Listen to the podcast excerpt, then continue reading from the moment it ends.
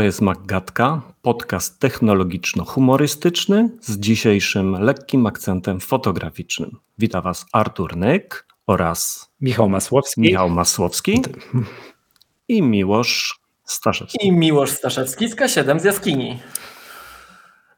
Tak. No więc zostałem dzisiaj w nieoczekiwany sposób prowadzącym zamiast współprowadzącym i będę dzisiaj tutaj mówił na kilka tematów makowo-fotograficznych. Postaram się za bardzo tych tematów fotograficznych tutaj nie promować, bo nie wszyscy mogą być tym bardzo zainteresowani, aczkolwiek będziemy jak najwięcej nawiązywać do fotografii z wykorzystaniem maków.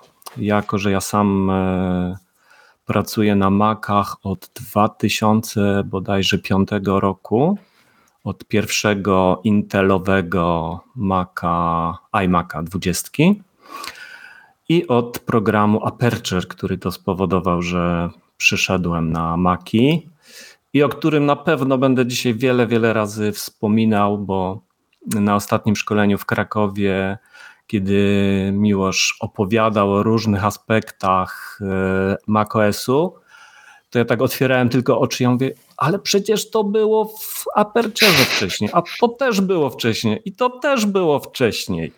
Mhm. Przepraszam, Arturze, zanim przejdziemy tutaj do Twoich spraw, tak. E, tak wspomnień z 2005 roku, które są pewno bardzo ciekawe, to ja chciałbym jeszcze raz tutaj wywołać Cię na scenę i poprosić o wszystkich zgromadzonych o brawa, tak? Tutaj, bo to Ty jesteś tą osobą. Ja się bardzo, bardzo kłaniam. Tak, która wygrała naszą wośpową, tak, czyli tutaj aukcję i wszystkie pieniążki z tej aukcji poszły na Wielką Orkiestrę Świątecznej Pomocy. To bardzo dziękujemy. To naprawdę super wykazało się. Widziałem, że tam z dużą zaciekłością licytowałeś. To wszystko godne. Tutaj sprawa jest bardzo poważna. Cieszy, cieszymy się, że dołożyliśmy do tego cegiełkę. No i jest nam bardzo miło, bardzo miło Ciebie gościć. Znaczy, przepraszam, to mam nadzieję, że jest nam bardzo miło gościć dzisiaj w Twoim podcaście, że możemy, możemy współuczestniczyć, współuczestniczyć Właśnie. w, w tym nagraniu nagraniu. To jeszcze no jeszcze zanim przejdziemy dalej, to dodajmy, że, że podcast ma partnera, tak? czyli firmę Wózki Widłowe Lifter. Z Pawłem na pewno spotkaliście się w Krakowie. Pozdrawiamy, mieliście, tak. Mieliście okazję się poznać. Więc Pawle, dziękujemy i, dziękujemy. i pozdrawiamy. I Artur, wróćmy teraz do takiego Maca zaczynałeś jeszcze raz? 20-calowego iMac'a? Jak to wygląda? 20-calowy Intel, no piękny, biały, błyszczący, horrendalnie drogi z ramem na maksa. To nic się nie zmieniło, dalej jest drogi. nie, teraz maki są tanie. O. O. Teraz, teraz, teraz, y, bo ja słuchajcie, jestem tak naprawdę się trochę przyznam, że jestem takim ewangelizatorem trochę i wszyscy moi znajomi chcą czy nie chcą w końcu przechodzą na, na Maca.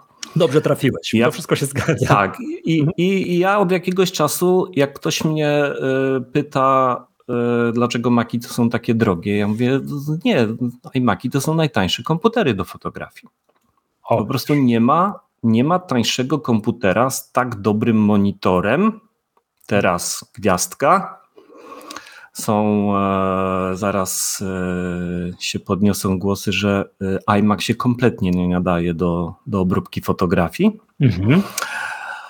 A ja uważam inaczej, tak jak i wielu, wielu, wielu, wielu, wielu, wielu moich znajomych, którzy pracują na iMacach, MacBookach i nie używają referencyjnych monitorów do obróbki fotografii, ale tu pewnie do tego potem jeszcze. Mhm. Ale czekaj, to wrócimy. bardzo dobry moment. To tutaj to dyskutujmy. No, możemy od razu. Możemy od razu, bo jak ty? Bo to bardzo wiele razy yy, słyszysz o takich rzeczach, albo tam nie wiem, byłem parę razy w życiu w jakichś drukarniach, gdzie czasami nawet mhm. w jakichś takich zaciemnionych pomieszczeniach jakiś monitor, tak. nie wiem, strzelę markę EIZO gdzieś z tak. takim, nawet takimi, wiesz, kapturami tak, zrobione, tak, żeby tam było jakieś odwzorowanie. Nie wpadało światło. Tak, tak, tak jest, żeby odwzorowanie kolorów miało być, tak. ma być takie, jakie jest. To jak to jest tak naprawdę? Tak.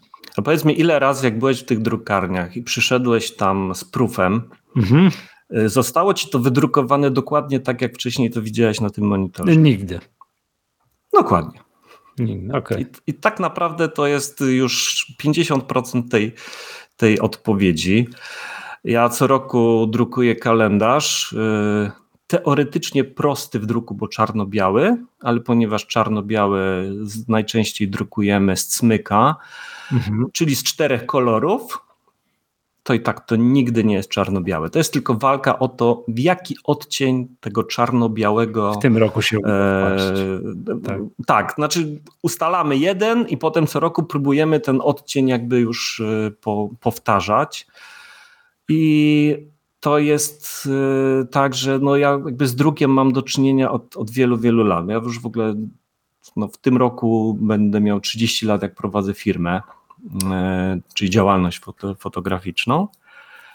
No i wiele razy miałem do czynienia z drukiem i wiele razy przygotowywałem, znaczy może ja nigdy się nie zajmowałem przygotowaniem do druku, ale siedziałem przy, przy grafikach, którzy to przygotowywali, siedziałem potem w drukarniach i potem zawsze płakałem, że dlaczego to moje zdjęcie nie jest takie, jak ja je widziałem na, na monitorze, albo nawet nie jest zbliżone do tego. I My teraz zaczęliśmy, widzisz, od, od monitorów i od druku, ale zastanów się i zastanówcie się wszyscy, jak dużo się w tej chwili drukuje. No, coraz, to jest, coraz mniej. To jest, to jest ułamek, mhm. to jest ułamek. Słuchajcie, z tego, co ja robię, do druku trafia może 5%. Mhm. Ja generalnie wszystko, te 95% fotografii, które ja robię, w ogóle nie trafia do druku, jest tylko i wyłącznie idzie do, do netu. No i teraz wracamy do tego. Mamy ten super referencyjny monitor EIZO za 20 tysięcy, który nawet nie ma 5K. Mhm. I ustawiamy na nim super każdy odcień. Tak naprawdę to tam głównie w zieleniach, trochę tam w niebieskich, te, te, te kolory mają rozszerzony zakres. W sensie będzie widać więcej odcieni niż na, niż na naszych y, makach bo jest większy, większy tam gamut. I ja ustawiam sobie tam i walczę o te procenty, ułamki i potem y, wysyłam to do klienta, który otwiera to na na komórce. PC-cie z niebie. Ach, na komórce to jest jeszcze dobrze, bo te komórki to już dzisiaj jakoś w miarę jeszcze te, te, tak. mm, te rzeczy y, odtwarzają e, kolorystycznie, ale te wszystkie PC-ty E, które ludzie mają w biurach, to przecież wszystko jest niebieskie. A z ekranem tam, tam w ogóle nie ma kolorów. Mhm. Tak, no. I, I to jakby jest kompletnie, kompletnie e, do bani. No. Poza tym mamy, mamy w Macach, e, jak to się nazywa, ten, ten, ten system, który dopasowuje nam kolor niby do, do otoczenia. True Tone. True Tone. Przecież na każdym iPhone'ie i na tym, to i tak to będzie wyglądało inaczej w, stos- w zależności od tego, w jakim miejscu się znajdziemy. Ten Truton to jest, no to jest takie coś niby fajne, ale to, to ja widzę czasami, jak przechodzę albo zapala mi się, wychodzi mi słońce i nagle kolory mi zmieniają się na, na iPhone'ie. Czyli przy, to... nie ma, rozumiem, co z takim nabożeństwem podchodzić do tych kolorów, jak, jak rozumiem, nie. tak? I nie, nie powiem, to tak trochę zmienię branżę. Ja kiedyś e, słuchałem no. jakimś YouTube, jakiegoś poradnika, w jakich słuchawkach powinno się składać podcast. Było, że podcast. No i spodziewałem się, już wiesz, wziąłem głęboki oddech, bo spodziewałem się jakichś mhm. słuchawek w grubych tysiącach złotych, jakieś AKG, nie wiadomo jakie, jakieś takie studyjne i tak dalej, a tam prowadząc powiedział, można tak, ale lepiej to składać w jakichś takich o tego typu białych słuchawkach, bo żeby składać na tym, na czym zdecydowanie na czym ludzie będą słuchać. Dokładnie. Dokładnie. Tak, dokładnie to, i, to jest, I ja uważam dokładnie tak samo, tak samo w fotografii. Ten iMac ma naprawdę tak dobrą matrycę, z pewnymi zastrzeżeniami oczywiście, że ja nie widzę w ogóle problemu. Yy, wcześniej Że miałem. za dobrą. Aż czasami za dobrą. Yy, wcześniej miałem ten taki 23-calowy makowy też yy, monitor. Apple Cinema, Cinema Display. Display. Też był, też był bardzo fajny. Ja go oczywiście profiluję co jakiś czas. Nie przesadzam, nie, nie robię profilowania co dwa tygodnie, jak, jak tam producenci zalecają i bo to, to już jest naprawdę lekka, lekka może przesada, ale no, mam znajomych kumpli, którzy pracują dla bardzo dużych firm, bardzo dobrych klientów, gdzie te zdjęcia idą na cały świat. No, moja znajoma y, pracuje dla McLarena i, i to wszystko jest zrobione na, na, na Macach po prostu, na ich y, monitorach, gdzie nie ma. Pozdrawiamy. Oczywiście. Y, gdzie nie ma tutaj no, jakichś takich super referencyjnych warunków. Tak naprawdę tu chodzi o to, żeby przede wszystkim te, te monitory dobrze oddawały kontrast, czyli mhm. ani nie przepalały zbyt jasnych, ani nie przepalały zbyt y, ciemnych rzeczy. I, I, to jest wszystko. I to jest wszystko. O, już tutaj widzę komentarz. Który? Ten? Że Artur, tak. Producenci monitorów. Mógłby wystąpić Wiecie co, ja kiedyś, że producenci tak, monitorów tak, cię tak, nienawidzą. Ale tak, tych takich ale ja ogóle... monitorów, tych takich, co to do, do tak, wszystkich tam, tak, rozumiem, tak, tych tak. wszystkich drukarni są posyłane, żeby oni to zrobili, oczywiście. Oczywiście. Tak, tak, Ja w ogóle kiedyś, kiedyś prowadziłem post y, bloga, bardzo długo, ale już od, od dawna tam bardzo rzadko coś piszę. I jak y, pojawiły się pierwsze MacBooki Pro y, z, właśnie z Retiną, to ja napisałem taki podcast, za który byłem po prostu bardzo mocno hajtowany, że Retina to w ogóle nie jest y, y, obraz do, jakby monitor do, do fotografii. Bo on był za, jeszcze no to był tam 15-calowy, mhm. prawda? E, bo ja tam nic na tym nie widziałem. W sensie detal był tak mały, E, że ja nie byłem w stanie sobie na tyle powiększyć tego obrazu, żeby go ostro widzieć. To były jeszcze czasy, kiedy ja miałem aparaty z małą matrycą, czyli tam 21 megapikseli, czyli taki znaczek pocztowy w dzisiejszych czasach. I e, jak ja sobie wyświetliłem tam 100%, no to ten, ten obraz był tam malutki. Ja tam nie byłem w stanie detalu zobaczyć. Jak wyświetlałem większy, to z kolei obraz się robił nieostry. I ja miałem na tym bardzo duże, duże problemy. Natomiast y, po jakimś czasie, jak już weszły duże y, monitory, to to się już zupełnie zmieniło, bo nagle te monitory zaczęły też mieć jedną bardzo istotną rzecz, że y, ten, ta, ta gęstość optyczna zaczęła się robić bardzo zbliżona do druku. I można było na monitorze o wiele lepiej ocenić, jak zdjęcie wyjdzie do druku. No bo często się zdarza, że trzeba coś naciągać, gdzieś są jakieś yy, nieostrości. I inaczej to widzimy na monitorze, inaczej to będzie widać potem w druku. I, I, to, był, to był ten moment, kiedy zaczęło to wszystko yy, znowu mi się podobać. No a teraz ja sobie już nie wyobrażam, żeby no, na jakimś takim ekranie ze świetnika z jakąś taką rozdzielczością, gdzie piksele w ogóle widzę. No, to, jest, to jest dramat przecież. Dobrze. E, Artur, ale jakbyś mógł jeszcze ten taką tutaj historii, że czekaj, że zacząłeś pracować na pierwszym, nie na pierwszym, na iMacu, tym na pierwszym Intelu i co się potem u ciebie działo właśnie w tym rozwoju sprzętu, nie? Znaczy, trochę sprzętu komputerowego ja... i trochę, rozumiem, tak równolegle sprzętu fotograficznego. Yy, tak, y, ja wtedy cały czas walczyłem z tym komputerem i z Apercherem, bo ten, ten, ten program on był tak kosmicznie skomplikowany i rozbudowany, jak nic. To słuchajcie, żeby wam to jakoś uzmysłowić, to byłoby tak, jakby przejść y, z MacBooka z mięśniem na MacBooka 16 z tamtym Pro Maxem i tam pełnym, pełnym ramem. To, to, to, to był kosmos. Po prostu nikt wtedy nie robił nic nawet zbliżonego do tego, co, co Aperture e, zrobił. Ale ten program przez to no, wymagał jakby silnych, silnych maszyn. Ja wtedy chodziłem, pamiętam, pytałem się gdzieś tam po dealerach i każdy mi mówił co innego, a to w sumie trzeba mieć większy dysk, a to lepszy procesor, a to lepszą kartę graficzną, ale, ale nikt tak naprawdę tego, tego nie wiedział. Ten, ten program się krzaczył, no, no były dużo, dużo różnych problemów i wtedy powiem wam, że poczułem jakby mm, po raz pierwszy tą magię tego środowiska makowego bo zacząłem szukać, szukać w sieci i trafiłem na blog Pawła Dworniaka. Mhm. Nie wiem, czy go, czy go kojarzycie. I ja tylko coś tam napisałem, zadałem pytanie i byłem w szoku, bo on do mnie zadzwonił, napisał i zaczął, zaczął ze mną jakby ten, te tematy wtedy tam śledzić i, i sprawdzać, e, jak to wszystko ma, ma działać. No i zaczęliśmy nad tym, nad tym myśleć. No a potem następnym komputerem to już był Mac Pro. I to był ten, ten moment, kiedy nagle e, były bardzo tanie dolary po 2 zł. Te Maci Pro nagle się zrobiły całkiem rozsądne. No ale one dalej były drogie, ale wtedy kupiłem używanego. No i to już, to już poszło, poszło bardzo mocno.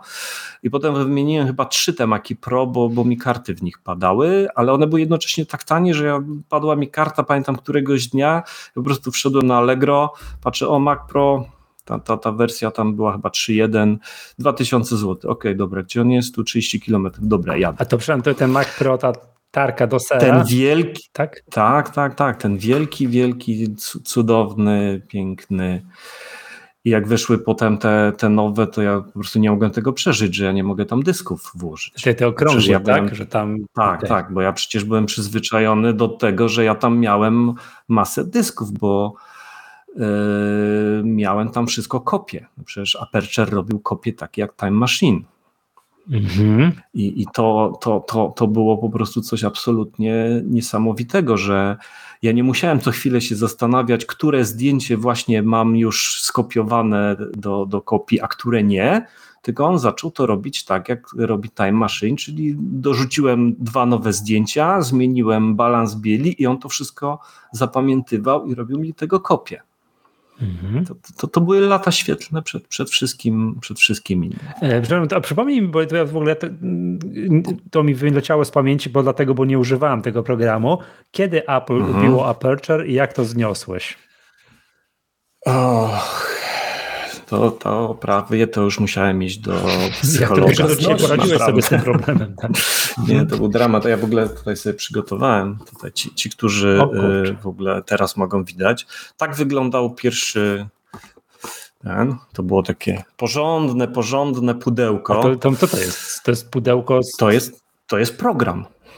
Tak był sprzedawany program. Drogie dzieci. Taki, tak, tak, kiedyś kupowało się programy, tak? Nie klikało tak, się to jest pudełko dla tych, dla tych, którzy tego nie tak. widzą, to jest takie zbliżone do formatu A4 wielkości, grube na 5 cm pudełko, gdzie były książeczki, gdzie były płyty z oprogramowaniem, nie wiem, czy tam jeszcze jakieś sterowniki. Wiesz, nie. to teraz wspominam stare czasy, jak kiedyś chodziło się faktycznie, wiesz, do sklepu i kupowało płytę taką muzyczną i tam się wyciągało i jakość płyty oceniało się nie tylko po tym, jak ten zespół grał na tej płycie, ale czy była odpowiednio wypasiona książeczka dodana do tej płyty, nie? Czy... A, no oczywiście. Oczywiście. Tak, że można było skrytykować jakąś płytę nie dlatego, że była słaba muzyka, tylko dlatego właśnie, że tam, wiesz, dwie kartki na krzyż, jakby taka gruba, że wszystko było teksty, to znaczy, że jest wszystko porządnie wydane. Jak rozumiem tutaj to samo, ja tak na płytach ostatnio gdzieś robiłem porządki, znalazłem Snow Leoparda, i, tak, i, mam, mam. I jeszcze bodaj którąś, to tak jak jakiegoś iWorka jeszcze, jeszcze, jeszcze sprzed wojny, nie? To też jeszcze też jeszcze gdzieś posiadam. No, no mów o tym Aperture, co on tam robił i co to był ten moment w historii, że już nie pamiętam, kto to wyszedł na scenę, już powiedział, że teraz już nie będzie Aperture, nie? Wiesz co, ja nie pamiętam, w którym to było roku, bo to, to było tak, że oni go rozwijali, rozwijali, dodawali naprawdę bardzo fajne rzeczy, o, o których wszyscy inni mogli sobie tylko pomarzyć. Potem była w którymś momencie długa, długa przerwa i już wszyscy myśleli, że to padnie i potem zrobili jeszcze jedną wersję, trzecią i potem to już niestety, to już niestety padło i to ja ostatecznie w 15 roku, 2015 się z tego wycofałem, bo, bo już się tego po prostu no, nie, dało, nie dało używać. Był już nieupdate'owany program długie lata, tak? Tak, tak, Już, był długo, już był długo nieupdate'owany, no i wtedy musiałem właśnie wybrać to, Artur, ale co, co dlaczego dalej. według Ciebie Apple powiedział, dobra, ubijamy? Co za... Wiesz co, nie mam zielonego pojęcia, ale to był program bardzo mało jednak popularny.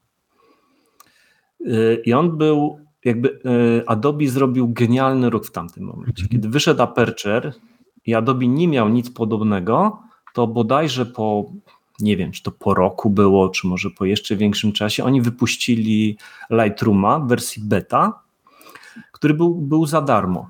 O, okay. I, I mój wtedy ówczesny asystent, który miał już Maca, jakiegoś tam starszego MacBooka Pro, nie stać go było na Aperture'a, bo on wtedy kosztował 1200 zł, tylko sobie zainstalował darmowego Lightrooma, który no nie miał tylu fajnych rzeczy. Nie, no, no, był dosyć prymitywny w stosunku do Aperture'a, ale dało się na tym już jednak w zaawansowany sposób obrabiać rawy.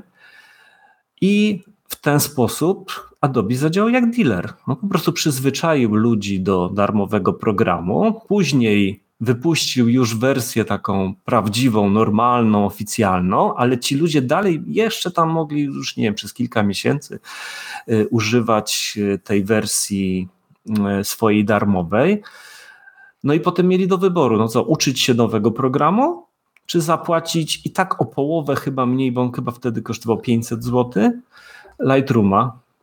No więc to, to, to dla wielu było proste. Więc Aperture po prostu się, myślę, bardzo słabo sprzedawał w tamtych czasach. Jednak, i że to główna przyczyna.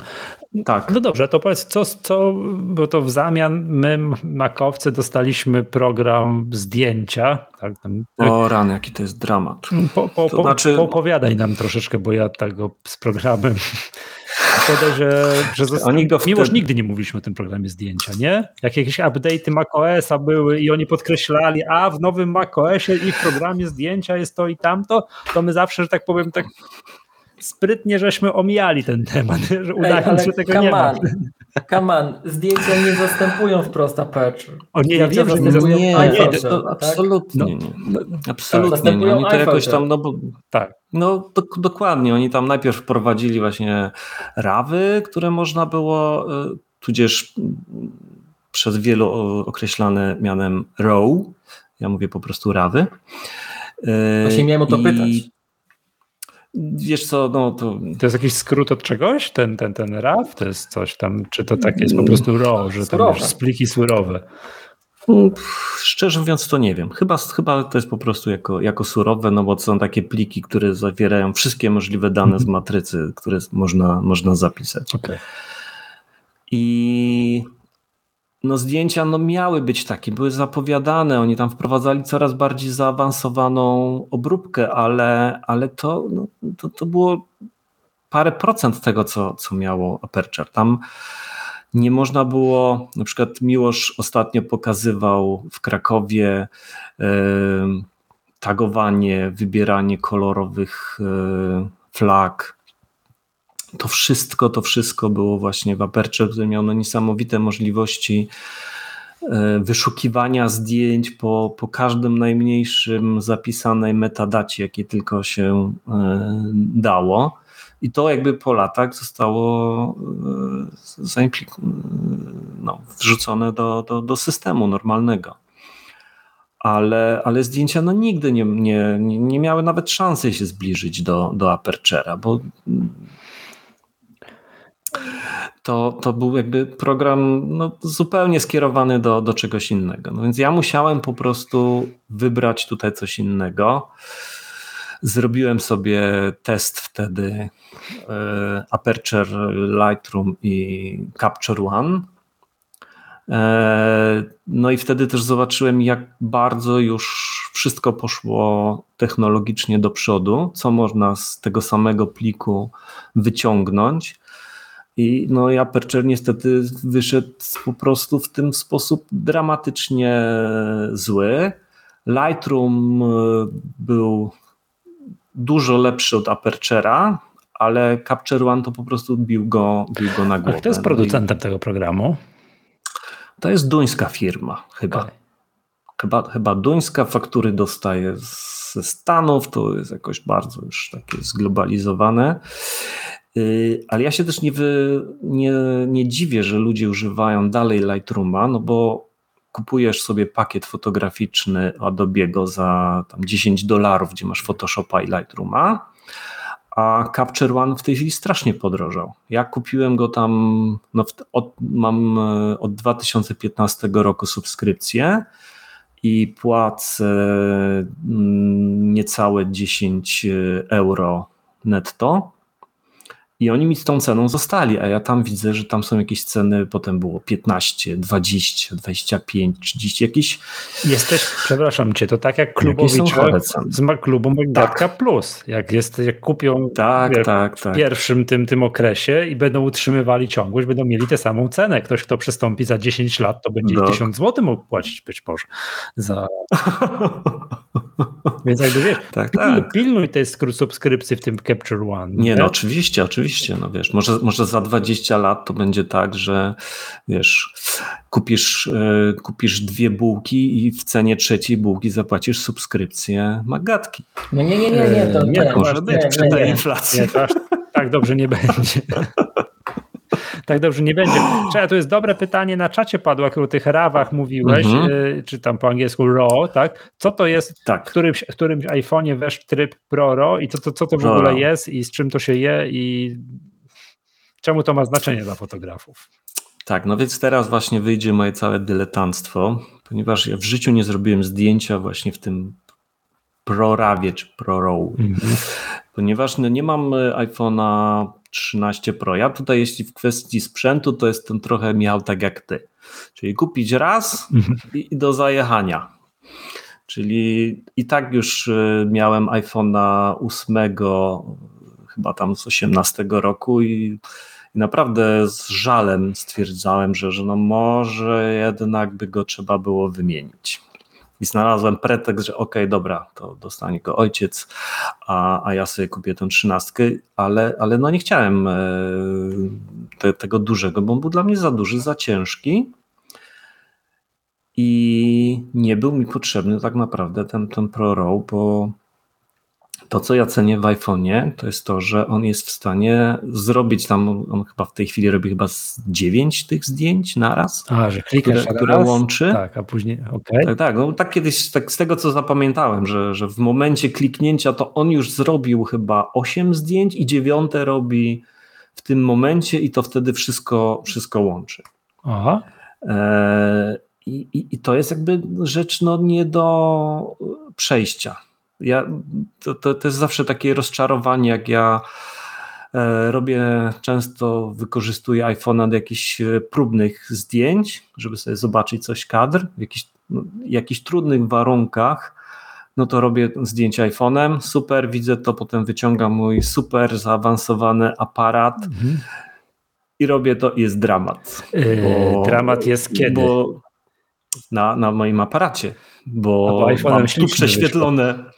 Tak, bo tu mam prześwietlone niebo, tu nie ma szczegółów w cieniach i dopiero muszę sobie usiąść, posiedzieć dwie godziny i to obrobić, żeby to wyglądało tak jak ten, ten, ten plik z iPhone. Ale bo kiedyś powiedzieliśmy na Atenie Magatki takie zdanie, że dzisiaj, że w tych aparatach to jest właśnie, że najbardziej, że tak powiem, zyskują tacy, wiesz, no, tacy jak my. Nie, wyciąga z kieszeni tryb auto, plik, wiesz, klik, o jakie tak. piękne zdjęcie zrobiłem, że po, w dzisiejszych czasach połowa tego zdjęcia jest robione tam tym, wiesz, tą optyką tego aparatu, a druga połowa procesorem i tymi wszystkimi algorytmami, które to wszystko składają z tych ja dziewięciu że, że, to są inne, że to są inne proporcje, że to jest, nie wiem, 20 do 80 i 80 to są, to, to, jest, to jest obróbka. Te algorytmy, wszystko i tak dalej. Tak, o, tak to, to, to, jest, to jest rzecz absolutnie nie, niesamowita.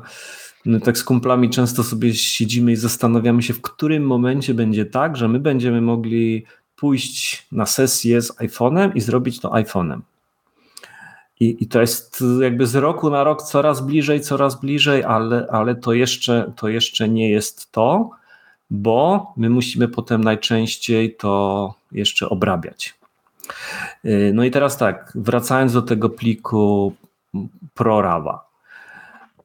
Cały ten y, geniusz tych zdjęć z iPhone'a polega na tym, że one się same obrabiają, że on wybiera E, z tych kilku plików, z którego wziąć jaki fragment, co zamaskować, jak to zrobić, żeby, żeby w tym efekcie finalnym, żebyśmy widzieli to zdjęcie tak, jak my to widzimy na żywo. A, albo lepiej. Mm, albo lepiej, no. albo lepiej. Natomiast yy, tego zdjęcia potem już ciężko cokolwiek z nim dalej zrobić, -hmm. bo jeżeli nie ustawię poprawnego balansu bieli, a w iPhone'ie ciągle tego nie można tak prosto zrobić, to z jednej strony jest fajne, bo ci, którzy nie wiedzą, jak to zrobić, to nie muszą o tym myśleć, a dla mnie, kiedy ja chciałbym nad tym zapanować, to, to już musia, muszę się uciekać do jakichś kombinowania i jakichś zewnętrznych programów, których no w tym momencie już mi się nie chce używać.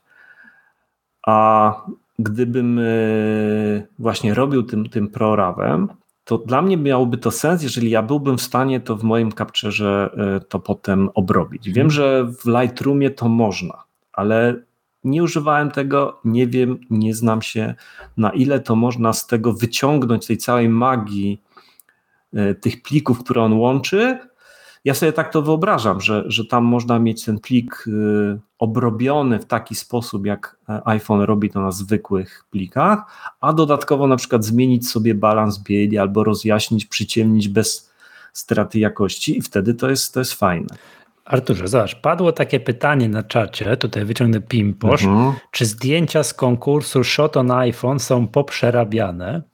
Bo one faktycznie są takie, że patrzy, to niemożliwe, że ktoś zrobił takie piękne zdjęcia. Jak również są to zdjęcia, które na przykład Apple pokazuje, jak pokazuje nowego iPhone'a. I pokazuje, ale proszę bardzo, i te zdjęcia zostały zrobione nowym iPhone'em 11, 12, 13 i to są właśnie te zdjęcia, a ja patrzę, mówię, to jest niemożliwe, żeby takie zdjęcia zostały zrobione iPhone'em, no więc one są przerabiane, czy nie są przerabiane? Więc tutaj są jakby dwa aspekty tego. Mm, ja przyznam się, że nie wgłębiałem się w ten temat, natomiast rozmawiałem na to z innym moim znajomym, który twierdzi, że oglądał te zdjęcia na stronie e, człowieka, który je robił. I mówi, że one nie wyglądają tam tak dobrze jak na stronie Apple, czyli że są trochę poprawiane. Natomiast y, Apple jakby z pełną świadomością dobiera tematy tak, żeby one dobrze wyglądały. Żeby on wiedząc jakby jak ten iPhone pracuje, jak pod spodem ta cała e, obróbka działa, to on tak dobiera tematy, żeby to zdjęcie wyszło dobrze, bo jak sięgam do pamięci, jakie zdjęcie y, są na prezentacji, to jest na przykład osoba czarnoskóra, mhm. Y, ubrana w jednolitą niebieską koszulę na tle żółtej ściany. Mhm. I teraz tak, osoby czarnoskóre doskonale się fotografuje, bo czarna, ciemna skóra jest o wiele łatwiejsza do sfotografowania y, niż biała, bo ma mniejszą y, różnicę, jest mniejsza różnica kontrastu między, tak jak E, między ciuchem czy, czy ścianą. Wybierane są gładkie jakby kolory, które łatwiej skompresować, więc mają też mniej szumów, a przede wszystkim te zdjęcia są robione w doskonałym oświetleniu. I jakby to światło jest tym kluczowym czynnikiem, które mówi o tym, czy zdjęcie będzie zrobione dobrze, czy, czy źle. I jeżeli weźmiemy sobie znakomite warunki, pojedziemy do Kalifornii, no światło jest po prostu absolutnie cudowne. Ja, ja tam nigdy nie byłem, ale yy, no, znam fotografów, którzy tam byli i oni mówią, że no, to, to jest kosmos, to jest kosmos, tam po prostu wystarczy czymkolwiek zrobić zdjęcie i ono wygląda znakomicie. A, i, i weźmiemy sobie najsłabszy aparat, to ono już będzie wyglądało dobrze. A potem na pewno możemy tam sobie dalej coś tam, coś tam podkręcić ale czy to jest podkręcane w programie zdjęcia? Mm, nie wiem, nie wiem. Nie chciałbym tutaj teorii spiskowych robić, ale. Jaka złośliwość drobna, potencjalna. Nie. Okej, okay, okej, okay, okej. Okay. Wiesz co, Arturze, no będziemy skakali po tematach, bo tak w sumie zeszliśmy od razu już na tak. iPhone i tak dalej, to dobra, to, to ja później jeszcze wrócę do tego, do, tego, do komputerów, żebyś odtajnił, co to trzeba mieć, jaką maszynę, żeby komfortowo pracować no. na tym, ale tak chciałbym zostać przy, przy, przy, przy, przy iPhone'ach. Teraz zadam pytanie takie, mm, po co w iPhone'ie są trzy aparaty fotograficzne? Przecież ta wyspa aparatów rośnie z roku na rok i niektórzy się śmieją, że już jest kontynent aparatów, a nie wyspa. Tak, wyspa, tak. tak że tego jest coraz więcej. Po co tam są te, do czego to w ogóle służy? No, to służy do wyboru. Do wyboru tego, jaki kadr chcesz zrobić. Ten, ten pierwszy aparat, który, który zawsze mieliśmy, on był szerokokątny. Nie dlatego, że to jest najbardziej naturalne, bo w, w aparatach, lustrzankach czy bezlusterkowcach standardowy obiektyw jest dużo, dużo węższy. Standardowy obiektyw to jest y, zawsze taki, który jest najłatwiej zrobić, w sensie on jest najtańszy, ma najlepsze parametry w stosunku do, do ceny. I y, w telefonach najłatwiej było wbrew pozorom zrobić właśnie szerokokątny obiektyw. I to, to był jakby naturalny y, wybór. I dlatego jakby taki dostaliśmy po raz pierwszy, a mhm. na dodatek no, jego było łatwo, on był w miarę uniwersalny, no bo często robimy zdjęcia w pomieszczeniach i taki, taki standardowy obiektyw, który w tej chwili jest nazywany tele mhm. obiektywem, a w, w, jakby w świecie mm, fotograficznym to jest tak naprawdę standard, to, y, to, to do pomieszczenia on byłby za wąski. W związku z tym Najpierw dostaliśmy taki, potem dostaliśmy tele, czyli właśnie standard, a tak naprawdę coś, co jest e, wykorzystywane do, do portretów. No i potem dostaliśmy te, te super e, szerokokątny e, obiektyw. I do czego one są? No, wszystkie one są do zdjęć. Do, w zależności od tego, jaki, jaki, temat, jaki temat chcesz, chcesz zrobić. E, I w normalnych aparatach, powiedzmy, już tak zrobimy taki jeden skrót na, na, na stałe, że normalny aparat dla mnie to jest profesjonalny e, aparat, czy lustrzanka, czy, czy w tej chwili bezlusterkowy, który ma wymienną optykę po to, żeby sobie dobrać temat zdjęć, znaczy, żeby dobrać sobie obiektyw do, do tematu zdjęć. No w iPhone'ie nie wymienimy optyki. Musimy mieć. W iPhone'ie nie wymienimy. No. W związku z tym, jakby musieli pójść w koszty i robić trzy matryce zamiast jednej matrycy, prawda? Dlatego teraz y, mówi się o tym, że będą wprowadzane te obiektywy z zoomem y, tym takim y, peryskopowym, no bo to jest też w tym momencie tylko jedna matryca.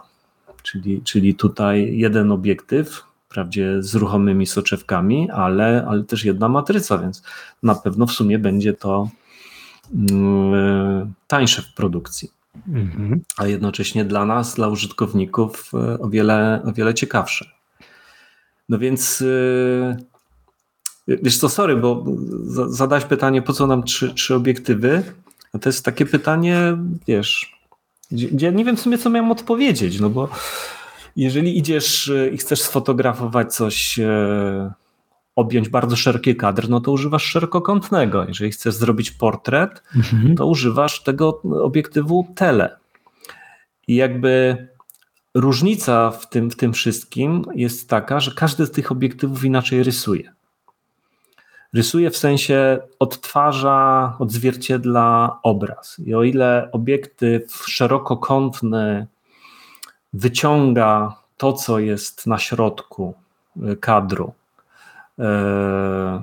jakby powiększa, obiektyw super szerokokątny tym bardziej powiększa, a obiektyw ten, który jest nazywany tutaj tele, jest najbardziej taki naturalny w tym momencie. Dlatego on się najbardziej uda, nadaje do, do portretów. I to można sobie zrobić bardzo prosty test, sfotografować twarz tymi trzema obiektywami w taki sposób, aby twarz zawsze miała na zdjęciu tą samą e, wielkość. No Ale... i na super szerokokątnym będziemy mieli jakiś gigantyczny nos oczywiście wtedy i małe uszki. A jak, przepraszam, bo to widzisz, ja tu jestem, będę zdawał bardzo głupie pytanie, no może nie wiem, mam telefon, mam iPhone XS, mam tylko dwa aparaty, to w ogóle tak czuję się tu poszkodowany, tak. muszę sobie w końcu fundnąć no, telefon z trzema ja aparatami. tak? dwa aparaty. A co to za telefon ma, co to jest? 13S. 13 e, mini. 13 mini, okay. 13 mini. W którym momencie ja wybieram te aparaty? Gdzie to się, przepraszam, robi? Mówię, że zrobić, zrobić zdjęcie jednym to albo jest, drugim aparatem. Jest, mi się wydawało, tak, że to, to telefon ten... za mnie decyduje, ja tu coś klikam. Nie, nie, nie. To jest, to jest jak tutaj masz ten, ten moment. Mhm. E, mm, on mi wyświetla i u, tobie, u ciebie pewnie też. Masz jeden albo 0,5 powiększenie. Tak. Jeden to jest ten obiektyw ja jeden szerokokątny. Albo. Jeden albo dwa mam. A ty masz jaki telefon? iPhone 10s. A, no to bo ty masz ten tele. No, no, to, no to dwa to jest właśnie ten, ten portretowy, czyli standardowy, powiedzmy mhm. bardziej. A jeden to szerokokątny, że trochę mi więcej obejmuje, tak? Tak, a, a to jest ten, ten, ten szerokokątny, ten, który był od zawsze w iPhone'ach. I, I tam można ustawić jeszcze jakby pośrednie wartości. Mhm, tak. Jak to można zrobić? Jak, I... Znaczy wiem, jak to można zrobić, ale jak on to robi później te zdjęcie? Co robi pewnie dwa i coś tam składa. Pewnie. Tak, to już, to już to, jest ta magia, procesor, procesory, jakaś, algorytmy i tak, tak, dalej, tak? Tak, tak, tak. To, to, to już musi być jakaś magia, która jest w ogóle poza wiedzą normalnego fotografa. To już jest pytanie do Miłosza. Jak on to robi? Miłosz. Dobrze, Arturze. No. E, on to jakoś robi. Zostańmy przy tym, że on to jakoś robi. Natomiast mhm. podejrzewam, że właśnie robienie e, zdjęć na takich tych pośrednich powiększeniach może e, jakby raczej nie być korzystne dla jakości zdjęcia, bo on musi coś tam sobie na pewno poskładać. Ale zwykły, Bardzo możliwe, że... ale zwykły śmiertelnik tego nie zauważy. To zależy znowu. O, zależy pewnie od tematu, bo on musi to gdzieś robić. Yy, albo yy, robi powiększenie cyfrowe, ale podejrzewam, że oni raczej to zrobili w taki sposób, że on yy, łączy dwa zdjęcia, wybierając sobie trochę z jednego, trochę, trochę z drugiego. Mhm. Gdzieś tam muszą występować jakieś, jakieś problemy, tylko że no, to, to, są, to są jakby tematy, nad którymi ja się nigdy nawet nie zastanawiałem, bo ja używam iPhone'a do zdjęć na wakacjach. Bo ja nie jeżdżę, nie jeżdżę z moim aparatem na wakacje, jeżdżę, chyba że jadę gdzieś tam no, celowo jakby robić zdjęcia. Yy, i, I, wtedy to, co robi iPhone, mi całkowicie wystarcza, bo traktuję to jako bardziej notatnik. I, I, jak jesteś zadowolony z tych zdjęć z wakacji, które kliknąłeś iPhone'em, tak wyciągając z kieszeni, pyk i ładny widoczek? Super, no to, to, jest, to, to jest genialne. Natomiast przy trzynastce w takich kiepskich warunkach yy, trochę on mi się nie do końca podoba, bo on za bardzo próbuje powyciągać szczegóły. I te zdjęcia robią się, mm, robią się takie outliny w pewnych momentach, czyli na granicy jasnego i ciemnego e, robi się jeszcze delikatna, jakaś jasna taka obwódka na przykład. Albo widzę, że, że te zdjęcia, że jakby szczegóły w cieniach są trochę za mocno powyciągane. To jest trochę takie czasami przekombinowane. Jakby w 80-90% te zdjęcia są bardzo fajne, ale są, są warunki oświetleniowe takie, że to nie do końca jest takie, że, że wolałbym to zdjęcie mieć na przykład trochę ciemniejsze, trochę z mniejszą ilością szczegółów, ale jednak bardziej takie naturalne, miękkie. Czyli takie jak to było naprawdę, a nie wyrysowane, że te algorytmy poszły za tak, bardzo. Tak, tak, tak, mhm. tak, tak, tak, tak. No. Mhm. A co, to dobrze, a to czy zgodzisz się z takim twierdzeniem, że tradycyjne duże aparaty, w związku z tym, że wiesz, ty też na wakacjach sobie tam strykasz, tak, wiesz, tak. iPhone'em, to pozostaną już tylko domeną profesjonalistów, już zawodowych fotografów, takich jak którzy pracuje aparatem, a już cała tak, ludzkość będzie wiesz, miała najlepszy możliwy aparat, to jest ten, wiesz, myśl zasady, że najlepszy aparat to jest ten, który mam zawsze przy sobie. Dokładnie, dokładnie. Znaczy, ja bym tu dodał jeszcze jedną bardzo dużą grupę ludzi, czyli zaawansowanych fotoamatorów, mhm. dla których robienie fotografii jest, jest przyjemnością i chcą mieć nad tym jakby bardzo dużą kontrolę. A tak, ja ich wrzucam tu... w tej paczki zawodowców. Tak, tak, mhm. tak, tak, tak. No to, to jakby jest zupełnie dla mnie z kolei inna, inna grupa odbiorców i, i oni też na co innego jednak wracają, ale generalnie tak, dla normalnego takiego użytkownika, który kiedyś kupował aparat jakikolwiek, żeby mieć zdjęcia z wakacji, to, to on już tego nigdy nie kupi, bo, bo on nie ma najmniejszej potrzeby. Mhm. Przecież żaden aparat nie pozwoli mu na to, żeby zrobić to zdjęcie i natychmiast je komuś tam wysłać, wsadzić na Instagrama i zrobić jeszcze milion różnych rzeczy z tym, z tym zdjęciem. Także nie, tutaj jakby idziemy ewidentnie w taką bardzo mocną profesjonalizację fotografii.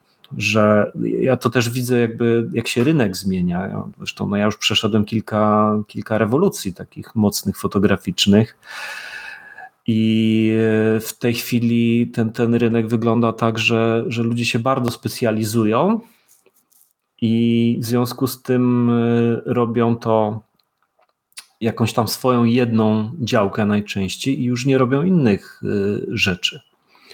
I był taki moment, kiedy klienci, jak się pojawiły w ogóle cyfry, no to fotografowie byli przerażeni, no bo nagle klienci się rzucili do tego, do kupowania aparatów i wszyscy stwierdzili, to my teraz będziemy sobie sami robić zdjęcia. Mhm. No i to tak potrwało rok, dwa i potem wszyscy stwierdzili, że no fajnie mają tę tą lustrzankę super cyfrową, ale kurde, no jakoś im to nie wychodzi. Mhm. Dobrze, chciałem wrócić do tych aparatów w telefonach. Wiesz, w iPhone'ie mamy tak. jak nie dwa, to trzy, coraz większe i tak dalej. To ostatnim hitem, moim zdaniem, ostatnich dni jest to, że chyba Samsung Galaxy tam S22 ma pięć aparatów. I chciałem tak. zapytać się, gdzie to szaleństwo się zatrzyma. Wiesz co? Nie wiem, nie wiem, ale y, myślę, że to jest y, taki trochę jednak marketingowy e, szał w tym. Że, że jest grupa ludzi, którzy wymieniają te aparaty po to tylko, żeby mieć najlepszy, najnowszy z bajerami i, i to, tak wiele, wiele rzeczy tak, tak działa, że, że jakiś tam sprzęt ma jakieś super funkcje, które używa się dwa razy. Jak się kupi, się sprawdzi, że to jest, i jak się sprzedaje, i żeby pokazać następnemu kupującemu.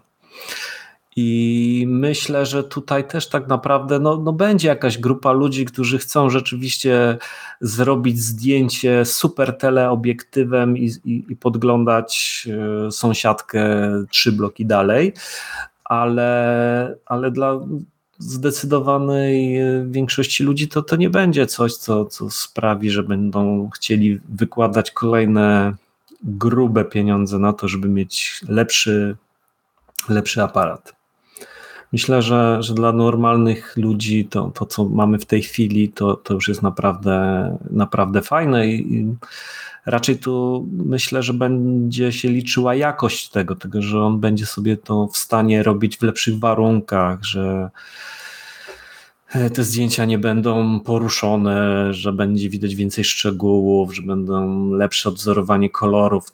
To, to jest jakby chyba ważniejsze, a nie to, żeby mieć tam super, hiper teleobiektyw. Ale każdy, każdy będzie głosował swoimi pieniędzmi, więc zobaczymy. Mhm. zobaczymy A zdarza ci się oglądać takie porównania? Bo ja przyznam się szczerze, nie widzę żadnej różnicy co, wiesz, między tam topowymi aparatami jednej a drugiej marki.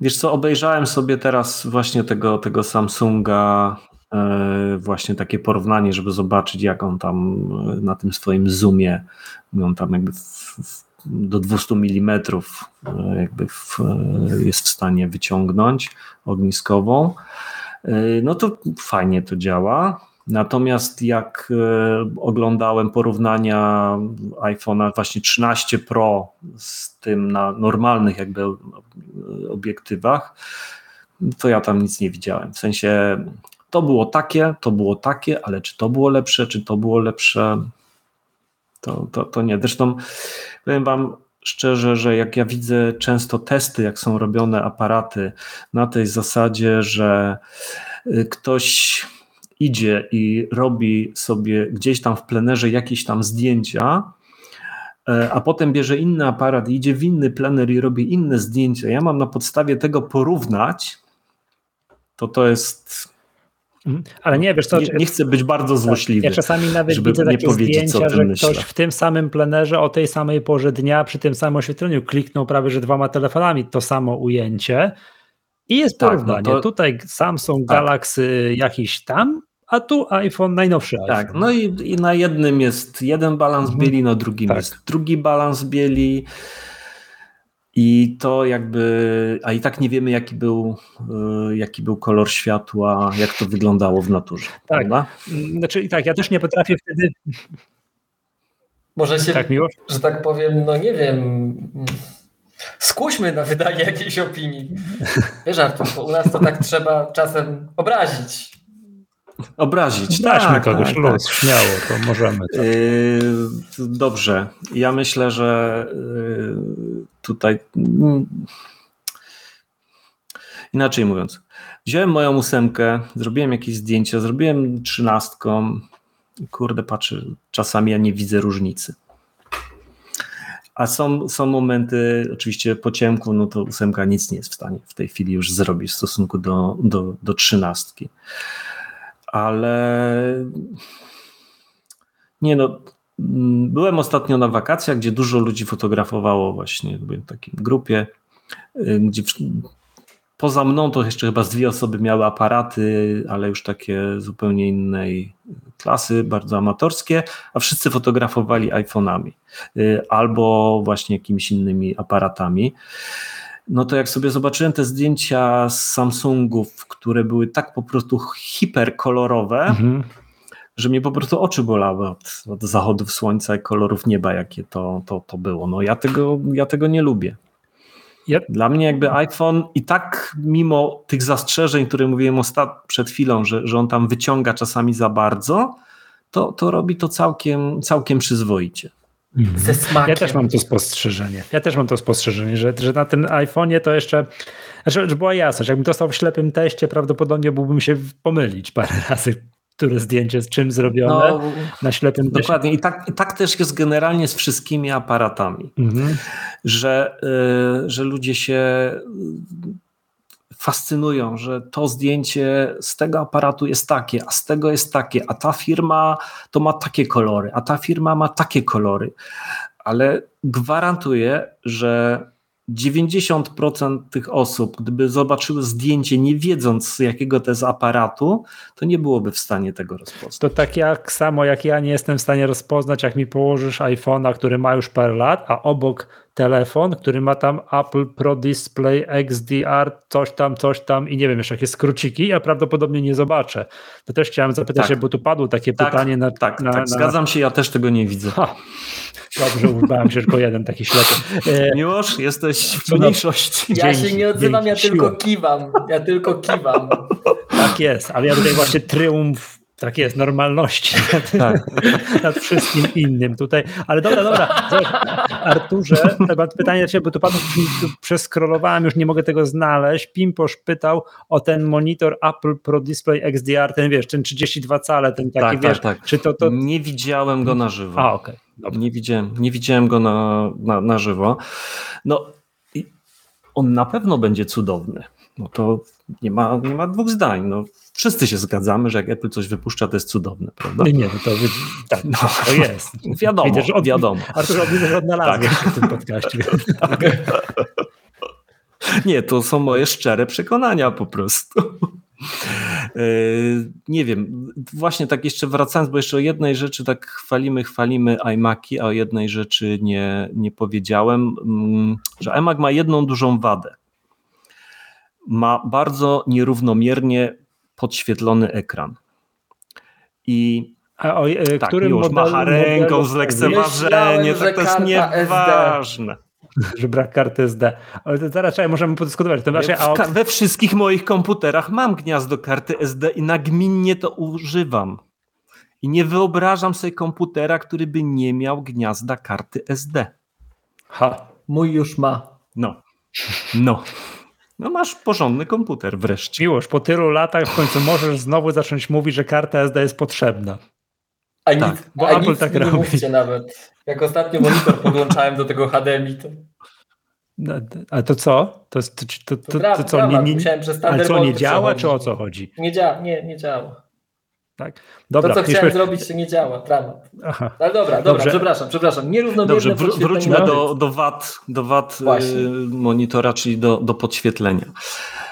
W 95 albo 8 albo 9% to nie ma znaczenia. Kiedy wyświetlane jest zdjęcie, na którym masę się dzieje, to przy obróbce to, to tak naprawdę nie ma znaczenia. Ale ja często robię zdjęcia, kiedy Ostatnio fotografowałem coś takiego, czyli musiałem sfotografować białą w zasadzie kartkę na białym tle, gdzie najważniejsze były subtelne cienie. Ja w ogóle to zdjęcie robiłem dwa dni, to, to już pomijam, a potem musiałem to obrobić i potem naprawdę obróbka tego już jest ekstremalnie trudna na iMacu w takiej sytuacji, ponieważ e, jak ja sobie to zdjęcie poruszę, to nagle widzę, że mi zostają ciemne plamy na monitorze, które się nie ruszają. I to są właśnie te momenty, w których on ma nierównomierność, nierównomierne podświetlenie. I wtedy jakby jak sobie wyświetlicie białe, białą po prostu kartkę papieru, biały wielki prostokąt i, i poruszacie nim po ekranie, to zobaczycie, że, te, że on nagle zaczyna migać. Jak Na ja kupiłem tego mojego iMac'a, o, no dokładnie, dokładnie. Muszę ja to nas Jak u siebie ja kupiłem... też zaobserwuję? Tak, przepraszam. By tak... tak, każdy, każdy iMac to ma. Znaczy, ty masz, in, ty masz nowego. Ja właśnie nie wiem, jak to jest w twoim. No, to jeszcze raz, jaki eksperyment mam zrobić? Jaki? No, otwórz, sobie, otwórz sobie na, na tekst edit i zrób sobie dosyć duże dosyć duże Przepraszam, tekst edit mam czarny, bo, bo jest taka godzina. że się przełącz. Wszystko w dark mode jest czarny. To opisz mi eksperyment, pobawię się po nagraniu, dobrze? Chodzi o to, że po prostu jak ruszasz tą kartką, to widzisz, jak nagle e, pojawiają się takie cienie. A co, mam złapać myszką okno i tak tak, i poruszać. poruszać. Mhm, okay. albo, albo inaczej, jeszcze lepiej. Wyświetl sobie na 100% biały ekran i zrób sobie zdjęcie iPhone'em.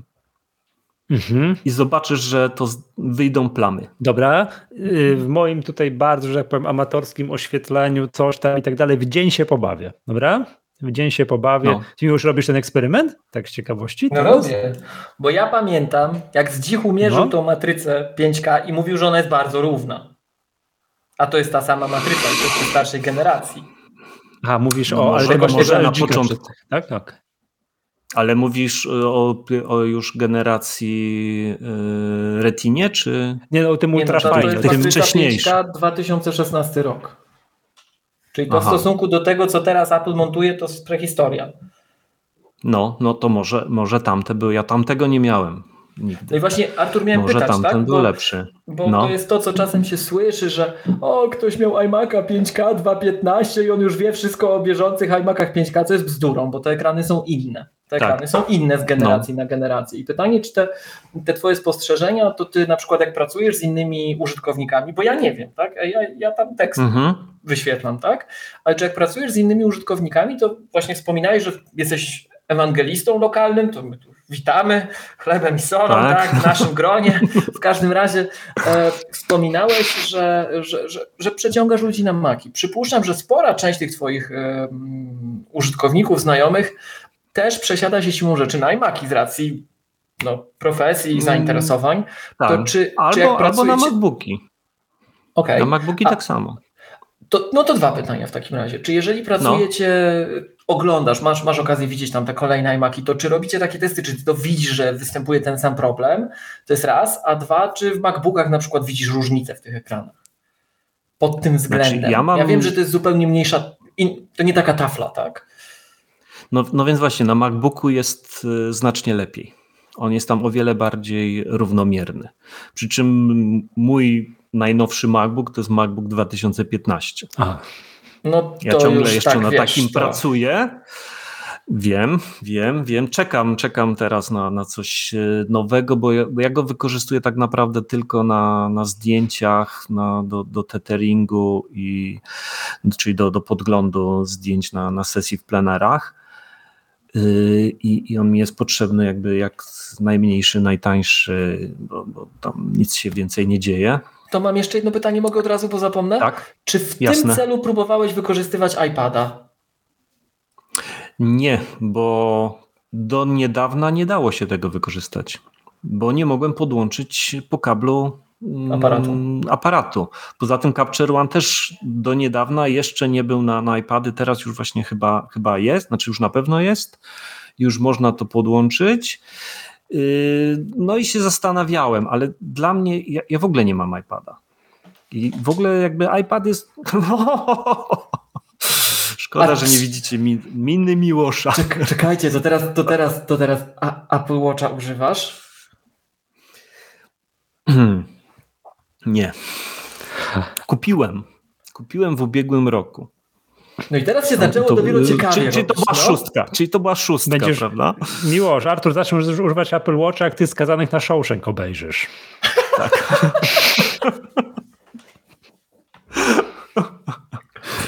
Więc kupiłem ała, tego Apple Watcha i kupiłem oczywiście wersję bez LTE, bo uznałem, że to nie jest mi potrzebne. Duży. Mhm. E, byłem zachwycony, jakie to jest piękne i w ogóle cudowne. I po tygodniu stwierdziłem, że już go nie chcę. Co ty mówisz? Bo, zaczęło mnie, bo zaczęło mnie wkurzać to, że on mi co chwilę mówi wstań, idź, a jeszcze nie skończyłeś ćwiczeń, a jeszcze nie zrobiłeś tego. A wiesz, że możesz to wszystko wyłączyć? Bo mnie też że to wkurza. Że robić. Że wiesz, że tak, tak, zrobiłem. Nie... Zrobiłem raz na początku, żeby zobaczyć, czy to działa. Nie, mnie do szału Apple Watch doprowadził, czekaj, teraz się zatrzymaj, bo tutaj ćwiczenie od, trzeba oddychać. Moment, bo oddychamy. Nie, nie, tak, nie, to tak. hello. To, tak wyłączyłem, potem było wstań co godzinę, wyłączyłem i coś tam jeszcze było. Też jak już nauczyłem się to wszystko wyłączać, to się, to, a no teraz mogę spokojnie korzystać z tego zegarka, tak.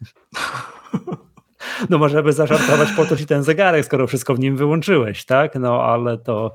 No, no, no, no więc, to więc właśnie. Uzależniłem się od Apple siedzieć... Pay, nie? Tak, no to było fajne, to było fajne.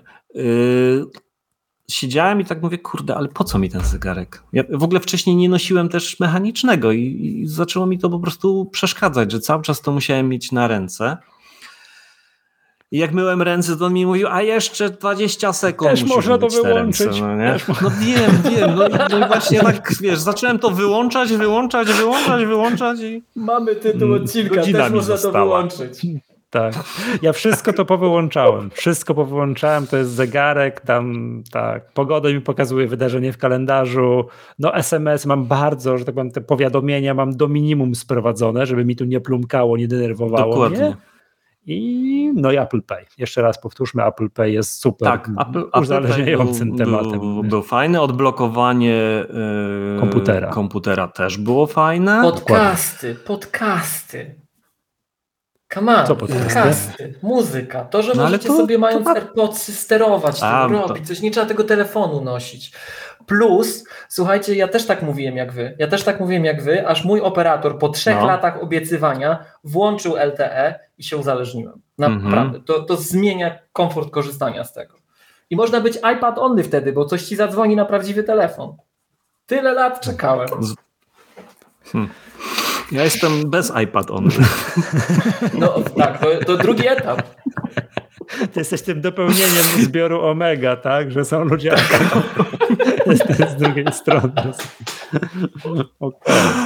Tak. Okay, okay. No więc tak siedziałem, siedziałem, w końcu mówię, kurde, ale on mi jest niepotrzebny tak naprawdę. No i go po prostu odesłałem do Apple'a. Ale Arturze, Bardzo bo ty jesteś jakby z tego um, jakby gatunku ludzi, którzy po prostu nie noszą zegarka, nie nosili zegarka, zanim, tak. zanim, zanim Apple tak. wymyśliło Apple Watcha. Widzisz, ja jestem z tego gatunku ludzi, którzy zawsze nosili zegarek, tak? Którzy, ja no. to, wiesz, nie śpię w zegarku, żeby była jasność, tak? Są tacy, to, to musi spać w zegarku, bo monitoruje sen, o Boże, to jest chyba, to nie, no to ja hello, tak? No więc też spałem przez tydzień. Nie, nie. Też tak? mnie to wkurzało. A, każdy ma swoje, a, a korzystacie ale, ale...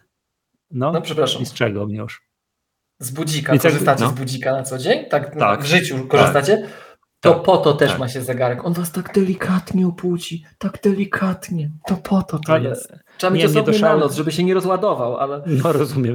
Mam, tak, więc i wracając, więc jak wiesz, nosiłem tyle lat mechaniczny zegarek, znaczy zwykły jakiś tam zegarek, tak, no to potem jak już przed Apple Watch w ogóle mi to nie przeszkadza. Choć choć jeżeli na przykład jest, nie wiem, weekend i powiedzmy, nie wiem, ta sobota i spędzam ją od rana do wieczora w domu, nigdzie nie idę i tak dalej, i tak dalej, tylko spędzam w domu, potrafię nie założyć przez cały weekend zegarka.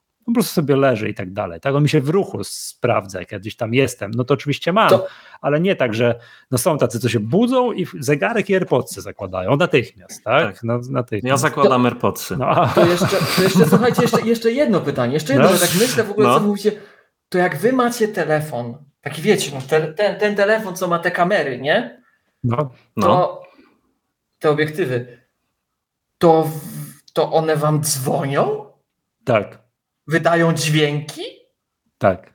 Telefon? Jak zwierzęta, tak. no? Tak.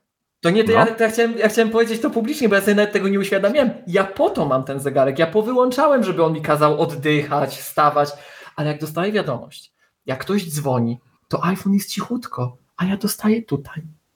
Już to też doceniam, w szczególności w pracy, jak gdzieś wiesz, chodzę po biurze, telefon leży przy biurku, albo tak, ja wiesz, jestem w kuchni na kawie i dzwoni telefon ja, i widzę, ja, on jest, wiesz, jeszcze sparowany, zbluetoothowany, nie, nie z telefonem, Patrzę, a ktoś dzwoni. Ja wtedy wiem, czy muszę biec do telefonu, czy mogę. Dobra, potem, nie? To, to oczywiście bardzo się przydaje, bo wtedy ja nie przegapiam ważnych telefonów, więc jako, jako, jako tako, więc czasami telefon faktycznie na minimum głośności, gdzieś w kieszeni, w torbie i nie usłyszałbym go. A, te, a to mi pomaga, że jednak nie przegapiam tych, tych, yy, tych, yy, tych telefonów. I oczywiście się przydaje, bo czasami ktoś pisze do mnie SMS-a, tylko tak patrzę, pyk, a nic ważnego, dziękuję. Koniec. Jest to oszczędność czasu jest bardzo no, duża. Tak brałbym, znaczy ja, a też brałbym telefon do ręki, popatrzę na tego SMS-a, a co tam na Twitterze, a w szachy bym zaczął grać. No, wiecie jak to jest, nie? No Także no, tak, tak. No, na zegarku znaczy, szachy ja nie da rady grać, więc nie gram. To ja odpisuję ja teraz tak, na że... tym zegarku i powiem wam, to jest no. miazga. Naprawdę. A. To jest miazga. To Ale... po to kupiłem siódemkę, nawet nie wiedziałem. Odpisuję tak, wszyscy mówią, że malutka klawiatura w sensie, że dobrze to działa. to działa. Tak, to działa. No, w szoku byłem. O, proszę. Znaczy, mnie cały czas ta siódemka też kusi, tylko, tylko cały czas nie mogę sobie tego jakoś tak powiedzieć, no po co mi to tak naprawdę? Budzik. No fajne budzik. to jest, no ładne jest. Budzik. Mówię ci, lepiej się śpi. No ale Naprawdę, właśnie mnie to tak wkurza, że, że, mam te, ale mnie to wkurza, że ten wielki, gruby, tak. ciężki zegarek, może nie ciężki, ale gruby, na ręce. Tak. Ja często sobie śpię podkładając rękę pod głowę, no i potem śpię na tym zegarku. Dokładnie, to mam to samo. Jak zwierzęta. Dokładnie. Nie, też nie, nie akcentuję no. posiadania na sobie różnych rzeczy, jak śpię. No. Zgadzam się, to budzenie jest fajne, ale spanie w zegarku no nie jest fajne. No. Dokładnie tak. O, jakby może, mi ktoś może mogli, może... zakładał na pół, wiesz, na pięć minut przed obudzeniem, de nie, no, delikatnie no, wsuwał zegarek na rękę, żeby mnie obudził, no to los, ale spanie w nim całą noc to ma... Nie, ja sobie tak teraz pomyślałem, że może na nogę by się dało no, Też o tym pomyślałem, ale już nie chciałem cyrku robić, no. Panowie, no. do tej fotografii byśmy wrócili, bo to yy, my tak skakaliśmy po tematach, a ja tam nie cały czas, tak. żeby nam nie uciekło ten temat taki, bo o tych komputerach, jakbyśmy powiedzieć, do którego iMac'a ty dzisiaj używasz? Masz przed sobą, bo masz kartę SD, czyli masz iMac'a 27 tak, i tam wtykasz z którego roku? 19, 19 mhm. rok. Ja sobie muszę nawet sprawdzić, bo dokładnie. Czyli w jakiej konfiguracji? Pamiętam, co to jest? Co tutaj mam. Artur, przepraszam, tutaj to jest hit. To jest przepraszam tak. cię, przepraszam, bo muszę wrócić tak? do tego. Tomek no. ma do ciebie super porady, że jak śpisz w tym zegarku, podkładasz rękę pod, pod głowę, żebyś podkładał drugą. No to już teraz mogę kupić ten zegarek. Spokojnie możesz się zapatrzyć w zegarek i się tym nie, nie stresować. Przepraszam, wracam, musiałem, musiałem, bo się tu zacząłem śmiać, okay. żeby, nie, żeby wszyscy wiedzieli z czego. Okej, okay, okej. Okay. Dobrze, hmm, więc ja mam tak... 2019 rok, procesor 3 GHz, 6-rdzeniowy, 64 GB RAMu. O. Karta Radeon 570X4 GB. Czyli generalnie jest to najprostszy, yy, najniższy model iMac'a. Jak najniższy model e, iMac'a, jak ma 64 GB RAMu? No ale ja już go sobie sam dołożyłem. Aha, okej, okay, bo to jest, no tak, tak, tak. To jeszcze mogłeś. Tak, tak. Tak, tak, to jest, to jest jeszcze mogłem. Jeszcze możesz. I jeszcze mogę, tak. I tutaj teraz skończę, y, aż Miłosz, y, poczekam aż Miłosz skończy nalewać sobie napoju, bo nie chcę, żeby rozlał. Powiem, jaki mam dysk. Nie, to czekajcie, spokojnie, mówcie, mówcie. Trafiłem? Nie, nie, no, nie było taki. Dwie, dwie, 256. Aha. Ale pracujesz z zewnętrznego, czy nie? Znaczy, no ja stwierdziłem tak. Ja się teraz przyznam, jestem po szkoleniu i już wiem, że może, że pewnie źle zrobiłem, że mam za mały ten dysk, ale. Bardzo proszę. Ja mam podpiętych kilka y, dysków i taki mój y, roboczy dysk ma 8 terabajtów, a backup ma 10 terabajtów. Y, to ja czekaj, ja zapytam. Te 8 terabajtów to no. jest mechaniczne czy SSD? Oczywiście, że mechaniczne. Oczywiście, że mechaniczne. A czemu takie znaczy, oczywiście? No, no bo to jest za drogie. Mhm. Ile, ile kosztuje, czy, czy w ogóle są dyski 8 terabajtowe? Tak, są. SSD zewnętrzne? Tak, teraz ci powiem. Ja ostatnio szukałem, chciałem sprawdzić ile kosztuje 4 terabajtowy no? i był duży problem, żeby coś takiego znaleźć. Nie, no. Okay, aż to, to, my tak dwójki to teraz traktujemy tak jak kiedyś pięćsetki. Tak, dwójki, dwójki ten. Ja mam podpięty jeszcze jednoterowy zewnętrzny e, dysk, ale nie na Thunderbolcie, tylko na USB-C, czyli on tam wyciąga mi jakieś 950 megabitów na sekundę. Ale Wiesz co, 4 terabajtowe dyski można poniżej, no w okolicy 2000 kupić. No, 4 no, terabajtowe. A 8? No. A 8? No, to jest dobre pytanie. Ale to jest 4, nie widzę 4 terab... No właśnie. No Jak właśnie. dobry koło od roweru. Ale mówisz teraz ten 2 tera, 4 terabajtowy i po jakim złączu USB-C? Nie, po PCI Express i sobie podpinasz, to w kieszeń to wkładasz. No, no, no, no i wtedy sobie możesz na Thunderbolta czyli... wyrzucić na przykład. Mhm. No, ja jak szukałem, to znalazłem chyba jedną e, obudowę na Thunderbolta. Strasznie jest ich mało w ogóle, tych obudów. A czekaj, Arturze, bo to dobrze, że o tym no, mówisz, bo dobra, masz tu tak. po, podpinany tu 8 terabajtów, tu 10 terabajtów, tu tak. to, tu tamto, bo to rozumiem wynika jakby z twojego charakteru pracy, że ty nie produkujesz dokumentów tak, tekstowych, do... tylko produkujesz zdjęcia, chomikujesz je w rawach, tak? Setki gigabajtów. O właśnie, I, danych ile ty masz, tak, że tak, tak powiem, twój taki, wiesz, dorobek życia, ile to jest tak na wagę? No, znaczy no tej chwili większość tego, co mam, to jest to, to tam się mieszczę na tym 8 terabajtowym, ale już tak znowu ledwo, ledwo, dlatego się zacząłem rozglądać jak dalej. I masz to na e, stałe do tego, do komputera cały czas, cały czas kasuję, cały czas kasuję. Gdyby, gdybym ja nie kasował, to ja bym tutaj e, musiał już mieć, jakie, co jest po, po, po terabajtach? Terabajty? Petabajty. Petabajty. Petabajty. No, mm -hmm. To musiałbym mieć taki, taki, pewnie, taki pewnie dysk, bo dla mnie jedna sesja, gdzie ja mm, pracuję parę godzin, to jest na przykład 100 giga albo 200 giga, albo i bywa czasami więcej.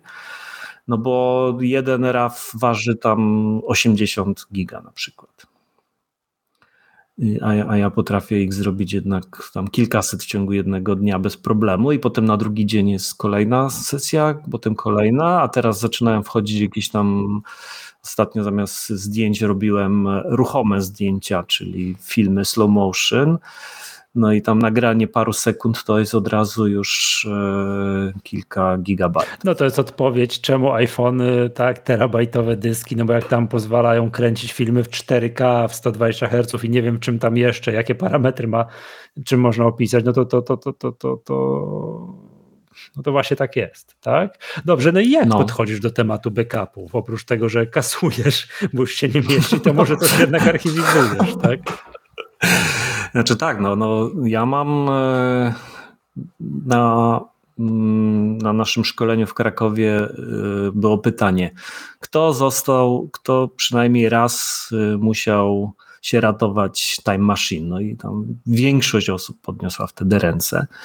No i ja mam ten problem, nie wiem na czym on polega, że mi padają dyski. Masz to, zdarzać się. Bardzo często mi padają dyski. Te zewnętrzne podłączane do kompa, czy te wewnętrzne tak, w kompie? Wręcz nienormalnie często w stosunku do wszystkich innych moich znajomych fotografów.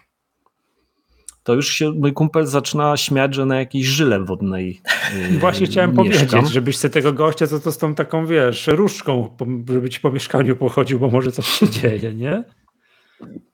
No, bo to jest, bo to jest naprawdę niefajne. Ostatni dysk, który kupiłem do, do Time Machine, zaczął mi się teraz wyłączać cały czas. Dostaję komunikat, że mm, odepnij, jak, jak będziesz odpinał, to, to tam no, taki systemowy. Tak, że, mówi, że pamiętaj, przed odłączeniem trzeba go. Przed wyciągnięciem. Tak, tak, on tak. tu leży nie, tak, po, czym, po czym ja tak? się patrzę, a ten dysk dalej jest. I za chwilę znowu mam komunikat, a ten dalej, dysk dalej jest. Po czym znowu mam komunikat, a od tym razem już go nie ma. Mhm. Także no, teraz sobie zrobiłem backup tamtego backupu i będę ten dysk e, reklamował. No ale ja generalnie staram się mieć co najmniej trzy backupy, z czego jeden poza, poza domem. Wręcz. Żeby dywersyfikacja tak, geograficzna. No. Tak, tak, tak. A oprócz tego yy, to tak długo jak tylko mogę trzymam zdjęcia na kartach. No, ja nigdy nie kasuję tak jak wielu ludzi robi. Przychodzą, zrzucają karty i je kasują. Nie. Ja trzymam to do, do bólu, jak się tylko długo da, i to mi też wiele razy uratowało życie. Że, że miałem takie sytuacje, że zgrałem, tutaj coś mi padło i potem szukałem po kartach wszędzie, gdzie, gdzie co jeszcze yy, było. Mhm. Ty, a, dobra, a masz, jak te trzy backupy robisz? Bo mówisz, też mówisz o trzech backupach, że to nie, masz jakiś zautomatyzowany sposób, coś tam, no bo tak siedzieć no, ręcznie przegrywać, to kota można dostać. Tak myślę, że no raz nie, no, w życiu no, się można no, pobawić, ale tak na stałe, no to to jest, domyślam się, taka mnisia robota, nie? Znaczy, no, mam tutaj podpięte jakby mm, dyski Time Machine. No i to właśnie ostatnio się na, na szkoleniu właśnie pytałem Miłosza, co mam zrobić, żeby, bo Miłosz stwierdził, że no, trzeba mieć kilkukrotnie większą pojemność dysku niż to, co mamy na backupie. Ja tak wstałem, podniosłem tak. rękę, no dobrze, ale ja, ja mam 10 terabajtów. No i miłość mi wtedy szczerze powiedział, no właśnie, tak. to nie jest rozwiązanie Czyli taki typowy time machine jest dla takich konsumentów jak ja, co te dokumenty tekstowe produkuje głównie, prawda? Tam jakieś No tak.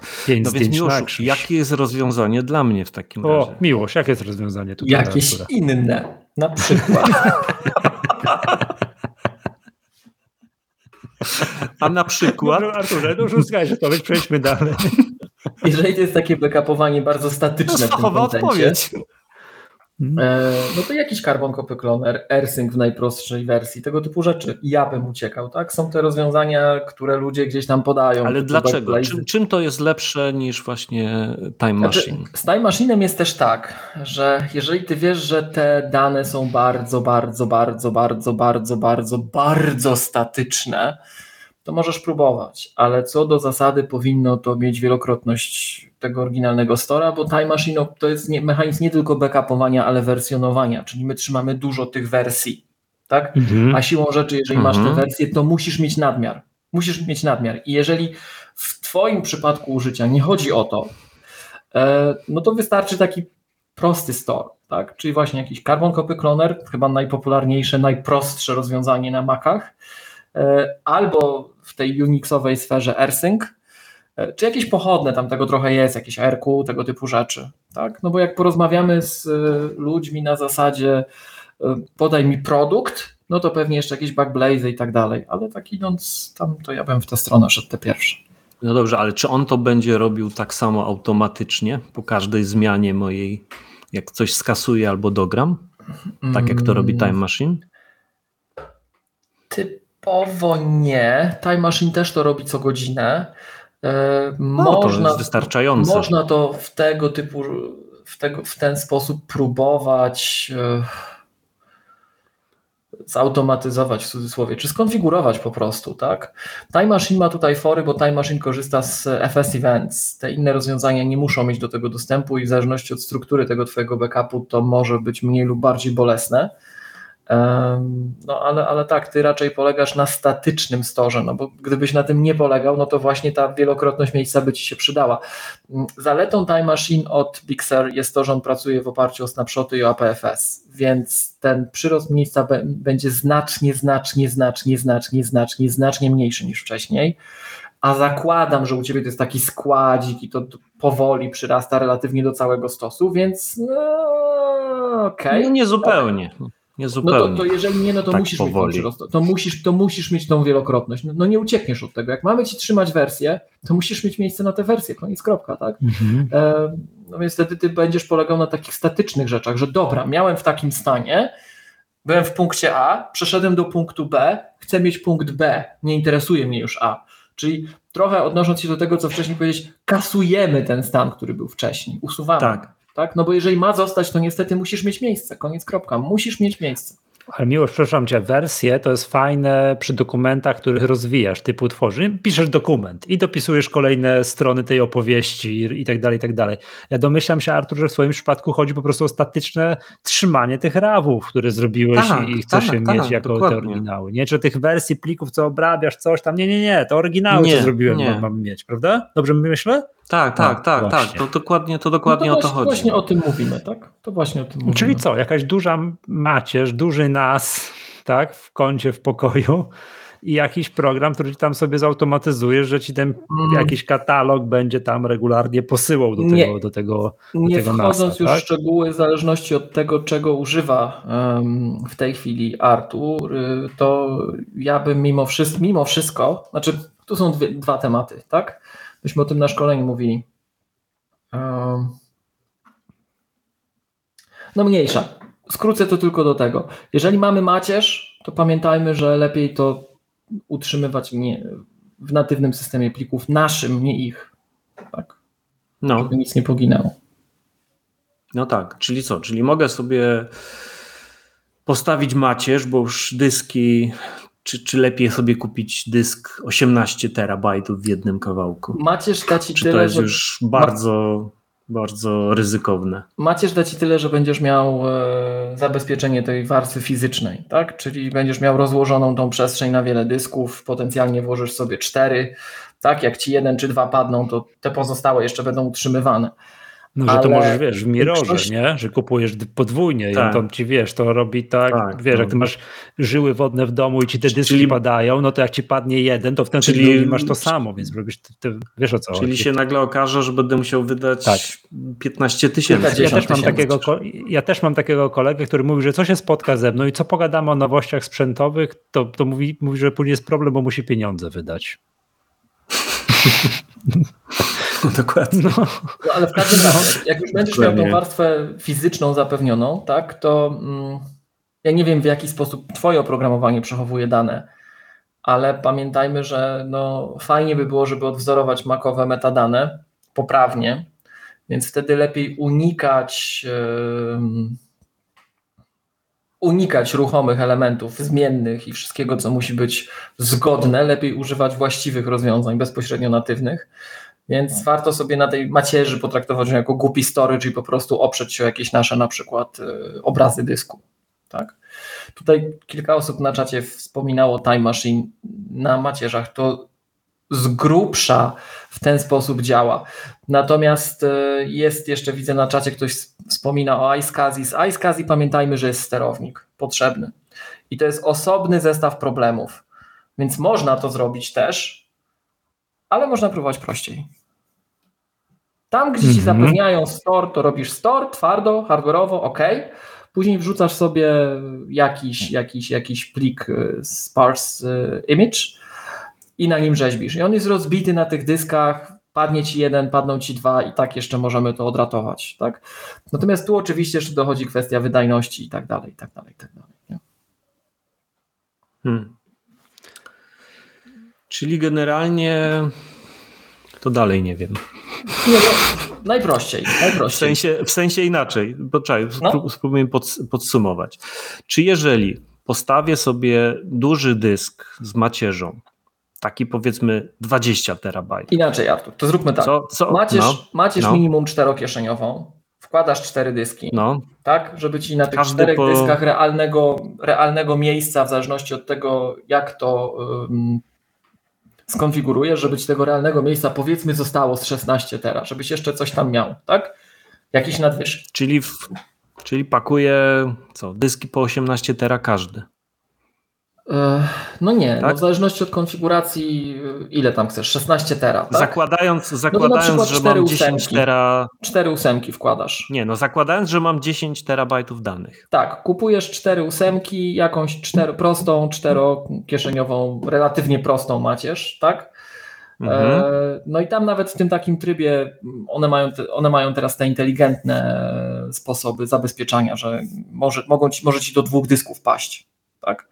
Czyli nawet robisz mhm. tak, jesteś paranoikiem, kupujesz z osobnych serii dyski, e, zakładasz, okay. że do dwóch ci może paść, tak? E, no i, i co? I zostaje ci tam z 16 tera tej użytecznej przestrzeni.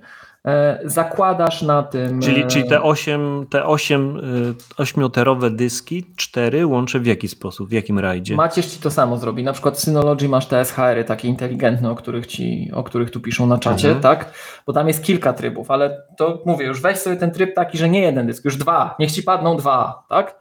Dwa. E, więc okay. pod, czyli, czyli odejmujesz, kupuję... odejmujesz pojemność dwóch w tym momencie, tak? Okay. I on mhm. ci załatwia warstwę fizyczną. Ale to, na co ja zwracam tak. uwagę, to to nie chodzi załatwia warstwę fizyczną, tak? Ale może nie przechowuj tego mhm. w natywnym systemie plików po udostępnianiu sieciowym, bo o tym żeśmy rozmawiali, to różne potrafi rzeczy robić, tak? Wystaw sobie, no. stwórz sobie w tym jakiś sparse image w APFS yy, i to będzie twój dysk przez nas obsługiwany w naszym świecie, tak? E, mhm. No i to napuszczasz na przykład na Carbon Copy Clonera albo na ARQ. Konfigurujesz go, żeby się e, co E, nie wiem, co godzinę tam synchronizował i już. Mhm. No, a jak chcesz tego więcej, Dobra. to więcej tego Przepraszam, A czym konfigurujesz, żebyś się co godzinę synchronizował? Tym oprogramowaniem Danym narzędziem, na przykład Carbon tak? Copy Cloner. Tak, tak. A, na przykład Carbon mhm. Copy Cloner. Okej. Okay. Jakbyś mhm. miał odpowiednio mhm. dużo macierz, powiedzmy, że tam tego miejsca no. będziesz miał dużo, dużo, dużo i ty wiesz, że ta twoja struktura danych jest taka, jaka jest tak? Czyli one realnie nie będą mhm. tak. Chociaż widzisz, ty byłeś tutaj taki nie, nie do końca, no bo to jest, to jest jak rozumiem, utrzymywane w okolicy 10 tera, tak? Ale ta no. zmienność no. dla mnie, jak ja słyszę, że to jest 10 tera i to przyrasta w miarę powoli, bo na przeszeni lat uzbierałem 10 tera, zajmuję się ale tym tylko dlatego, tak? że musiałeś kasować. Tak, ale normalnie tak, ale, ale, ale, tak, ale no, powiedzmy, że na przykład w ciągu miesiąca wchodzi mi jedno tera więcej. Uła. Okej. Okay. I no, potem znowu to muszę kasować. No, to musi. W ciągu miesiąca. No to tutaj Time no, Machine tak. będzie, bywa, będzie... bywa więcej. Tak, bywa tu, więcej. tutaj nas słuchacze pytają, gdzie są te migawki. No nie będzie migawek, właśnie o tym, o tym, mówimy. nie, nie, będzie, będzie migawek, no. bo te migawki zabijają temat. Dlatego Time Machine jednak może nie. Tak. Jednak nie, to wtedy nie. Time Machine masz taki dysk podręczny zrobiony, co tam masz, wiesz, jednak Bo jakieś już, podręczne już dokumenty. Już się składałem, to tak? żeby to powiedzieć, że może jakbyś miał ten store odpowiednio, odpowiednio duży, tak? No bo to umówmy mhm. się, teoretycznie, teoretycznie, ja wiem, co się zaraz wydarzy na czacie i nie tylko, ale teoretycznie kupienie 12-kieszeniowej macierzy, powkładanie 10-terabajtowych dysków, czyli 120 tera pojemności z dwoma odpadającymi, masz 100 tera przestrzeni, to jest produkt konsumencki dzisiaj. Za około to jest produkt konsumencki. On kosztuje, tak, za ile? za 5 Tak, dobrze słyszałem? No. To tyle no, będzie kosztowało? Coś takiego widziałem. Między 30 a 50. No. Ale jak wygląda, powiem wam. No, porządna wieża. Zalewasz problem pieniądzem i masz z głowy. Tak, nie? tak, to, tak no, to... generalnie, generalnie, generalnie proste. Tak, i wszystko w SSD oczywiście tutaj jest, było. No. Nie? Przepraszam, no, może z, no, no. zmienimy temat. Chciałeś jeszcze o Apple Music chciałeś jeszcze powie, po, poopowiadać. Tak, ale ja jeszcze Czy może, jeszcze, jeszcze, skoro jesteśmy już przy sprzęcie i, i jest przy tablicy, to ja bym chciał taki temat przy zwołać. dzisiaj. O, a. Miłosz, jakbyś tak cały czas mówił, to by było dobrze. Jak, jak zabrzmiał chwilowo. Po, tak, ale nie, a teraz będzie tak, teraz będzie tak, będziesz miał część ścieżki, taką część, taką część, byłeś oparty o fotel, miałeś taką część. Sprowokowali no. mnie. Czyli co, mam, mam tak mówić? Dobrze. Mam tak mówić? Tak, Miłosz, tak. tak. cały czas tak samo. A nie część nagrania tak, część tak, tak się przybliżę do mikrofonu, tak się oddalę, tak się oprę o fotel i tak. Tak nie. Cały czas tak, samo. styl prowadzenia, słuchajcie. No. Cały czas tak Wy wiecie, samo. jak to nie? wygląda. Wy widzicie to przecież. No, To no. cud, jak ja Dobrze. jestem przed tym stołem w ogóle.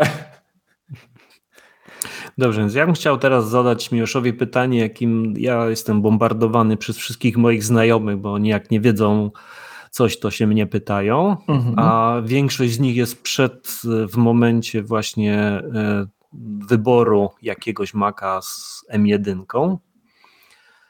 Co my powinniśmy fotografowie kupić? O, I pięknie. teraz Zapomniał o tym dać już najważniejszy temat. Jaki komputer dla fotografa? Konfigurator.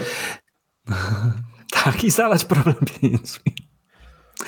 To ja tutaj może y, zaznaczę jedną rzecz, że dla fotografa komputer, mimo że jest mega ważną rzeczą, to, to jest jakieś 10-20% tego, co on musi wydać na sprzęt. Aha. I dlatego tutaj. Yy, No możemy zawsze zmienić te proporcje. Ja nie wiem o co chodzi. 90% pieniędzy. Czym jest problem? Żaden. No. Wiesz, ja, wszy- wszyscy ci moi znajomi, to oni mają takie właśnie te komputerki, takie po taniości, po taniości kupowane, no bo to zawsze e, trzeba wydać te kolejne 20 koła na aparat, a na komputer to już potem trochę szkoda tych pieniędzy, zwłaszcza, że no po co? Po co ten mocniejszy? W ogóle teraz jeszcze taką małą dygresyjkę zrobię. Jak jechałem na szkolenie do Krakowa, no i rozmawiam ze znajomą i mówię, że jadę na szkolenie. No, no ale co się będziecie szkolić? No, z obsługi macOSa. Ale po co? Bo bezpieczeństwo. Nie, nie, nie. To, to jest takie, to jest takie Ja pytanie, wiem, ale, wiem, ale, po, wiem, ale po co się, po co się uczyć? Przecież Umiesz obsługiwać komputer umiem. No. No. Yy, no więc wracając.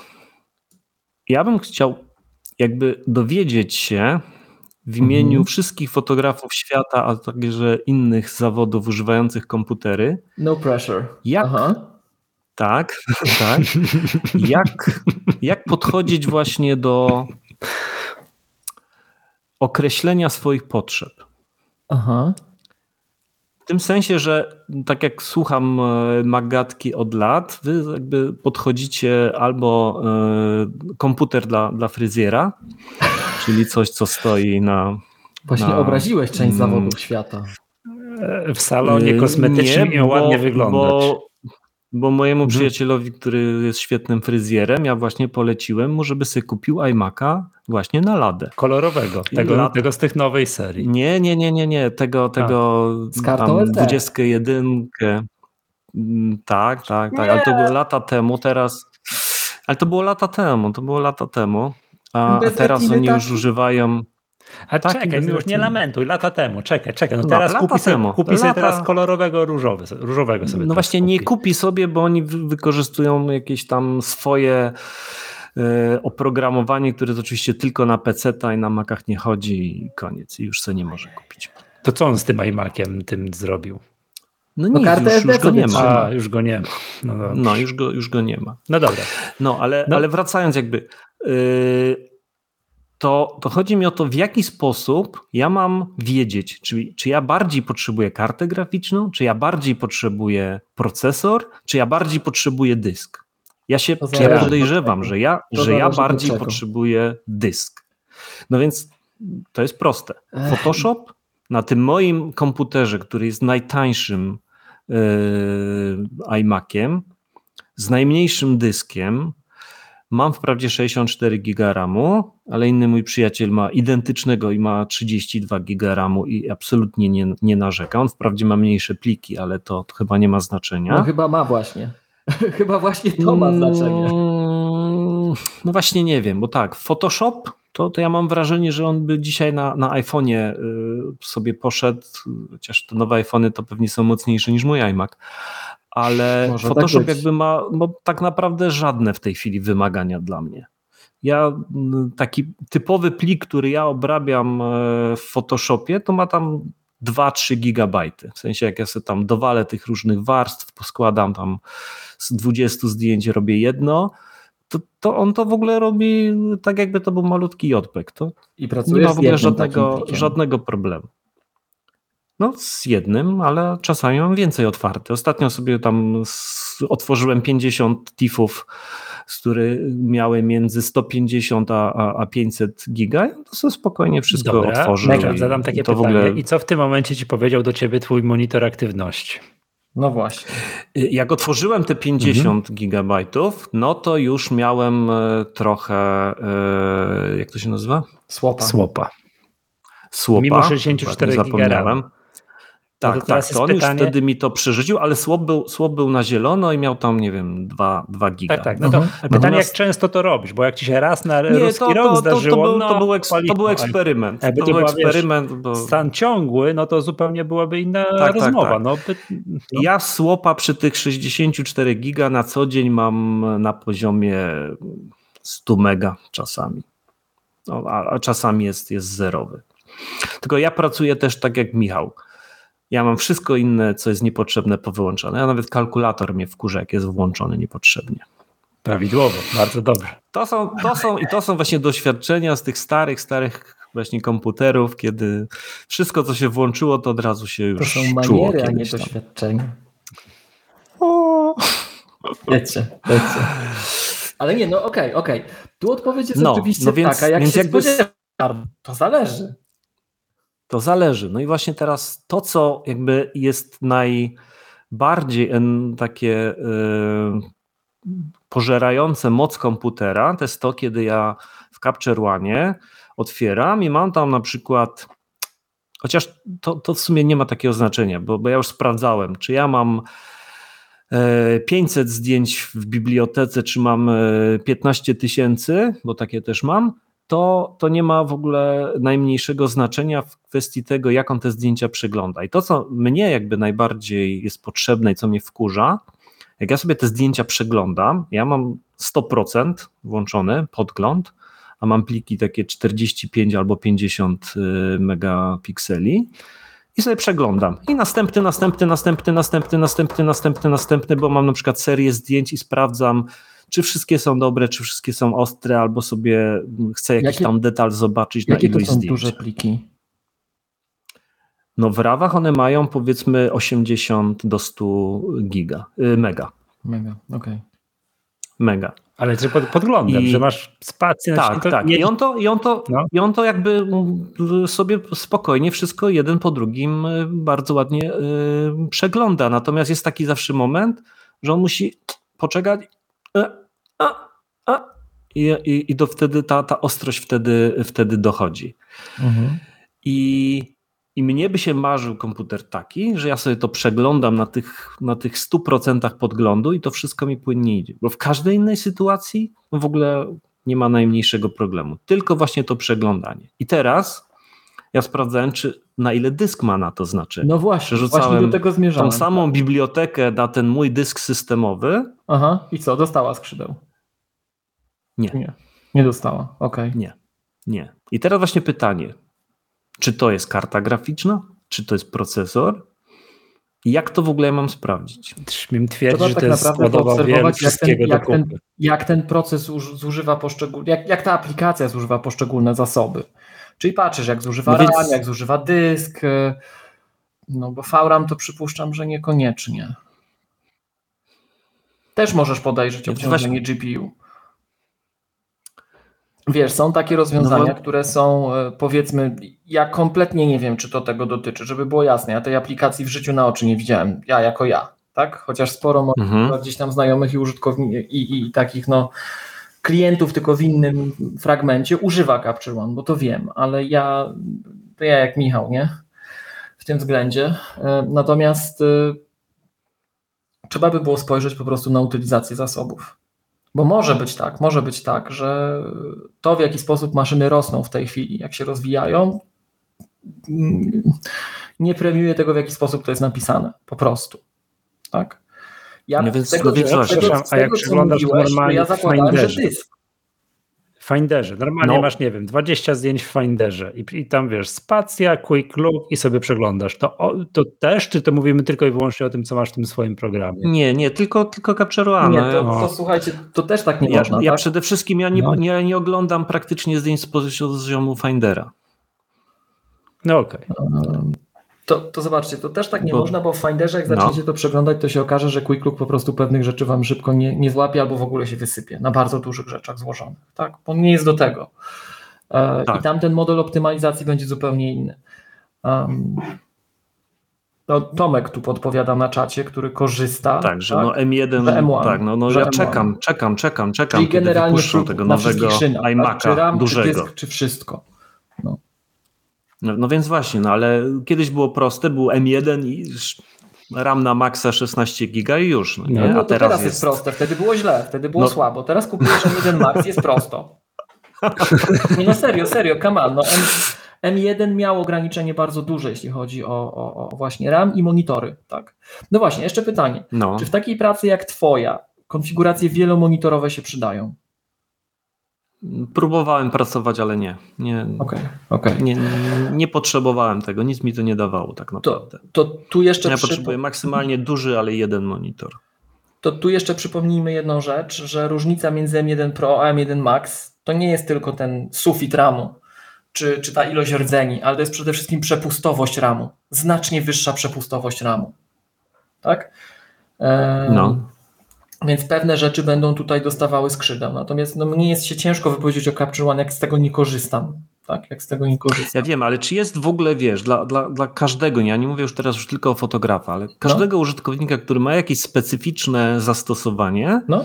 żeby na swoim komputerze sprawdzić, co tak naprawdę jest ograniczeniem. Monitor aktywności najprostszy, w najprostszym zakresie. On ci pokaże zużycie CPU, no to tak, no to on ci pokaże jak... zużycie RAMu, no... on ci pokaże zużycie GPU, Także VRAMu też, także monitor aktywności.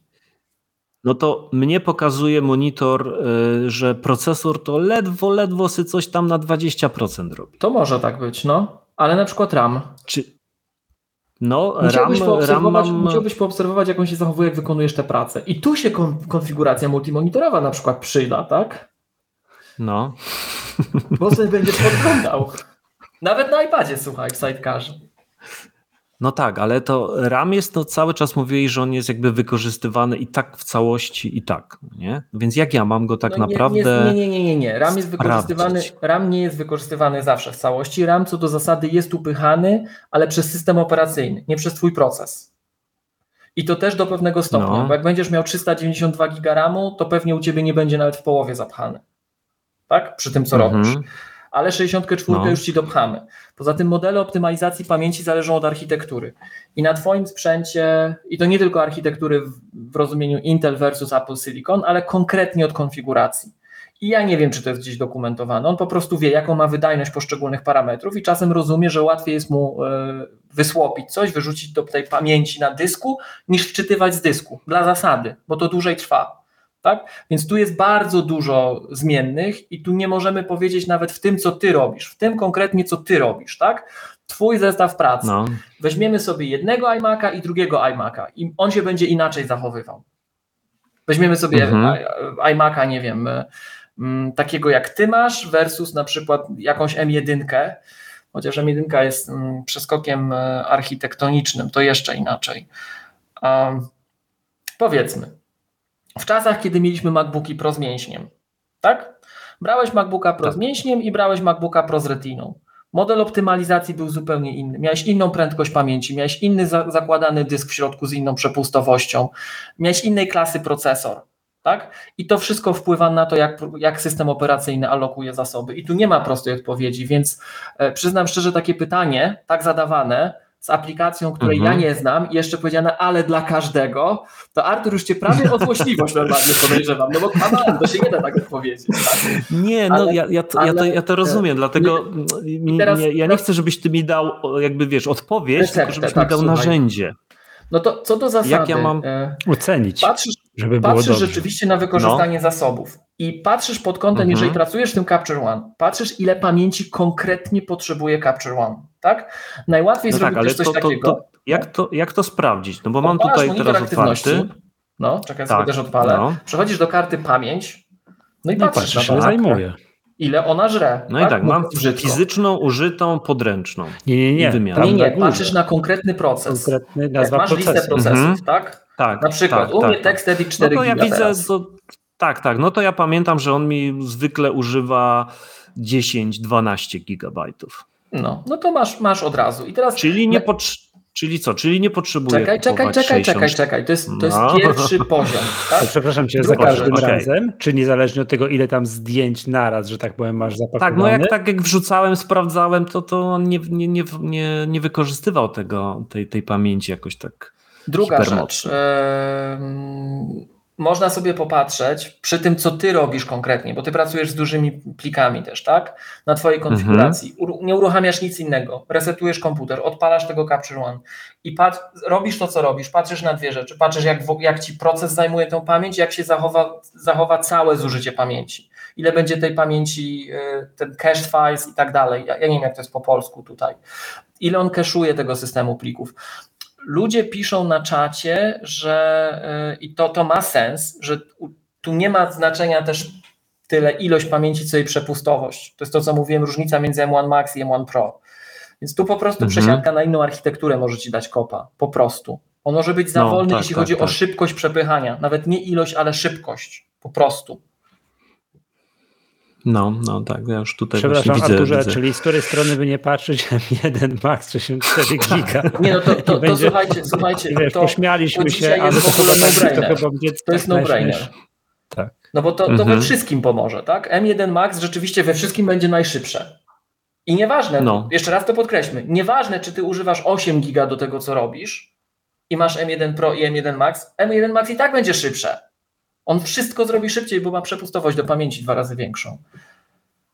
No, No ale teraz znowuż z drugiej strony. Znowuż z drugiej strony jest takie pytanie, no bo zobacz, Artur, z jednej strony mówisz, nie no ten komputer to mi absolutnie wystarczy i kolega ma mniej ramu, no i to jest to samo, nie ma różnicy, a z drugiej strony widzisz, że czegoś brakuje, nie? To wystarczy czy nie wystarczy? O co my się bijemy? Nie, no ja, ja właśnie ja liczę na to, że M1 czy M2, czy co tam w końcu Mhm. pokażą, no to będzie dużo szybszy, no nie? Tylko właśnie pytanie, czy ja muszę kupić tą super najdroższą wersję, czy ja mogę sobie tak trochę zaoszczędzić na tym. No to najłatwiej po prostu przetestować twój konkretny workflow, to jest najprostsza rzecz, no bo bez narzędzia, bez rozumienia narzędzia to ci No. nie powie w ciemno. Nie?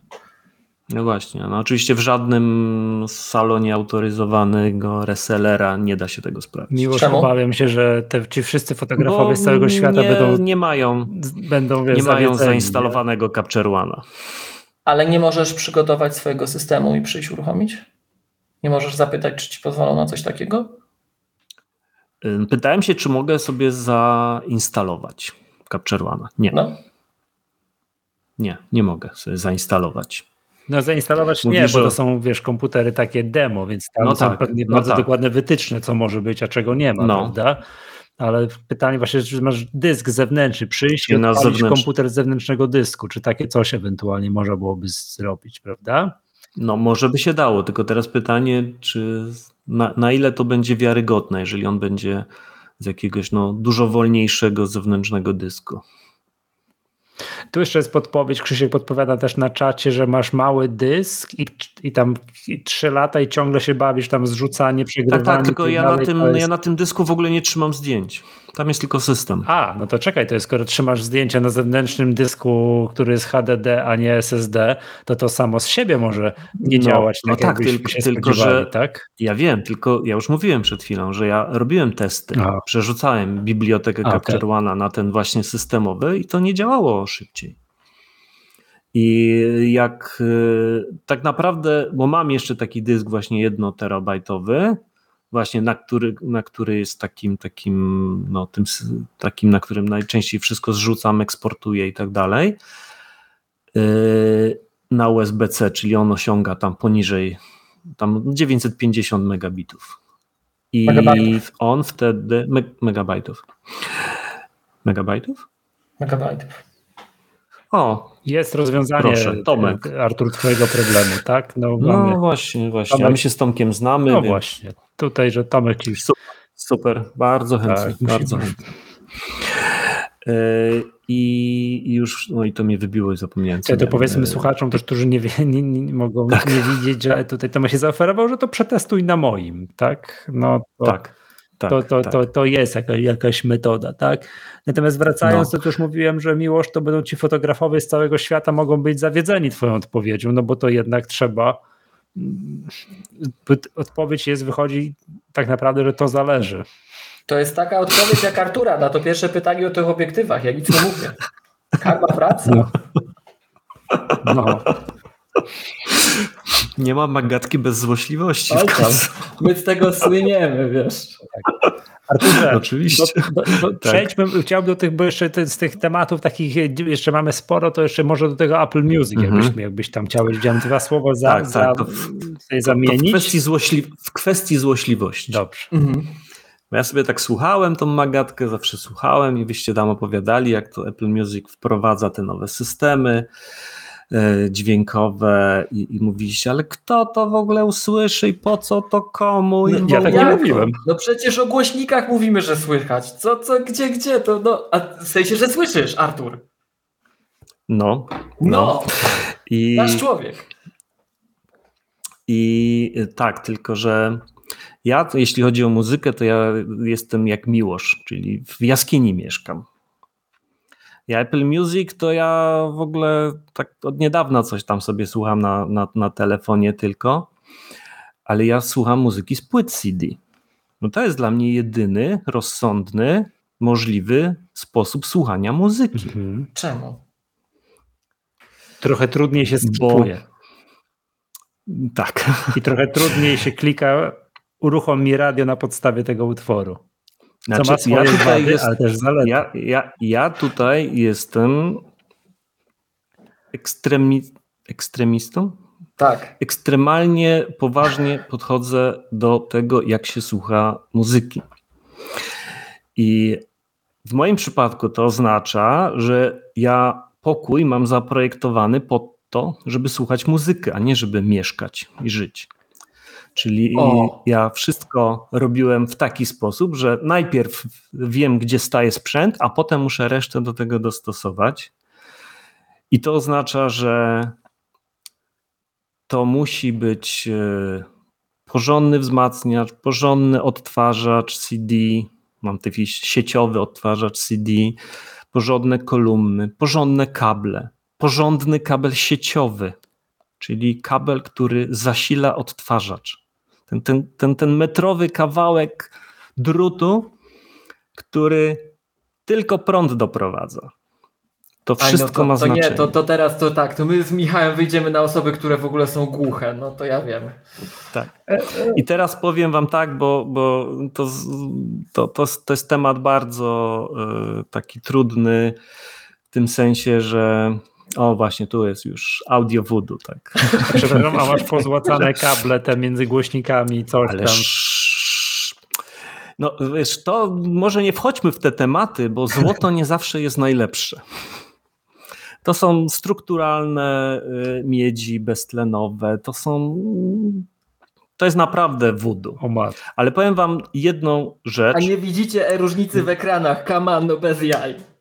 A na ślepym teście, by cię posadzić przed y, takim, wiesz... I teraz, tak, no, teraz właśnie chciałem powiedzieć. Mam bardzo dobrego znajomego, który jest inżynierem, więc z, wie jakby dużo na temat fizyki.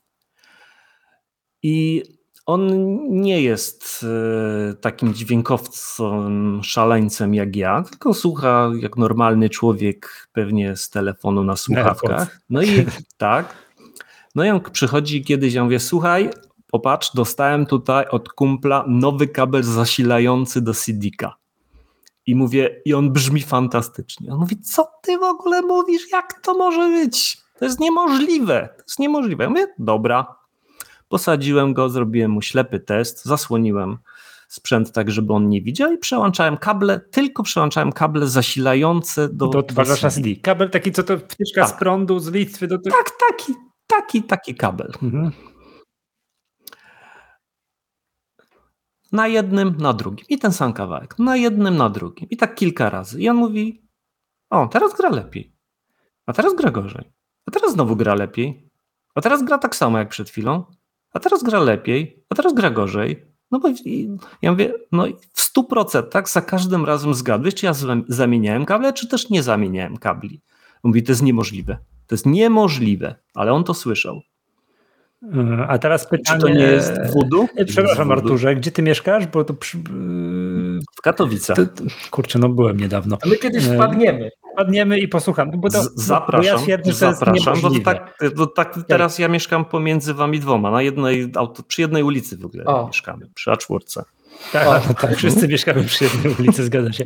Ale wiesz co, okej, okay, ja to rozumiem, że to tak może być, aczkolwiek no ja zakładam, że tego nie usłyszę. Ja z trudem słyszę różnicę między darmowym Spotify a Apple Music. Oczywiście nie. darmowe Spotify to ledwo co gra, Apple Music gra, nie, nie, gra, nie, gra dobrze. Ja wam to wytłumaczę. Ja wam to wytłumaczę, że ty słyszysz... audycja dla kombatantów. My to jeszcze słyszymy i widzimy.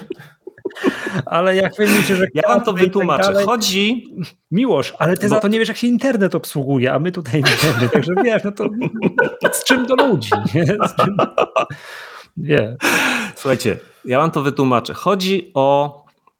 Znaczy, ja tak podejrzewam ze znajomym, od którego dostałem ten kabel, którego zresztą sam zrobił na podstawie jakichś tam chińskich wtyczek, rzeczywiście pozłacanych, tych wtyczek do prądu, pozłacanych, które są kopią jakiejś tam innej znanej firmy i jakiś tam kabel, który, gdzie ważne jest to, żeby on miał odpowiednią długość, bo jak on będzie za krótki, to to już nie będzie działał i on działa po prostu jako filtr i odfiltrowuje. Przepraszam, Arturze, jeżeli ty dużo masz różnych muzyczny w domu, to co ty narzekasz na różnicę mhm. w koszcie między M1 Pro a M1 Max? Ja już nic nie chciałem ten sprzęt... ja, przecież, jak ta, przecież, Ale... przecież, przecież, ten cały komputer może kosztować tyle, co twój kabel zasilający do, do, do, do odtwarzacza no, no więc właśnie y, to dobrze, porozmawiajmy, porozmawiajmy o kosztach. Mhm.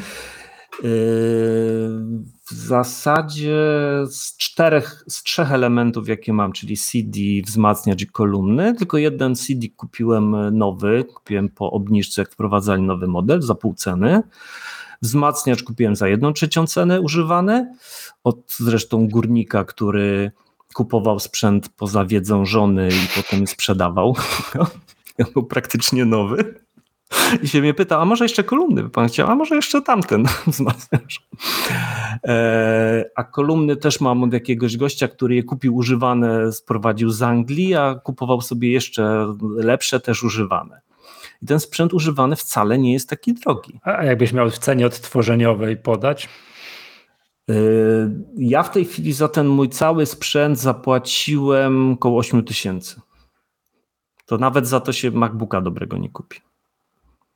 A no chyba, że gdyby, używany. A, no, o, no tak. No tak. No, no, no, porównujmy kruszki do gruszek, no, no właśnie. No właśnie, no, właśnie, no właśnie. No. Przecież wiesz, jak no ten, ile, kolumny, które ja kupiłem... Połowa ceny, tu jedna trzecia ceny i tak dalej. Tak, Czyli ty tak, to wszystko tak, razem to kupy, no nie przymierzając grube kilkadziesiąt tysięcy złotych. I jeszcze kabel, który podwaja wartość inwestycji. Tak, no. Także to, to, to nie jest dobra, tak, że to są właśnie... Ten, to Apple Music brzmi na czymś takim? Czy chciałeś powiedzieć, że to nie brzmi i trzeba słuchać I właśnie, w ogóle? Czy są źródła i właśnie, muzyki, właśnie teraz tak. muzykę tak. elektroniczną, która jest tam, wiesz, jedna płyta zajmuje ci tam, wiesz, no nie wiem ile. I teraz, teraz jakby dojdźmy, do, dojdźmy, dojdźmy do sedna. No, no, że jest... no. Nie chciałem, nie chciałem wszystko powiedzieć. Artur, Artur, a ty używasz, ty, ty jesteś z tych, co flaków używają? Gdybym mógł, to bym używał. Okay. Tylko jest jeden podstawowy problem, że no. Apple Music nie da się na niczym odtwarzać. W sensie nie ma odtwarzaczy z zaimplementowanym y, systemowo odtwarzaczem Apple Music. Na moim, y, ja mam y, sprzęt angielski Arkham, mogę sobie posłuchać Tidala, mogę sobie coś tam innego, jeszcze jakieś tam mniej popularne, ale nie ma ani Spotify'a, ani Apple Music. Ja od dawna szukam na rynku czegoś, co ma w stanie sobie ten Apple Music wgrać. jakby ktoś, tak, mhm. tak, jakby ktoś ze słuchaczy tutaj wiedział, to, to, ja bardzo poproszę, żeby mi na Twitterze a, powiedzieć. A jak, a ten Tidal jak? w HiFi domyślam się, tak? Czy tam tego to jak? To, tak. to, to, to daje radę, nie daje radę, czy, czy jak to tam? Znaczy ja go miałem tak podłączony tak z iPhone'a, mhm. nie, tak, z iPhone'a, specjalnym eplowskim kablem, który gdzieś tam wygrzebałem w ogóle w sklepie, ale taki kabel, który właśnie ma super wtyki, który ma zasilacz od razu podłączony na stałe. E, to, to, to, to cały wielki pęk kabli to był. Ale to było jeszcze to złącze 30-pinowe. Mhm. E, ja to z iPhone'a 4 używałem go jako właśnie takiej stacji roboczej. No, no, tak, no grało, ale to... Nie, nie, nie. To do płyty to jeszcze było daleko, ale to jeszcze nie miałem chyba tego hi-fi, to, to był jeszcze ten, ten zwykły. Chociaż, ale potem nie, potem już próbowałem hi-fi i to też, to też nie było takie, takie fajne. Natomiast y, kupiłem sobie jakiś tam otwór, który miałem Nopflera y, w Apple Music, który kurde, ja też nie wiem, jak to robić, żeby tam móc y, przeglądać, żeby widzieć czy on właśnie jest high-resem, czy on nie jest high-resem. Wiesz co, to jest tak, że te w sklepie, płyty, w sklepie to nie jest do końca pokazane. W sklepie to ja nie wiem, ale w kupionym no Apple właśnie. Music jest tak, to nas tutaj... Na iPhone'ie to, to pokazuje. Tak, tak że to, to, to słuchacze na grupie dyskusyjnej zwrócili uwagę, że są po prostu płyty, które są oznaczane, że one są lossless i tam wpisane, bo to wiem, że ten tak. Dolby Atmos to odpowiada nie za jakość muzyki, tylko za to mm. uprzestrzennienie, tak, że tak, to ci tam tak, przelatuje to, to, z lewego do prawego, cuda na kiju i tak dalej, a to jest to drugie, jest to lossless, jest, że to masz tej jakości podane, jak masz mieć, czy, czy tam skompresowane. No i pytanie, czy to Apple lossless to daje radę, czy to nie daje radę? Daje radę, o. daje radę. No więc kupiłem to, przetestowałem, w sensie podłączyłem sobie to e, do tego mojego odtwarzacza, włożyłem tą samą płytę, słuchałem to x razy e, i, i daje radę. Jest to może nawet odrobinie lepsze niż, niż z płyty. Ale to są już naprawdę. Czekaj, czekaj, bo to już przepraszam, bardzo drobne momentu. różnice. Apple Music, no. ten, oczywiście nie wszystkie, nie wszystkie płyty tak są, ale dużo, jak przeglądam różne płyty. To Gra w tej chwili znakomicie. Gra w tej chwili naprawdę, no, naprawdę znakomicie. Ja bym bardzo chętnie płacił do końca życia ten abonament, gdybym ja mógł tego używać jak człowiek. Aha, bo to czekaj, gracie znakomicie, ale podłączasz tego iPhone'a z tym Apple Music do czego? Nie, ja sobie kupiłem jeden utwór, przerzuciłem ha. z komputera na USB i podłączyłem tam i potem klikam tym pilotem tam i wyszukuję to na tym. Nie, to procedura zrobienia playlisty, no to, to, to zabawa na długie zimowe wieczory. Nie, Oczywiście, że nie, tak. Nie, nie, nie. Aha, czyli... Są rozwiązania takie, że można po AirPlayu to podłączyć. No właśnie. Ale no to. No ale to ja właśnie to jest też takie trochę tak na piechotę podłączenie, no bo ja wtedy cały czas będę tego iPhone'a zużywał, prawda? A co jest nie tak w zużywaniu iPhone'a? No, w sensie takim, że wydaje mi się, że to nie będzie dobrze wpływało na baterię, jeżeli ja cały czas będę robił transmisję. Nie, no to mi się nie przejmuj, mów mi o jakości muzyki. Chodzi nie, ale o to, chwila, chwila, chwila, chwila, chwila, ale dlaczego musimy z iPhone'a ten nadawać AirPlay? Przecież z Maca co, nie można? Można. No bo ja się zgubiłem chyba. No można, no można. No można. Czyli no rozwiązujemy tak. problem z no. baterią? Przepraszam, tutaj jest no, odpowiedź tak. na czacie no. jest taka, że Maciek podpowiada, tak. że w iTunes te kupowane utwory, jak sobie kupujesz na własność, na, na, na zawsze, mhm. to nie ma tych, tych, nie ma lossless. Jest tylko, że w lossless jest tylko podawana ta muzyka w streamingu, w Apple Music i że jest prawdopodobnie kupiłeś to w AC 256 kilobitów, hmm. a kupować na sztuki, tam na pojedyncze płyty, tych lossless nie no można. Więc właśnie, właśnie ja tam tak jak szukałem, to niektóre były opisane, a niektóre nie były opisane. I wydaje mi się, że te, tego Nopflera, który kupiłem, to był tam właśnie opisany, że to jest lossless, to co kupiłem. Mhm. Ale nie jestem, nie jestem, nie jestem taki właśnie yy, pewien. Arturze, a to jakbyś to... skomentował mój zachwyt nad stereo w HomePodach mini, które urządziłem w poprzednim odcinku? To może ja powiem tak. To jest tak, jakby Miłosz swoje, swój mostek kapitański zbudował na trzech iPhone'ach. O, rozumiem. O. No. Arturze, to u, u, słuchajcie, ja bo to cała, na Śląsk czasami jeszcze jeżdżę, to ja się wpraszam no, ja do ciebie, nie, może nie na ja testy kabla, ale żeby w ogóle coś usłyszeć. Słucham? Tak. tak. Michał przywiezie HomePody. Przywiezie home, przywieziemy HomePody i porównamy, tak, oczywiście. To, no.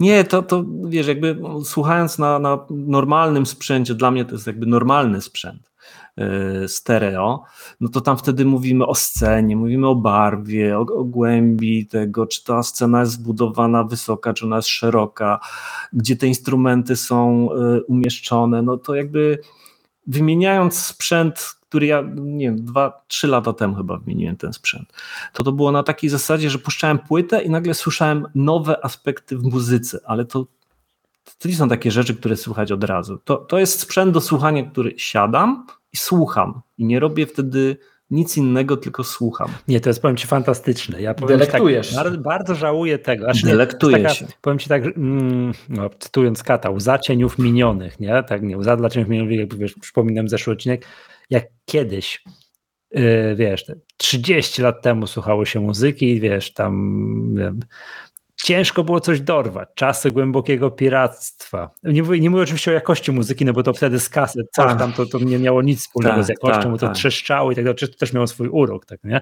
Ale dobra, jak już wiesz, jakaś zespół wydawał nową płytę, ani to kupić nigdzie nie można było, ani nic. Gdzieś od kumpla w końcu przegrałem czwartą kopię, nie? To jak już dorwałem no. tę nową płytę czegoś tam, jakiegoś zespołu, to ja ją słuchałem 100 razy.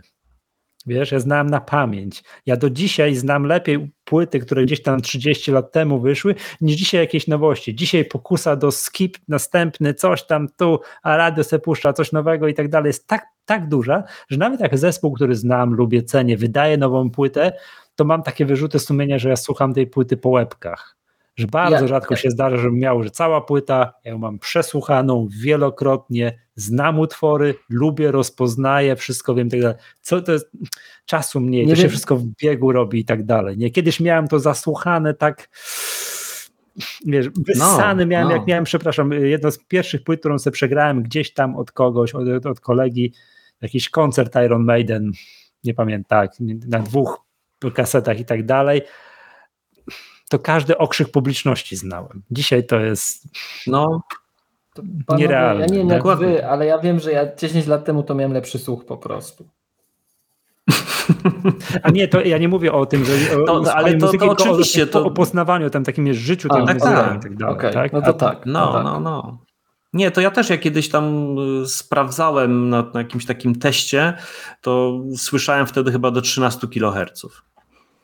Czyli teoretycznie to, to nie jest jakoś tam specjalnie dużo, ale, ale to i tak jakby to no, słuchając tego na porządnym sprzęcie, każdy usłyszy różnicę. To nie jest tak, że tej różnicy tak, nikt tak, nie tak, usłyszy. Tak, oczywiście. Każdy usłyszy tą, nie tą no, różnicę. Ja, różnicę tak. ja jak ten, jak na tych haszustkach słuchałem tych, tych, tych, tych banga i tak dalej w porównaniu z takimi opełkami, no to oczywiście to słychać ogromną różnicę. Gdyby nie cisnęły w łeb, no, no to słuchał, miałem pytać, czy to tak.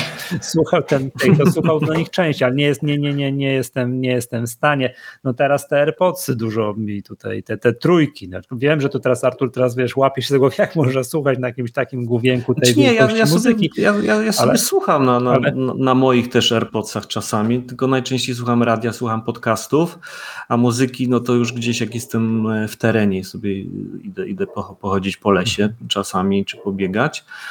A, ale no ja nie, nie przepadam za słuchaniem e, na słuchawkach, bo to jest strasznie ograniczające. To jakby w stosunku do tego, co można usłyszeć na, na, na sprzęcie stereo, porządnie skonfigurowanym, szeroko odpowiednio rozstawionym.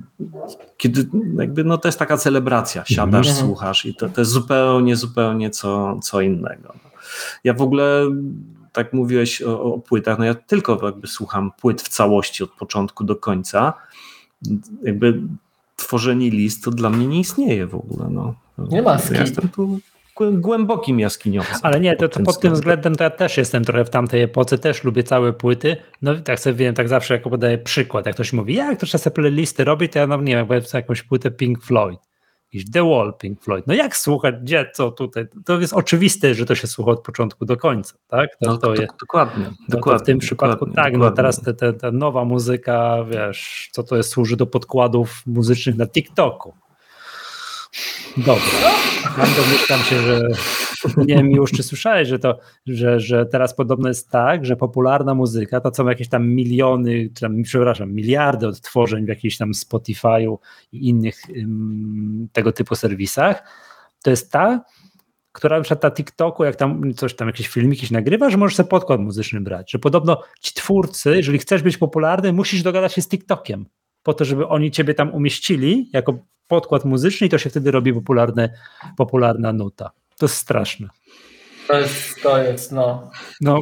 Ja powiem tak, chyba jestem stary. To jest straszne. No, niestety ja nie tak jest. tak, bo zaraz wiecie, że wszyscy jesteśmy starzy. No, nie mówcie tak. No. Podcast dla starych ludzi. No. No, no, Dobrze, Arturze, ja się oficjalnie wpraszam do ciebie, żebyś mi coś puścił. Aha, Zapraszam. No, mam takie jedno pytanie, bo w tym y, rozumiem, że zwyczaj, że masz że płyty, fizyczna płyta, tu wkładasz do odtwarzacza, klikasz play, tak, siadasz, tak, słuchasz. Tak. Czy dostęp do tych płyt czasem nie jest coraz mhm. trudniejszy? Mm, jeszcze chyba na razie nie. Na razie wszystko to, co chcę kupować, to mogę kupić ale sam, sam chętnie generalnie bym y, kupił to w pliku. I w pliku no, jako high-res, bo to brzmi jeszcze lepiej, bo, bo do takich y, czasami mhm. też mam dostęp. Y, I, I to wtedy brzmi po prostu jeszcze lepiej niż płyta. No, płyta też ma swoje ograniczenia. swoje ograniczenia. Także ja, ja nie trzymam się jakby fizycznych płyt jakoś tam kurczowo tylko chcę je nawet w Apple Music kupić jako, jako high-resy, albo chcę tego Apple Music podłączyć. No, ja tak liczyłem na to, że jak wyjdzie wreszcie to, to nowe Apple Music, które wyszło, że ja sobie takie kupię i za pomocą tego będę mógł podłączyć. Ja, no, jakąś ale, metodą ale magiczną podłączyć do no, swojego no, nie da się. sprzętu i... Nie da się, bo tam jest, tam jest tylko wyjście HDMI w tej chwili. Nawet już optycznego chyba nie ma z tego co pamiętam. A zresztą nawet jakby było optyczne, to jej tak nie mam gdzie tego optycznego podłączyć, bo mam wzmacniacz stereo, a, a mój odtwarzacz sieciowy ma tylko wyjście optyczne, a nie wejście optyczne. No. Przepraszam, a nie możesz zalać no, problemu pieniądzem i wydać tam? No, no, no właśnie, ja bym nawet to chętnie zrobił, tylko nie ma tego fizycznego urządzenia. Ja liczę na to, że, że oni w końcu, producenci, widząc to, co Apple zrobiło bo, bo to była jednak rewolucja. Że mówisz o jakości że muzyki, jednak, że, że jednak muzyki, tak? tak, tak, mhm. że, że zaczną to wypuszczać. Jak, jak, jak się pojawiło Apple Music, w tej, w tej nowej wersji właśnie lossless, high-resów i tak dalej, napisałem do, do e, Arkama, które należy w tej chwili do Harmana Cardona, który to należy do Samsunga. O jest. E, czy, czy będzie... I kto odpisał? E, Harman Armakarmu, tam, tam tak, taki jest, taki jest e, tam ten, ten. No, czyli napisałeś do nich, proces. że chciałbyś? Tak, że czy, czy, czy, będzie, czy będzie możliwość, czy będzie jakiś upgrade sprzętowy, no bo mój odtwarzacz dostaje jakieś tam e, update'y, czy będę mógł to zrobić? Napisać nie. Strasznie długo odpowiedź, na końcu mm, nie, się nie da. Tak, tak. Polecili mi nowy sprzęt, który ma AirPlay 2 tylko i to, i to wszystko. Rozumiem. A jeszcze chciałem zapytać się w kontekście twojego zamiłowania do muzyki, że najwyższa jakość stereo, cuda na kiju i tak dalej, czy miałeś możliwość testowania AirPodsów Max? Nie, nie, nie, nie. Bo to wie pamiętasz, że nie, mówiłem ja, ja, w ogóle, ja w ogóle jakby bardzo mało słuchawek testowałem. Jak mhm. Bardzo dużo różnego sprzętu słuchałem. Miałem kiedyś fajnych znajomych, którzy mieli taki sklep elektryczna pomarańcza, już nieistniejący. Ja się z nimi poznałem tak, jakoś w ten sposób, że tam jakoś zdjęcia robiłem i, i oni byli tacy fajni, że oni mi dawali sprzęt na weekend. Mhm. Ja sobie tam przychodziłem w, piąt, w sobotę po południu, jak sklep zamykali, brałem jakiś jeden klocek czy dwa, cały y, weekend sobie go słuchałem i, i, i potem odnosiłem. Dlatego ja dużo tego sprzętu różnego przesłuchałem za, za różne pieniądze i, i, i po prostu no, dokładnie wiem, co, co chcę. Ja prostu jestem Arkam, kolumny monitor audio i mogę tylko wymieniać na wyższe modele i wiem, że zawsze będę y, zadowolony wtedy. Ja sobie też pewnie większe homepody kupię. Wracając, to bym był bardzo ciekawy twojej opinii, no bo ja gdzieś tam, no bardzo krótko, tak, no. jak gdzieś tam miałem okazję tutaj e, u Michała z Pomby y, posłuchać, to to, co mnie tam najbardziej jakby no zaszokowało, to, to nawet nie jakość muzyki, tylko bardziej ten, te, to Dolby Atmos w filmach, tak, że to po prostu, mhm. to, to już podawałem ten słynny przykład lądującego samolotu, co to z tyłu nadlatuje, przelatuje nad głową, tak, ląduje z tak, przodu, tak, tak, ten, efekt, ten efekt jest, jest słyszalny w tych AirPodsach trójkach, ale mniej, w Maxach jest po prostu bardzo słyszalny. I to jest naprawdę fantastyczne, prawda, ale to nie ma nic wspólnego z tym, o czym ty mówisz, czyli jakością muzyki, to, że to jest czy tam lossless, tak, czy, tak, no czy, czy 256 kilobitów i tak dalej, to jest zupełnie inna rozmowa. Tak byłem bardzo ciekawy, jak Apple kontroluje wszystko od początku do końca. W przypadku Apple Music, skończywszy na sprzęcie no, fizycznym, no. który masz na głowie, jak oni tam to podają no, na, na sprzęcie, które mają naj, najwyżej w półce cenowej, prawda? No, no, no. To, to, no, to, no. to, to, kiedyś... Nie wiem, nie wiem. To jest, to jest ciekawe właśnie, że oni robią te swoje jakby remastery, i, I, jestem ciekawy, na ile to jest zrobione tak, że to ma ogólnie grać dobrze, czy też na ile to jest zrobione, że to ma grać dobrze na ich jakby słuchawkach. No, dokładnie tak, dokładnie tak. Czy tam jest nie jakiś wiem, skrócik, który powoduje, że wiesz, sprzęt Apple, oprogramowanie Apple, muzyka od Apple, sprzęt, wiesz, i słuchawki od Apple, wszystko łącznie do kupy gra, gra, gra dobrze, nie? Więc jakby to byłbym. To, kiedyś przy okazji, jakbyś miał okazję, to jestem, to jestem bardzo ciekawy Twojej opinii. Nie, super się Panowie, ta rozmowa o tym Apple Music. Z, a czekajcie, to jeszcze raz mi wytłumaczcie, dlaczego się nie da tego Apple Music? Tak prosto. No bo nie ma, nie, ma fizycznego y, odtwarzacza sieciowego, który by miał wbudowany odtwarzacz Apple Music, tak jak ma wbudowany odtwarzacz Tidala. No możesz pisać login, niektóre hasło, mają, coś tam, tak? I A nie możemy tego podpiąć jakiś, jakoś tak wprost do Maca, dakiem jakimś, czymś? No, właśnie bym to jakoś próbował robić, tylko wiesz, ja mam sprzęt y, w jednym pokoju, Maca mam w drugim pokoju. A, nie, no to, to w czym jest problem w tym momencie, bo nie wiem. No, no okej, okay, tylko jakby tak, żeby kupić dobrego, dobrego daka, no to znowu trzeba wydać dużo, dużo pieniędzy. Ja mam już jakby te, te przetworniki w tym moim odtwarzaczu, więc chciałbym skorzystać z nich. Więc musiałbym podać cyfrowy sygnał do tego, A do tego mojego odtwarzacza. Y, no mogę podać po, po kablu. To czekaj, ale to jest coś takiego jak Apple TV wyrzucało na przykład? To optyczne, czy to nie jest to? Tak, tak, tak. To czemu nie zepniemy tylko, Apple że w tej... z tym? No bo Apple TV y, ma tylko w tej chwili wyjście HDMI. Ale można kupić używane. Oj. Ale ono ma optyczne. Tak, no. A ja dalej nie mam wejścia optycznego. A we, ja okay. dalej nie mam wejścia optycznego. Wejścia optyczne są najczęściej w amplitunerach. A w wzmacniaczach stereofonicznych nie ma tego. W okay. nowych chyba teraz właśnie sobie oglądałem nowe jakieś tam yy, wzmacniacze Arkama, to chyba nawet było. Ale wejście optyczne znowu nie jest idealnym rozwiązaniem. Mhm. To, to, to, nie jest coś, co jest przez audiofilów polecane. A co ja ma nigdy być? tego aż tak nie testowałem. Wejście optyczne. Że to nie jest jakby Ale najlepsza... co ma być, jak nie wejście optyczne? Zamiast. Cyfrowe, koaksjalne. Zwykły taki cinch. Naprawdę? No. Takie, takie jest y, stereo. To są dla mnie obce problemy. To ja w sumie, przepraszam, bo ja mam no kiedyś tam, ja wiem, przyznam się, ja że wiem. jak ja śpiewałem parę lat, nie wiem czy to, ja to opowiadałem tej mangace, że śpiewałem w chórze i że z tym słuchem no. takim muzycznym, ja nigdy nie byłem specjalnie uzdolniony, ale to mam taką teorię, która jest prawdziwa, że uważam za prawdziwą, że to można sobie taki słuch muzyczny wykształcić.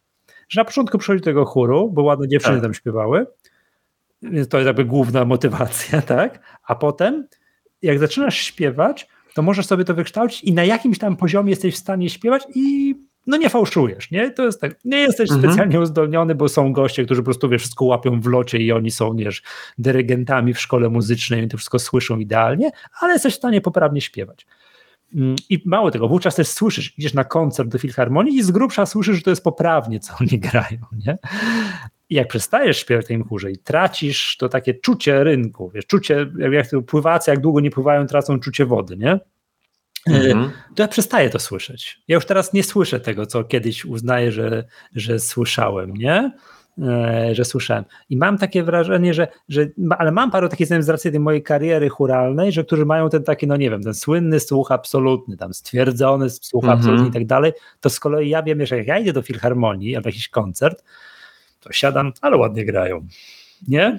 Mam takie wrażenie, o jak pięknie, nie? Ślicznie. A oni jak idą, to się męczą, bo przecież tam słyszą, że ktoś coś tam, wiesz, jakiś skrzypek w trzecim rzędzie czegoś tam nie dociągnął i jest, i jest, i jest niedobrze, nie? Więc jakby oni się męczą przy tego typu rzeczach. No to ja jestem strasznie, że tak powiem, yy, wiesz, to w sumie zadowolony, nie? Że ja tak naprawdę nie słyszę takich rzeczy, że no, że mogę, wiesz, o, AirPods HomePody w stereo i dla mnie to jest, wiesz, good enough, nie?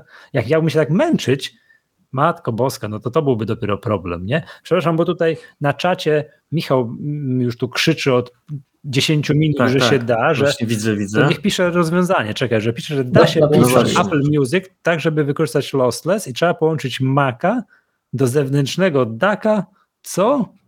Przez kabel USB. Cyfrowy. No tak, no tak, tylko to, to właśnie, to właśnie to, no ale to właśnie oznacza, że muszę kupić kolejnego DACA i żeby ten DAC y, był jakby odpowiedniej jakości, to oznacza, że znowu trzeba wydać parę tysięcy i podłączać go kablem, ciągnąć to przez dwa pokoje. Ale czy nie można problem pieniądzem zalać? Musisz kupić drugi komputer, który będzie ci stał w tym pokoju. O, o, patrz, nie pomyślałem o tym. Nie, no to Arturze, jeszcze Ale nie to wtedy już na dokładnie. pewno na M1, to najlepiej pasywnie chłodzone. Tak. No oczywiście. Tak, no, oczywiście. żeby, żeby wiatrak nie zaburzał, tak, żeby głośności, tak? Już, tak? No, no, no, no, no. Tak, nie, czyli okej, okay, nie, to, to problem, czyli to da się hmm. zrobić, da się zrobić. Tak. Ale nie, z tej, z tej twojej wypowiedzi jest fajne to, że to jakby, wiesz, pomijając fakt, że słucham muzyki na AirPodsach albo na HomePodach, nie? To, to jestem zadowolony no. z tego, że Apple nadaje super muzykę. Jakby tak, tak, mimo że ja nie słyszę tej to... między Lostless a tym, nie wiem, co było poprzednio, 256 To znaczy, to, to jest tak, jak mówiłeś przed chwilą, nie? że ten słuch y, sobie Może wy, wykształcić, tak. wyuczył, wykształciłem, tak. to tak samo jest y, słuchaniem muzyki. Że ty słuchasz płytę, słuchasz ją drugi, trzeci, nagle zaczynasz dostrzegać kolejne mhm. aspekty, mhm. słyszeć różnice, słuchać na innym sprzęcie, coś się zmieniło i i, i, słyszysz to. To też, mhm. się, to też się da wszystko wykształcić. Tak, tak, nauczy się tego, tak, bo to, no, no okej, okay, tak. fajnie, fajnie. Arturze, czy mamy coś jeszcze? Chciałbyś jeszcze jakiś temat poruszyć? Przypomnijmy, że reklamowaliśmy to, y, jak wygrałeś ową aukcję, że nie ma ograniczeń co do trwania długości odcinka. Masz ochotę, jedziesz. Bardzo prosimy. Miło, miło, że, tak, Miłosz już tam usnął wprawdzie w tym nie, no, nie, gdzie, nie, gdzie, gdzie, Jesteśmy odporni na takie, na takie rzeczy. Tu, oj tak, ja tu jeszcze mam zapas, słuchajcie, płynów, jedziemy. No to dobrze. No Artur, e, ja Artur, tutaj... musisz nas no. przyzwyczajać. Musisz nas przyzwyczajać tak. do długich czasów nagrywania. Później na ciebie Właśnie. będzie.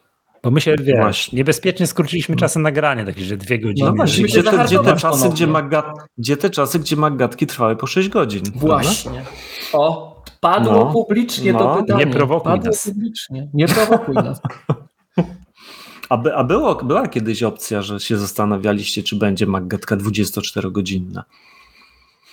Ja już ostatnio ze studentami 21 czy... godzin prawie spędziłem, także wiecie. No właśnie, no właśnie. Przy, przy dwóch osobach to jest ciężko, bo nie może wtedy jedna prowadzić non-stop, a druga spać, ale przy trzech to można sobie to cyklicznie tak. co dwie godziny jeden idzie spać, a dwie osoby rozmawiają. To mi się od razu przypomina, teraz była olimpiada, oni tam w short tracku, są takie wyścigi, nie wiem czy kojarzycie, oni tam jeżdżą w takim ciasnym lodowisku tak strasznie i, jest, i czasami jest sztafeta, oni się zmieniają co para okrążeń, to mi się od razu z tym skojarzyło. To my nie? tak. Tak, tutaj mój kot przychodzi mnie zaczyna atakować. Wiesz kota, co tak co miałczą, to kot? Tak, Ale tak, super. tak. To, to, to tego to, nie wycinamy to, to, to, jest, to, to jest kot, który jest niesamowicie gadatliwym kotem. A to super, bo moje koty w ogóle takie miałczki, dopiero jak się tam wytarmosi za uszy, zaczynają piszczeć, że nie, tak. To... Nie, nie, nie, to, to, to jest kot, kot, gad, kot gadający mocno. mocno. Ja, ja się dobrze zastanawiam, kogo myśmy teraz obrazili. A, no dobra, poczekamy na komentarze. Tu padło takie pytanie, wracamy może do fotografii, no. które tutaj przeglądam, wszystkie no. możliwe tematy, pytania i tak dalej. Miłoż, ty w ogóle nie, A, nie zadajesz swoich Magic pytań. Mouse, Magic Trackpad, nie. czy jakieś o. inne rozwiązanie. Inne Właśnie. rozwiązanie. Co ty używasz? Co to jest? To jest y, Wacom, czyli y, takie coś, do, po którym się pisze. A nie iPad Pro z pensilem? To właśnie jest, mm, przed iPad Pro z pensilem. Czyli, czyli klasyczny, klasyczny y, taki właśnie pad, po którym się rysuje i co więcej, y, on u mnie jakby na stałe leży i ja tego używam bardzo często do przeglądania tekstu. Do przeglądania y, tekstu? Tym, tym, tym piórkiem, tak, do piórkiem, do, do obsługi. Ja jestem z takiego sortu obsługi Mm, użytkowników, który mało korzysta z klawiatury. I powiem Wam teraz tak, jak Wy często opowiadacie, że ta klawiatura jest taka, a ta ma taki skok, a ta ma taki skok, a ta ma taki yy, enter, a ta ma taki, to ja tak siedzę i tak patrzę, i tak patrzę, i tak mówię, ale o czym Wy mówicie? Jakie to ma w ogóle znaczenie? Ogromne.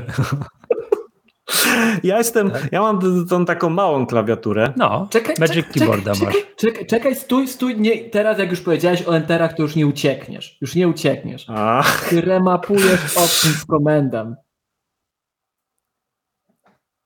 Jeszcze Czy raz. zamieniesz option z komendem? Nie! No, bardzo dobrze. Co? To już była odpowiedź w pytaniu. Po co?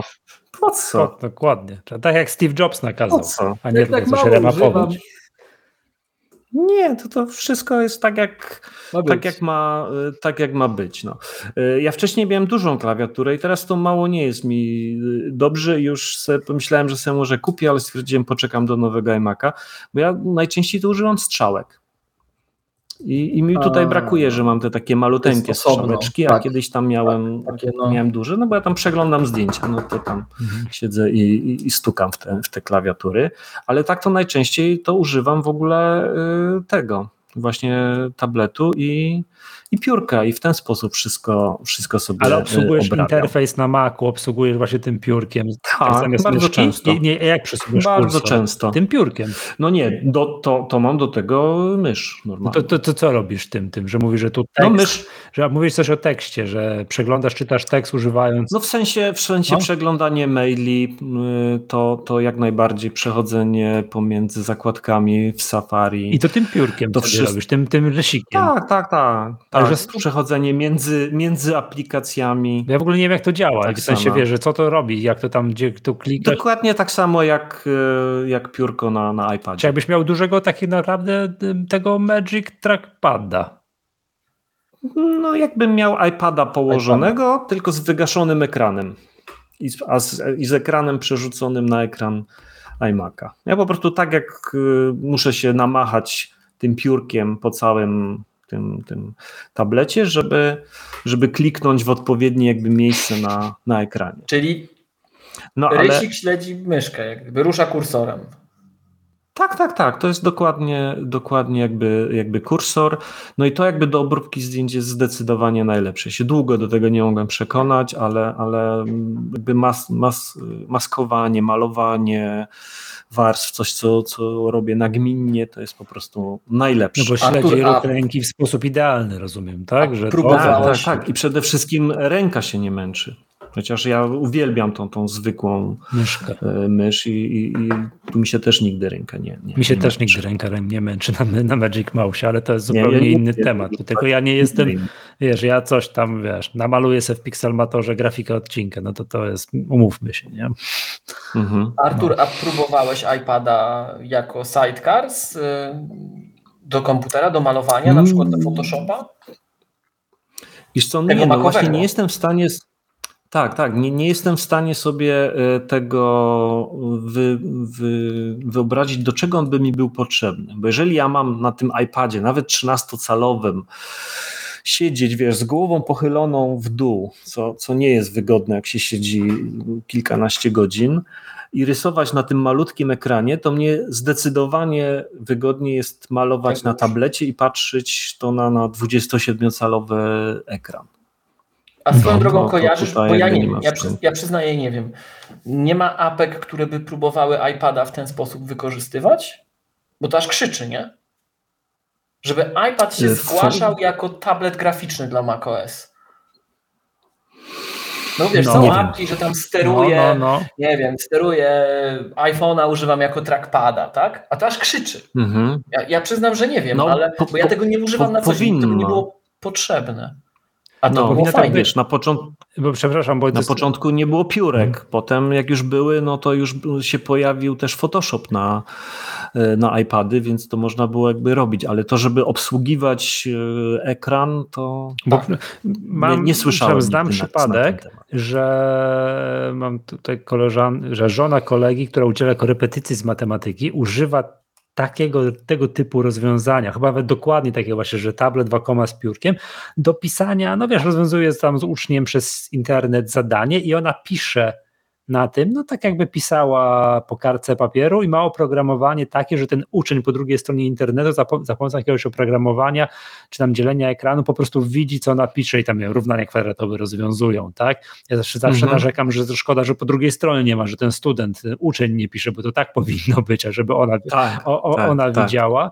Yy, I też zapytałem się, i też ja też zasugerowałem, czy iPad nie spełnia czegoś takiego, że wiesz, że piszesz na iPadzie to zadanie no tym, tym i tam tu sobie metodą, nie wiem, dowolną przekładasz to na ekran komputera, to zakładam, że to można było jakoś zrobić.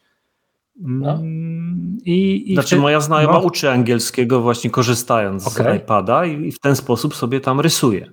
Ale ja to też jakby jak tylko iPad. pracuję, to też tak na iPadzie no. robię. No. Okej, okay, ale Natomiast, tylko, że no, argument był taki, już przypomniałem sobie, że to rozwiązanie Wacoma jest no, zdecydowanie tańsze od zestawu yy, no, iPad plus, plus, plus do, rysik. Tak? Dokładnie, dokładnie. A tak naprawdę to, to nawet nie trzeba mieć. Przepraszam, że zapytam.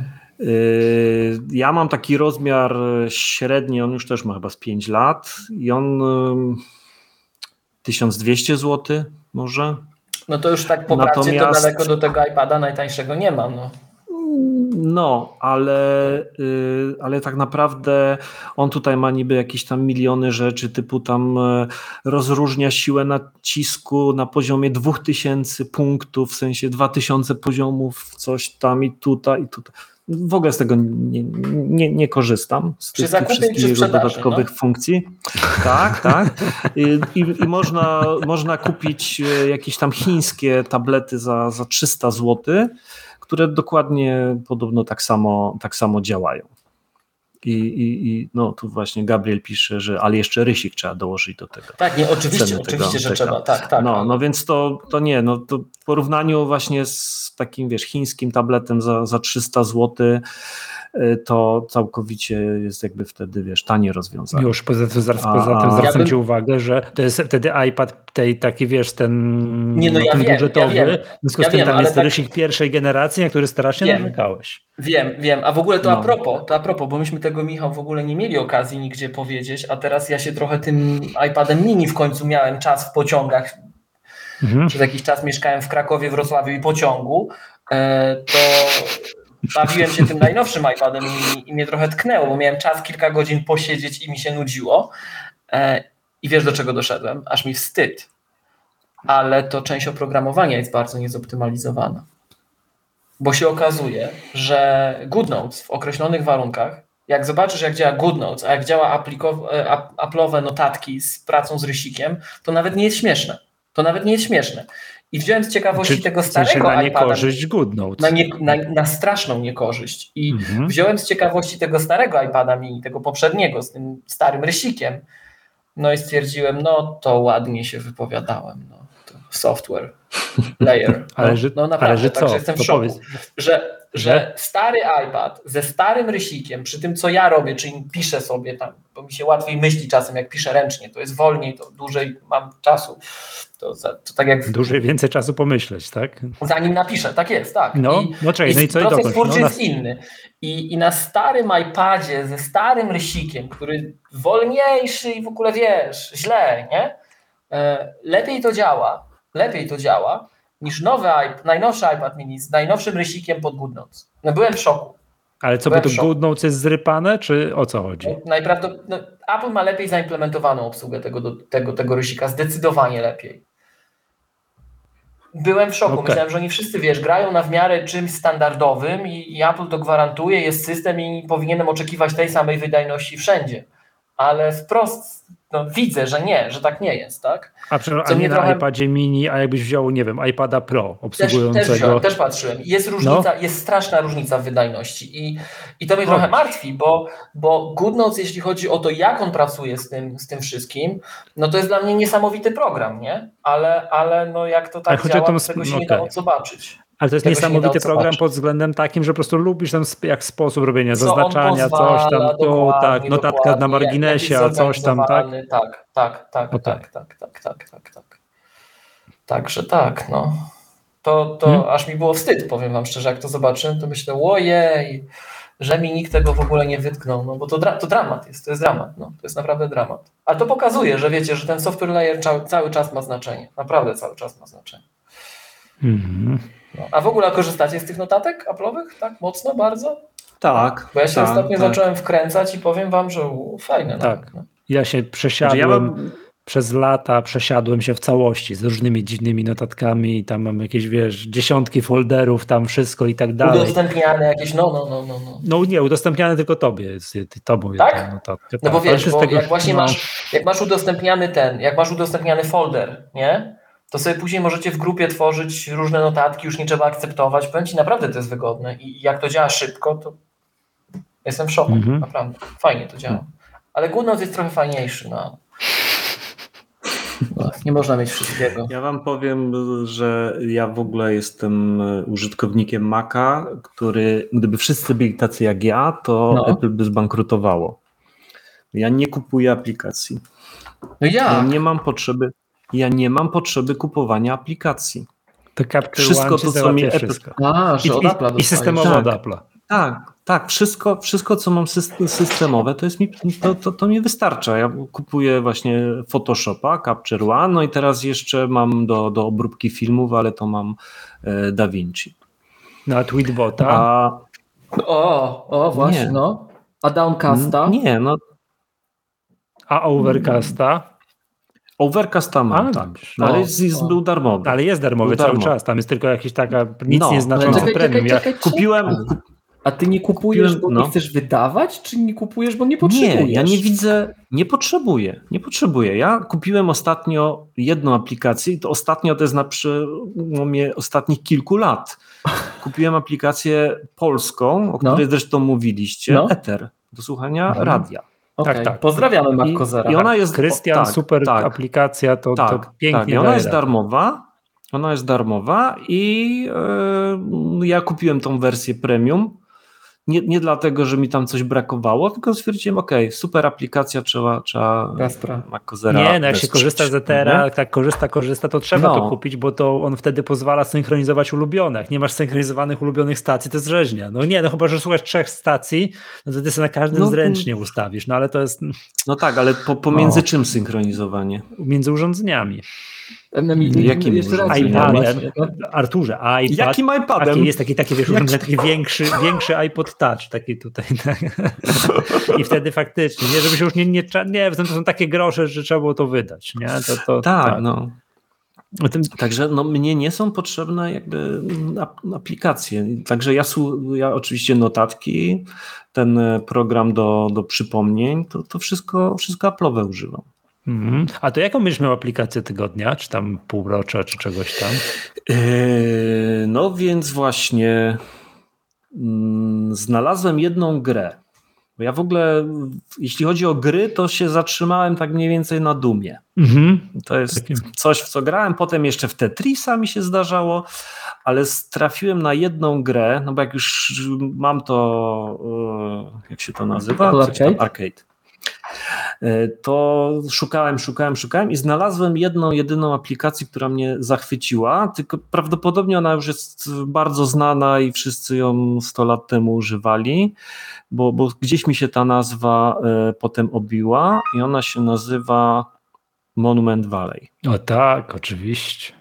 To jest piękne. No to jest gra. po prostu tak, tak cudowne, że, że byłem w szoku, że, że w ogóle coś takiego zrobiono. Szukałem tam innych, nic innego mi się nie, nie Przeszedłem niedawno Monument Valley, tak jak leżałem chory, nie byłem w stanie się nic robić kreatywnego, leżałem gorączkę, miałem klikam, tak bezwiednie klikałem, w szachy zacząłem przegrywać wszystkie partie, co więc przestałem grać, uruchomiłem Monument Valley, przyszedłem od początku do końca. To jest taka gra, że tak jak tak siedzisz, tam są takie dwie długie historie, bo kiedyś był Monument Valley 1, potem był Monument Valley 2 i tam jeszcze jakieś ekstra tak, tam są rzecz historii tak? w tej chwili. To, mm, no to w półtorej godziny idzie całość ogarnąć. No, w dwie. Ja, ja sobie da, dawkowałem. Tak, ja sobie to, to jest ta gra, ale... którą ja mówiłem, jak rozmawialiśmy o filmach, że tam, i nawet chyba ci twórcy, oni nawet chyba to powiedzieli, że oni tak starali się robić grę, że w dowolnym momencie gry robisz screenshota i możesz wydrukować i obrazek sobie z tego zrobić. Każdy, no, każdy, no, ka każda lokacja w dowolnym układzie jest piękna.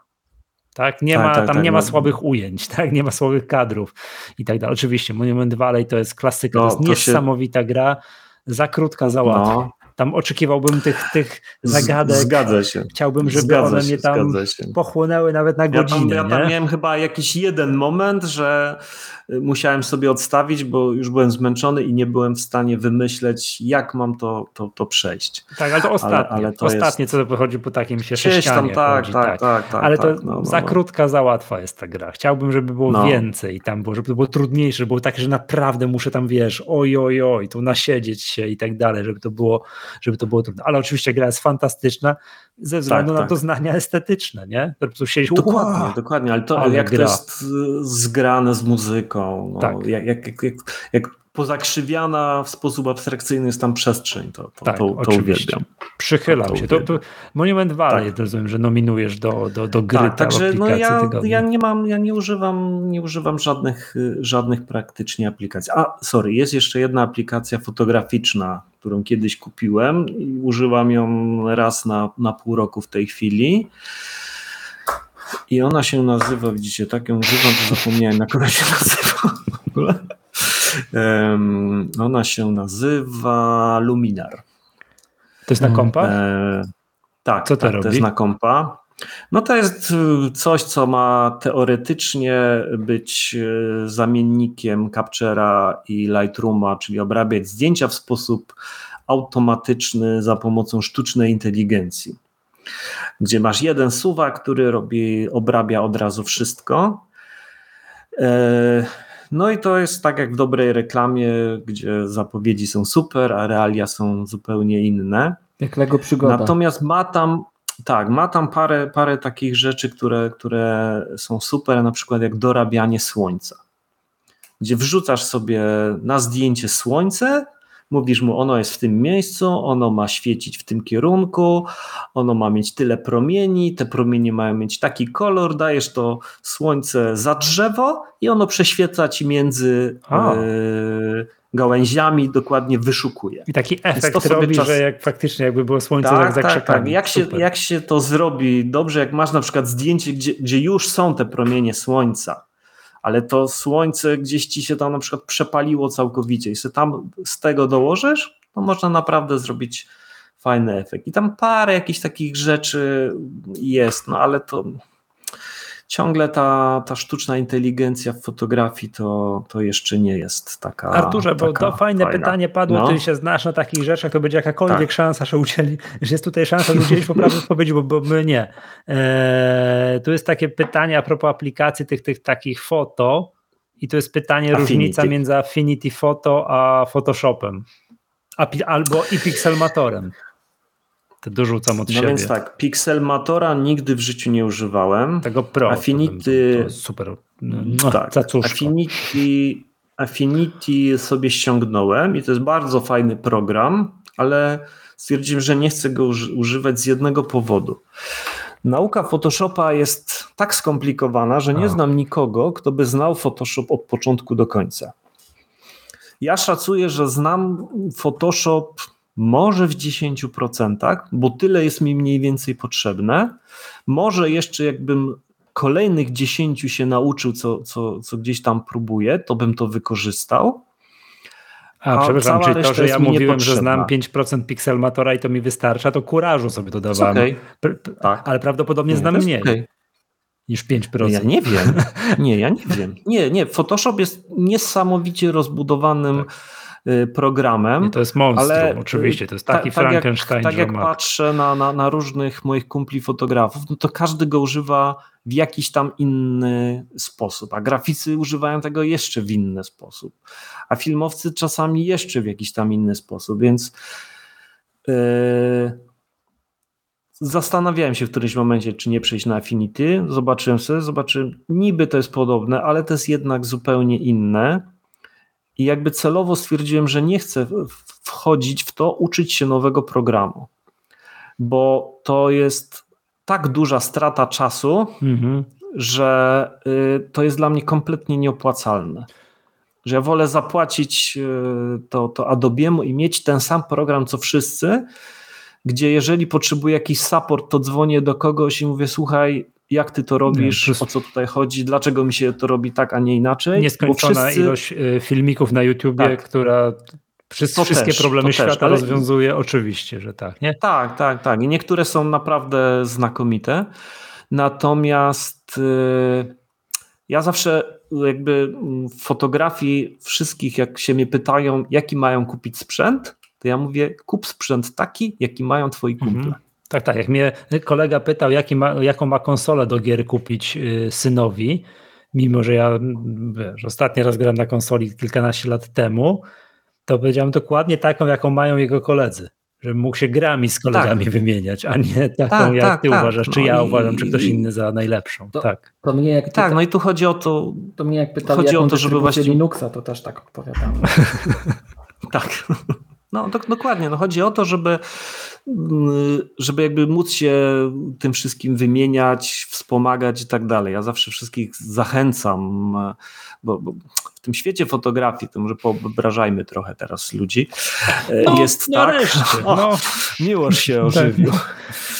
To jest generalnie tak, że mało kto chce powiedzieć komuś innemu, jak co, jak co się robi. Jeszcze tam jaki aparat, no to tak, ale jak co się robi, jak co się świeci, to, to, nie, to nie za bardzo. A ja zawsze uważałem, że trzeba się właśnie tym wszystkim dzielić, bo to daje o wiele, wiele, wiele, wiele więcej korzyści. I, I to wielokrotnie przetestowałem, że przez to, że na przykład namówiłem moich znajomych na to, żeby kupili ten sam sprzęt, te same lampy z tym samym systemem, to teraz możemy się dowolnie jakby te systemy łączyć w duże systemy, wymieniać się nimi i każdy, każdy jest zadowolony. Jak ja komuś coś e, powiem i nauczę, to, to potem mogę spokojnie do niego w środku nocy prawie, że zadzwonić i powiedzieć, słuchaj, mam taki problem, to teraz ty mi pomóż. Mhm. I, I to jest no, nieporównywalnie większe y, ma korzyści. plus niż, niż takie właśnie ukrywanie tego. No. Ja też przez wiele lat miałem dużo asystentów i inni fotografowie się mnie pytali, ale mówi, słuchaj, ale przecież kurde, tych wszystkiego nauczysz i oni potem będą robili to samo albo lepiej to tak nie działa. No nie. A powiedz jeszcze, to, wracając to na tak sekundkę do tego, wiesz, Affinity Photo i Photoshop, bo to Photoshop jest w abonamencie, no to wiemy, prawda? Tak, I on jest tam tak. albo tam w dużym, tam wiesz, tam, jak to się nazywa ta usługa? Cloud, czekaj. Creative Cloud. Jak, albo w Creative Cloudzie w całości, albo to może, można wyjąć, jak słyszałem, i subskrybować tylko Lightrooma i Photoshopa, prawda? Tak, A... tak. I to jest, to jest taki pakiet fotograficzny za tam 10 euro tak, miesięcznie. Okej. Okay. A te Affinity Photo, i tam są te trzy programy: Affinity Photo, Affinity Designer i trzeci jest Affinity Publisher. One tam 200 kilkadziesiąt złotych kosztują i to jest płatność jednorazowa. I tak. Jak to jest możliwe, że oni są w stanie to ogarnąć płatnością jednorazową i ten prog te programy są ciągle w jakiejś promocji, tak? To, to po prostu regularnie gdzieś może się załapać, jak nie Black Friday, to coś tam to jest za, za jakieś pół ceny można nabyć. Jak to jest możliwe, że to, to, to jest w abonamencie, no i tak się wydaje, to jest duży, te, te, przy Photoshop to jest tak, tak jak powiedziałeś, duży, ciężki program, a nie no. pierdółka na iPhone'a, prawda? Duży, ciężki program, więc tam jest potrzebny ten abonament, żeby kasa, wiesz, te przepływy, żeby mogli to rozwijać, utrzymywać, update'ować i tak dalej, i tak dalej, a Affinity Photo potrafi działać mm, w tym winnym modelu tej sprzedaży jednorazowej. Jak to jest według Ciebie możliwe? A jak sądzisz, ile osób pracuje w Adobe, a ile w Affinity? A. W marketingu. Okej, okay, rozumiem. W wsparciu ile, ile osób musi się wyżywić jednym, a ile osób musi się wyżywić drugim. No, domyślam się, że Adobe to jest wielokrotnie jest, większa. no. firma. No zapewne, że Photoshop jest co większy, więcej potrafi, może to jest poważniejsze, że tak powiem. To jest bardziej waga ciężka niż to Affinity, tak? Raczej, raczej tak, aczkolwiek no ja pobawiłem się tym Affinity tylko przez jakiś tam krótki czas, y, ale no pewnych rzeczy tam wtedy nie było. Y, Photoshop też kiedyś, jak właśnie był w takim y, systemie, że się kupowało wersje mhm. pudełkowe i robiła update'y, upgrade'y, no to też on był jakby w zupełnie innym momencie, jakby to, co, to, co robi Photoshop sprzed kilku lat, a to, co robi teraz, to to jest po prostu magia. To, jak to poszło do przodu, to, to jest niesamowite. E, więc mhm. no to, to, były, to były inne, inne, inne systemy. Ja też mi się też tak wydaje, mam takie podejrzenie, bo od lat tak patrzę, że to Affinity, wiesz, te wszystkie foto, designer, no publisher to jest najnowszym dzieckiem, tak? To mniejszy rynek mhm. też dla tego publishera. No ale te podstawowe, foto i designer też wydali to na iPada. Mm, miałem takie podejrzenie, że tak, że po to jest w takim modelu, żeby skusić, i to jest umiarkowanie tanie oprogramowanie, jak na to, co oferuje. To jest naprawdę. No to jest bardzo tanie. To jest bardzo tanie. To jest bardzo tanie, bo jak pamiętamy, Photoshop, jak był jeszcze mhm. pudełkowy, to kosztował tam 2000? Tak, a to coś, 200 kilkadziesiąt złotych, nie pamiętam ile, powiedzmy 250 no. i tak jak mówiłem, wiecznej promocji. Ciągle to można kupić gdzieś tam za połowę ceny. Mm, to kosztuje mam taką, mniej taki, niż miesięczny abonament Creative Cloud. O, to, to. Że ja mam takie, takie podejrzenie, że oni po to kuszą jak największą masę użytkowników, jak najniższą ceną, żeby nabrać tej masy użytkowników, że prędzej no tak. czy później zrobią przejście na jakiś tak. Tani, bo tani, na, na pewnie abonament. tańszy niż, y, ten, y, niż Adobe, ale jednak przejście na jakiś, na, na, jakiś abonament, no bo to po prostu jest niewiarygodne. Przecież to nigdy nie doczekało się wersji, nie wiem, a dobrze, używaliście tego Affinity Photo, proszę bardzo, to jest Affinity Photo 2, zapłaćcie nam jeszcze raz, prawda? To nigdy nie tak, nastąpiło. Tak. Nigdy no, nie nastąpiło. No, no. To jest tak samo jak Pixelmator no oni nie, no zrobili tam, kupowałem te dwa razy Pixelmatora, po czym, a już nie pamiętam kiedy ostatni raz, oni już go niestety nie rozwijają, ale rozwijają e, Pixelmatora Pro i nigdy nie było wersji drugiej. Zawsze to był jeden Pixelmator Pro. Ja czekam, ja chętnie, bo ja z kolei się, wiesz, tak jak ty się nauczyłeś i mówisz, że ta krzywa no, uczenia jest trudna, jeżeli chodzi tak, o Photoshop. Tak. No to ja zawsze tego, tego Pixelmatora Pro, to co ja potrzebuję, to ja tym kierunku, że dobra, uczę się tego programu, że móc namalować ikonkę. No to dokładnie, to jakby ta, ta ilość czasu spędzona na nauce to jest dramatycznie duża. Tak.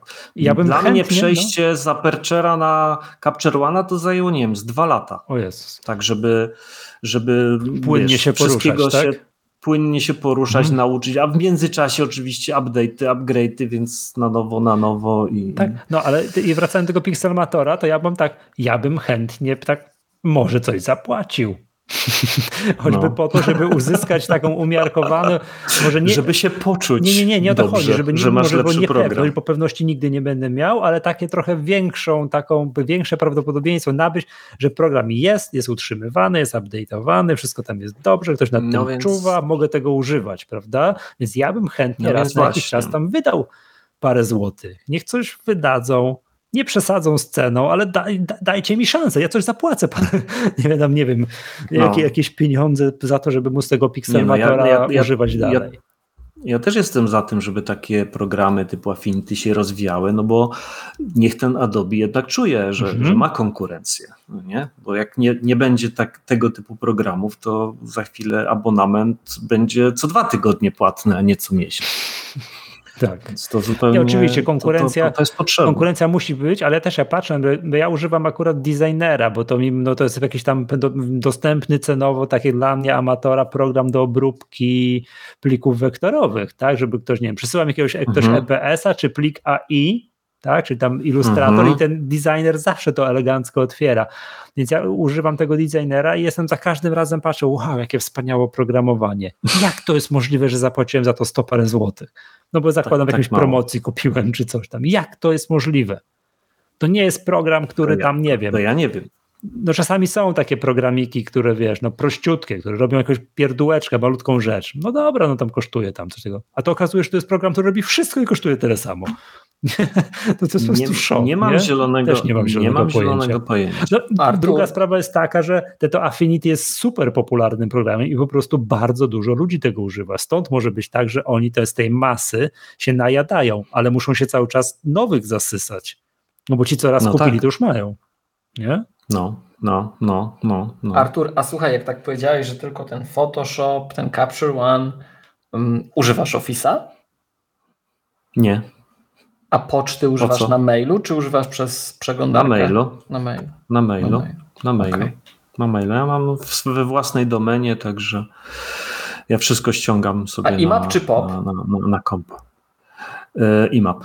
No, Miłosz, ty byś posłuchał tej kolegi. Ej, no w jaskini A co? żyje człowiek w niektórych kwestiach, to się tutaj identyfikujemy, nie? No. W- Każdy, każdy ma swoją jaskinię, ja wiem. Każdy ma swoją jaskinię.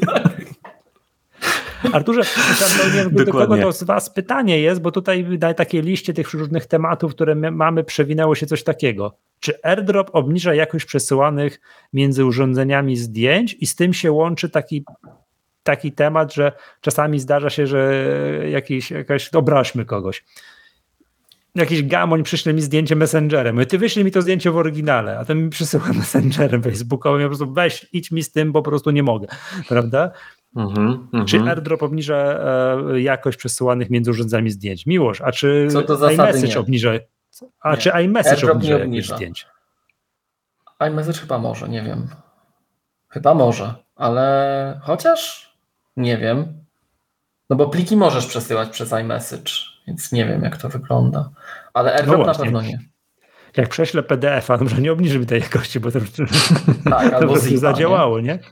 To więc powinno, nie powinien Nie, no ja, obniżać. ja, Nie? wiem jak to jest. ja, airdropa, ja airdropa używam właśnie do przesyłania dużych ilości plików, bo to jest Tak. tak, że ja jadę z tym MacBookiem na sesję, robię tam te 100 giga zdjęć, po czym stawiam to przy drugim komputerze i całą tą bibliotekę Airdropem. przerzucam na, na airdropem na, na, na drugi komputer.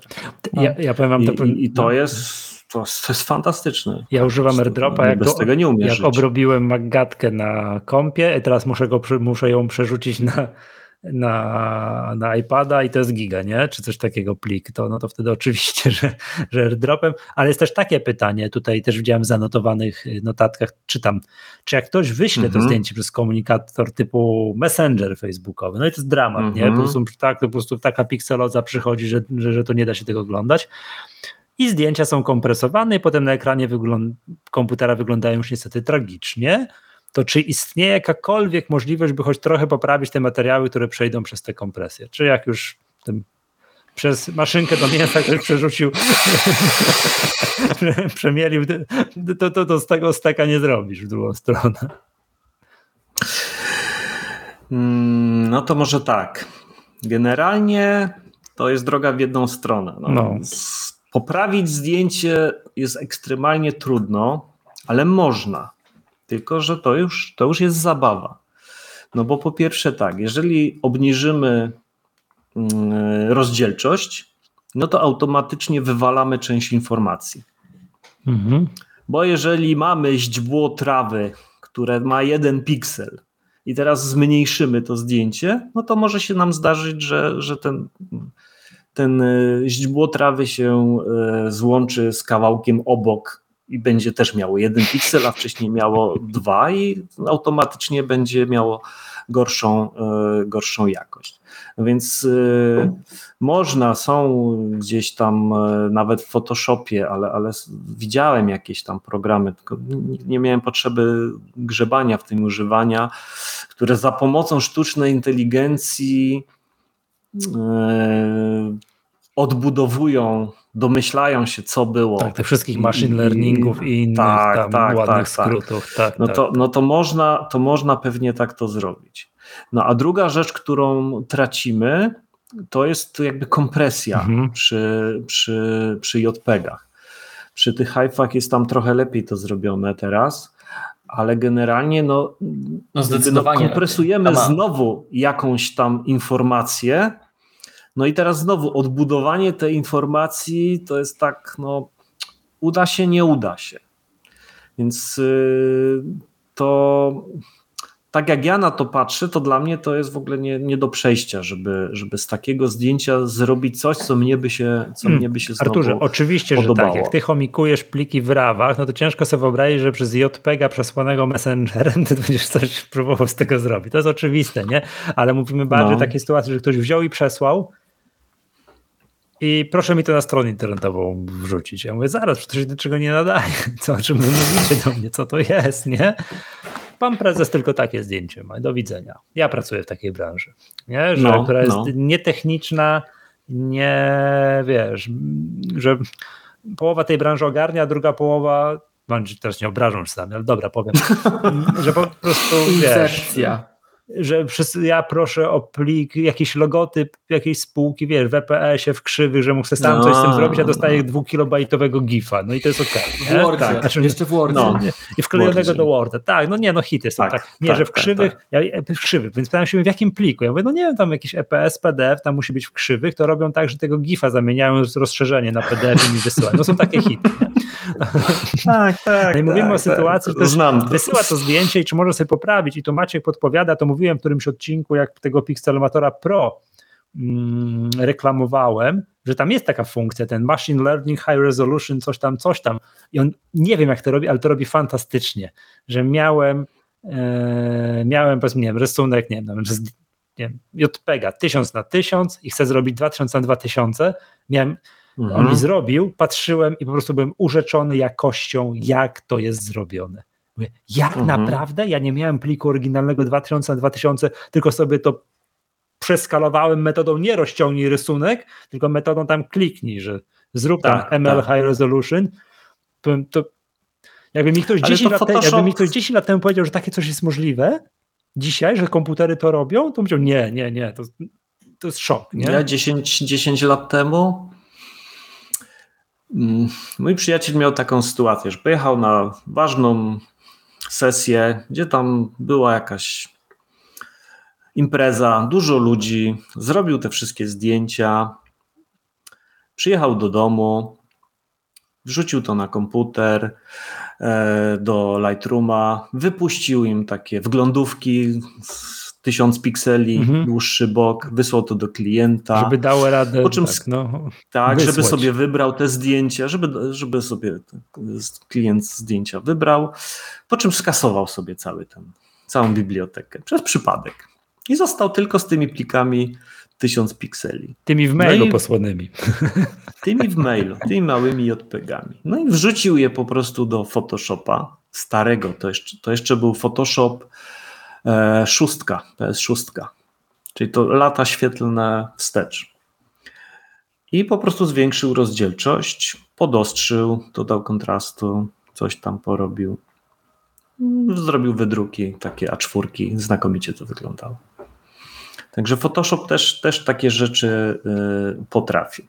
Mm -hmm, No to jest wszystko później pytanie, kto ogląda efekt końcowy. Jakbyś no, ty no zobaczył, no to pewnie oj, oj, oj, oj, jakby ja bym zobaczył, hmm, bardzo ładne zdjęcie, proszę pana. Tak, tak, tak, tak. To, to, to, jest właśnie taka różnica. Wiesz, siedzimy, siedzimy w takich właśnie malutkich jaskiniach. Tak.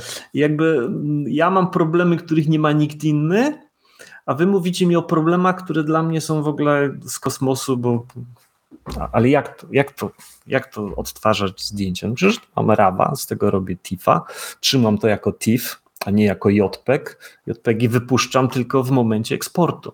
Mhm. Bo to może sobie powiedzmy o tym, że jak ja, jak ja patrzę na to, jak ludzie mm, zarządzają swoimi zdjęciami, to, uff, ja po prostu mam, mam ciarki jak oni to robią czasami na, na, na piechotę. Bo wróćmy do Aperture'a. Aperture wtedy wymyślił też jedną genialną rzecz, że powiedział: Możecie żyć jak zwierzęta i trzymać zdjęcia w katalogach, ale możecie otworzyć sobie bibliotekę. My to będziemy trzymali. Wam nic do tego, co tam się dzieje. Będzie w programie, a nie w katalogach. Trochę tak, w aplikacji. Tak, że mhm. będzie, będzie w jednym w jednym pliku, do którego jak bardzo trzeba, to można wejść i tam się wygrzebać te pojedyncze zdjęcia, ale to jest jeden plik i wszystkie zdjęcia trzyma, oglądacie, robicie, przetwarzacie tylko z tego jednego programu. I koniec. I tak samo działa Lightroom, może działać, ale nie musi. Tak samo działa Capture One, ale, ale nie musi. I dla mnie to jest, no każdy inny sposób używania tego to jest, to jest proszenie się o, o problemy. Bo jak ja widzę, jak ludzie trzymają w jednym miejscu, tutaj sobie robią katalog JPEGi, tutaj sobie robią katalog TIFy, tutaj mają zdjęcia takie, tutaj mają takie, przenoszą z jednego do drugiego, to kasują, to zmieniają, koniec. Nikt już nie wie, gdzie co jest, kasuje się to, co jest niepotrzebne, zostaje jeszcze coś zupełnie przypadkowego. Jakby cała filozofia polega na tym, że trzymamy to wszystko w jednym programie. Jeżeli chcemy komuś wysłać plik, to go eksportujemy, wysyłamy. W tym momencie. I tam to możemy sobie natychmiast skasować. I jakby cały punkt zarządzania jest centralny z tego jednego miejsca. I ja wtedy zawsze mam gwarancję, że mam to najwyższej jakości, bo trzymam to w, albo e, w rawach, albo w TIFach. I to jest, to, to jest jakby, co jest też ważne, że jest sens tam, gdzie nie ma potrzeby, to ja w ogóle nie, nie, nie wrzucam tego do Photoshopa, żeby to obrobić i zamienić na TIFF, tylko Capture One to jest, już w tej chwili ma tak olbrzymie możliwości, że ja prawie, że już wszystko robię w Capturze i trzymam to w rawie. Ale, Czram, to jesteś zakładnikiem tego, są dwie rzeczy jakby tutaj, jest że musisz regularnie siadać i kasować, kasować, kasować, bo skoro wszystko trzymasz w tym oryginałach i w tym rawie, w jednym programie, w jednym takim dużym tak, kontenerze, tak. no to jak byś chciał sobie powiedzieć, nie, nie, nie, to już kupiłem sobie te macierz, co ci miłość powiedział, że tam te za pięć dych, nie? Tak. To chciałbym teraz te starsze niż rok wziąć no. i tam już wypnąć, już nie chcę ich oglądać. Sięgnę bo nich tylko jakbym tam ktoś się zwrócił, że bardzo pragnął. No, to... no, no, więc teraz jakby różni fotografowie różnie podchodzą do tego i, yy, i tak dalej.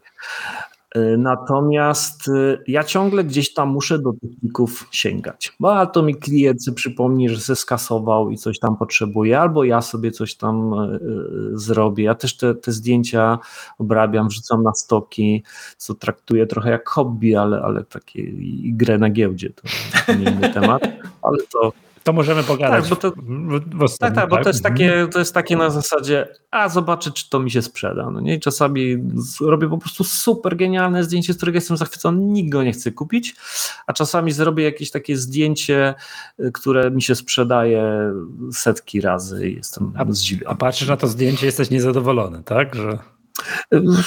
Nie, no, znaczy ja jestem tak, że no tak, no są, są zdjęcia takie, że, że znaczy ja w ogóle mało kiedy jestem zadowolony ze swoich zdjęć. No, to, to, niektóre są fajne, niektóre jakby po kilku latach dalej są fajne. Artur, ja, to, ja jestem ze swoich wszystkich zadowolony. Co nie, co nie kliknę tym iPhone. Śliczne. No. Jak, przepraszam, jak mi się przypadkowy screenshot zrobi, bo wiesz, codziennie mi się robi przypadkowy screenshot, tak. no to do tego jestem niezadowolony. Cała reszta jestem zadowolony. Tak. No to wracając do tematu, to. Ty jesteś jak, ja jak sobie... ten muzyk, co idzie do filharmonii i słyszy każdy dźwięk. Tak, tak, dokładnie, dokładnie, dokładnie. No. E, to e, chodzi mi o to, że jak ja sobie wracam teraz, e, to mi się automatycznie update'uje program, biblioteka i oglądam jakby w nowej wersji, on mi ten, ten RAW dekoduje, to ja po prostu widzę, jak to się te same zdjęcia, które miałem 10 lat temu, to one w tej chwili wyglądają lepiej. Gdybym ja je, gdybym ja je zrobił do TIFA, to one by nie wyglądały lepiej. Jak to jest możliwe? teraz wyglądają. Jak to jest możliwe, że mija 10 lat, zrobiłeś zdjęcie, nie weź mi to wytłumacz mi. Gdzie no, jest ta no, technologia? No, no to, to Miłosz powinien wytłumaczyć. No, to, no, znaczy technologia. Tyle, że to, to znaczy tyle, że to nie technologia. są te same zdjęcia. Nie, nie. Czy one Oni są podciągane na tego, miejscu? Nie, on, one są podciągane na miejscu. Okay. Oni, no to chyba, jakby tak. pisząc, to, pisząc to oprogramowanie, które z tego rawa, który ma tam milion informacji z, zrzuconych z matrycy, wszystkich jakich ma, to on jest w tej chwili w stanie y, na przykład wygenerować obraz, który ma dużo mniejsze szumy. Mm. Ja, ja, ja, w tej chwili ja w tej chwili y, zrobiłem sobie taki eksperyment, siadłem do takiego zdjęcia z 13 roku. Z aparatu dwa, dwie generacje jakby w stosunku do tego, co mam, mhm. co mam teraz. Tak. E, Aczkolwiek wtedy to był topowy, topowy kanon. I ja byłem po prostu w szoku, że to co, że tamten obraz, no to było trudne zdjęcie, czerwone Ferrari z matowym lakierem, który ma samo w sobie jakieś tam ziarno, robione w nocy, trudnych warunkach. Czerwony kolor jest najtrudniejszy do, dla każdego aparatu do, do przetworzenia. I, I tamto zdjęcie miało no, masę jednak szumów. Jak ja sobie otworzyłem to teraz, to, to, po prostu jestem, jestem w szoku. No, w ogóle nie ma żadnych szumów. To jakbym zrobił teraz nowym aparatem. Drodzy słuchacze, Nie, niewiarygodne. żebyście widzieli, mówisz. jak Artur wyglądał, jak o tym opowiadał. To było widać, że on to przeżywa. To było widać, że on to przeżywa. Okej. Okay. Okay. Ja otwieram oczy jak pięciozłotówki, no. że to jest w ogóle, że to tak, że to wiesz. Tak, no są, są po prostu, wiesz. Że to tak działa. Więcej, szczeg więcej szczegółów, lepsza jakość koloru, to yy, jakby oprogramowanie dzisiaj jakby daje tak niesamowite możliwości, mhm. że ja, często ludzie no. mówią, że jak, bo oni mówią, że są niezadowoleni z, z, ze zdjęcia. Mówię, to sobie Lightroom'a Capture One'a. Będziesz od razu zadowolony. Y, Artur, to, czy to jest mm, rozmowa w tym samym kierunku, co rozmawialiśmy dwie godziny temu, że w dzisiejszym telefonie, w iPhone'ie przykładowo, to ja wiem, to wiesz, to powiedzenie, tak. że połowa jest robiona optyką, a druga połowa oprogramowaniem, ty nawet powiedziałeś, tak, że więcej. Tak, tak. Że ta większa tak, połowa tak, tak. oprogramowaniem, tak? To, jest, to jest na ten sam temat rozmowa? To jest, tak, to jest dokładnie to samo, że to oprogramowanie, hmm. które jest w tej chwili, ja nie wiem, jak to się robi, ale ja widzę po prostu to wyraźnie, że te zdjęcia mają lepszą ostrość, mają mniejsze szumy, że jest większy zakres tonalny, że jest lepszy kolor. To jest szok. To jest szok. A dodatkowo ten program ma więcej możliwości, że bo ja, ja mówię teraz nie o tym, że ja to go obrobię, tylko ja mówię, że otwieram ten obraz na dzień ja dobry. Jest na dzień dobry, tak. I on, jest, I on jest lepszy. Oczywiście na jednym zdjęciu to widać bardziej, na innym to widać, y, to widać mniej, ale, ale jest dobry. A potem jak zaczynam obrabiać, to nagle się może, może okazać, że dzisiejszą wersją jestem w stanie wyciągnąć z tego samego pliku dużo więcej niż wersją sprzed trzech lat czy czterech. A słuchaj, to, to jest zupełnie inny, z innego gatunku pytanie, ale to jest pytanie, no. wiesz, dla mm, z jednej strony dla twórcy, a z drugiej strony z tego, co mówisz. To jest bardzo fajna cecha, którą ja, ja lubię widzieć czasem w ludziach. Ty jesteś niezadowolony. Mhm. Ty szukasz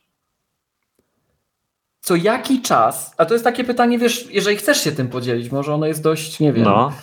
No, no, no. prywatne, ale co jaki czas sobie pozwalasz na coś takiego, Artur, żeby wrócić i żeby poszperać i spróbować coś z tym jeszcze zrobić? I, i jaki masz na to klucz? Czy musisz mieć dzień, tak jak z tym siadaniem i słuchaniem muzyki?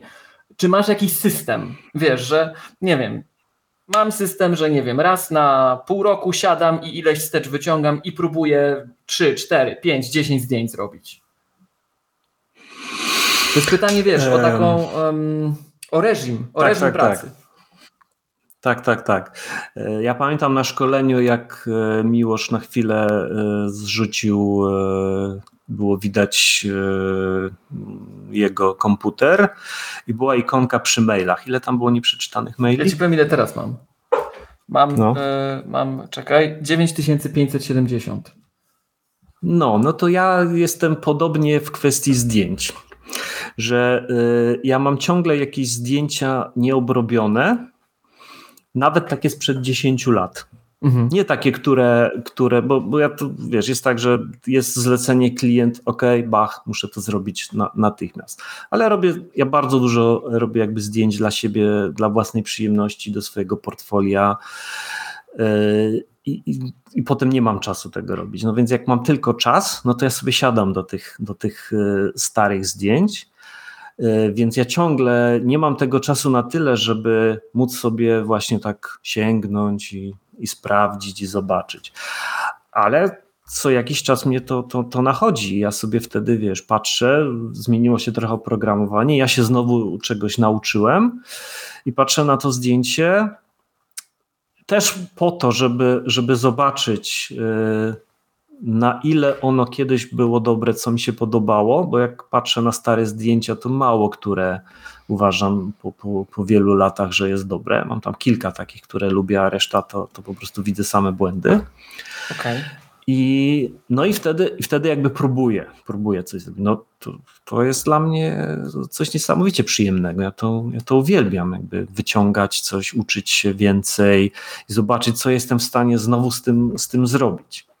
Mog ale Aha, najwięcej czasu to mi zajmuje te bieżące rzeczy, które, które muszę, muszę zrobić. Artur, a to jest dla ciebie powód do pesymizmu czy do optymizmu?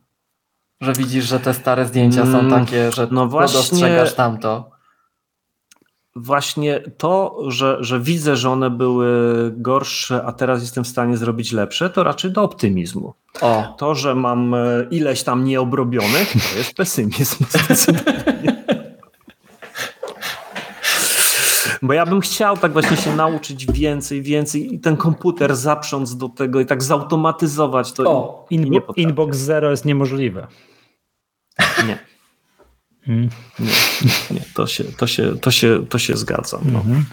no. właśnie, skoro powiedzieliśmy o automatyzacji, no ja się cały czas zastanawiam, co ja mogę zautomatyzować. No właśnie, bo twoja praca jest w dużej mierze twórcza. Tak. W sensie tam nie ma I, powtarzalnych i... czynności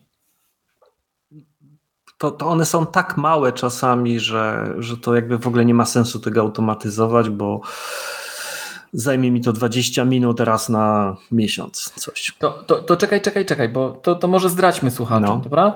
Bo pojawiło się takie pytanie przed nagraniem, żebyśmy porozmawiali o automatyzacji i ja się wycofałem od razu, bo stwierdziłem, słuchaj, ja nie znam tego narzędzia, ja, ja nie wiem jak wygląda automatyzacja tego narzędzia, a jak się uczymy automatyzacji, to zawsze to ma dwa człony. Musisz umieć znać technologię ogólnie, ale musisz znać narzędzie, wiedzieć jak z nim się pracuje. I to rozumiem, że to trochę tę stronę zmierzałeś, tak? Taką trochę stronę, przepraszam, że tak to określę, ale bardziej filozoficzną tak, tak, zagadnienia. Tak. Czy to ma sens w ogóle w kreatywnej tak. pracy? Tak, okay, tak, tak. Widzisz, czy, czy, to ma sens? Czy, czy, czy jestem w stanie jakby zrobić automatyzację? Bo ja tam, ja sobie jakieś pierwsze tam rzeczy próbowałem kiedyś Aha. robić jeszcze E, w automatorze to, to, to dawno temu i coś tam, coś tam, jakieś rzeczy, tam przerabianie PDF-ów, coś tam tak. E, sobie robiłem. Ale, ale potem widzę, że po prostu no nie ma, nie ma w automatorze narzędzi do tego, żeby y, zrobić coś tam, przerzucić z jednego programu do drugiego na przykład. To, to już się najczęściej, znaczy przerzucić, tak wiesz, że wykonać jedno w drugim to się da, natomiast rzeczywiście bardziej, e, że tak powiem, e, e, sprawnym, no, to jest nie, niedoszacowanie w tym słowie delikatne, ale bardziej sprawnym mechanizmem, który na to zezwala, był AppleScript jako język, czy jest AppleScript, jest Open Scripting Architecture. I wtedy już się pojawia pytanie, co chciałbyś robić. Samo Apple dostarcza od kilku systemów jako element infrastruktury coś takiego, co nazywamy image events. Czyli Apple dostarcza akcelerowane przez, e, kiedyś to był Quartz, teraz pewnie Metal, efekty wideo czy efekty graficzne, które możesz nakładać na grafiki. Tak? Czyli to jest takie, taka mhm. pseudo aplikacja, która daje ci elementy akcelerowane środowiska graficznego macOS, na którą możesz napuścić te na przykład zdjęcia i ona wykonuje, tak? Natomiast tu właśnie pojawia się pytanie, jak wygląda Twoja praca z tym i czy są jakieś specyficzne fragmenty tego narzędzia Capture One. Ja teraz prowadziłem w weekend zajęcia ze studentami tych studiów podyplomowych, które robimy z Wyższą Szkołą Bankową i właśnie robimy automatyzację. I to, co mnie zdziwiło, to mam takie wrażenie po zajęciach, że największą, największego kopa oni dostali nie tyle dlatego, że myśmy im pokazali, że słuchajcie, tutaj możecie tym zrobić to, tu, to, tu, to, tu, to, tylko jak na sam koniec tego weekendowego zjazdu pokazałem im trochę dla takiego ochłonięcia, z drugiej strony zachęcenia, żeby coś zaczęli od razu, tak? Pokazałem im mhm. dużo takich prostszych rzeczy, takich słuchaj, tu sobie zrobisz to, tu sobie zrobisz to, tu sobie zrobisz to, tu sobie zrobisz to i żeby taką trochę zdalać się taką te, te, najprostsze rzeczy zrobić od razu, tak? Czyli nie no, tyle robić bardziej złożone kolejki czynności, ile za, zautomatyzować sposób, jaki ty wywołujesz coś, przywołujesz, odpalasz coś, tak?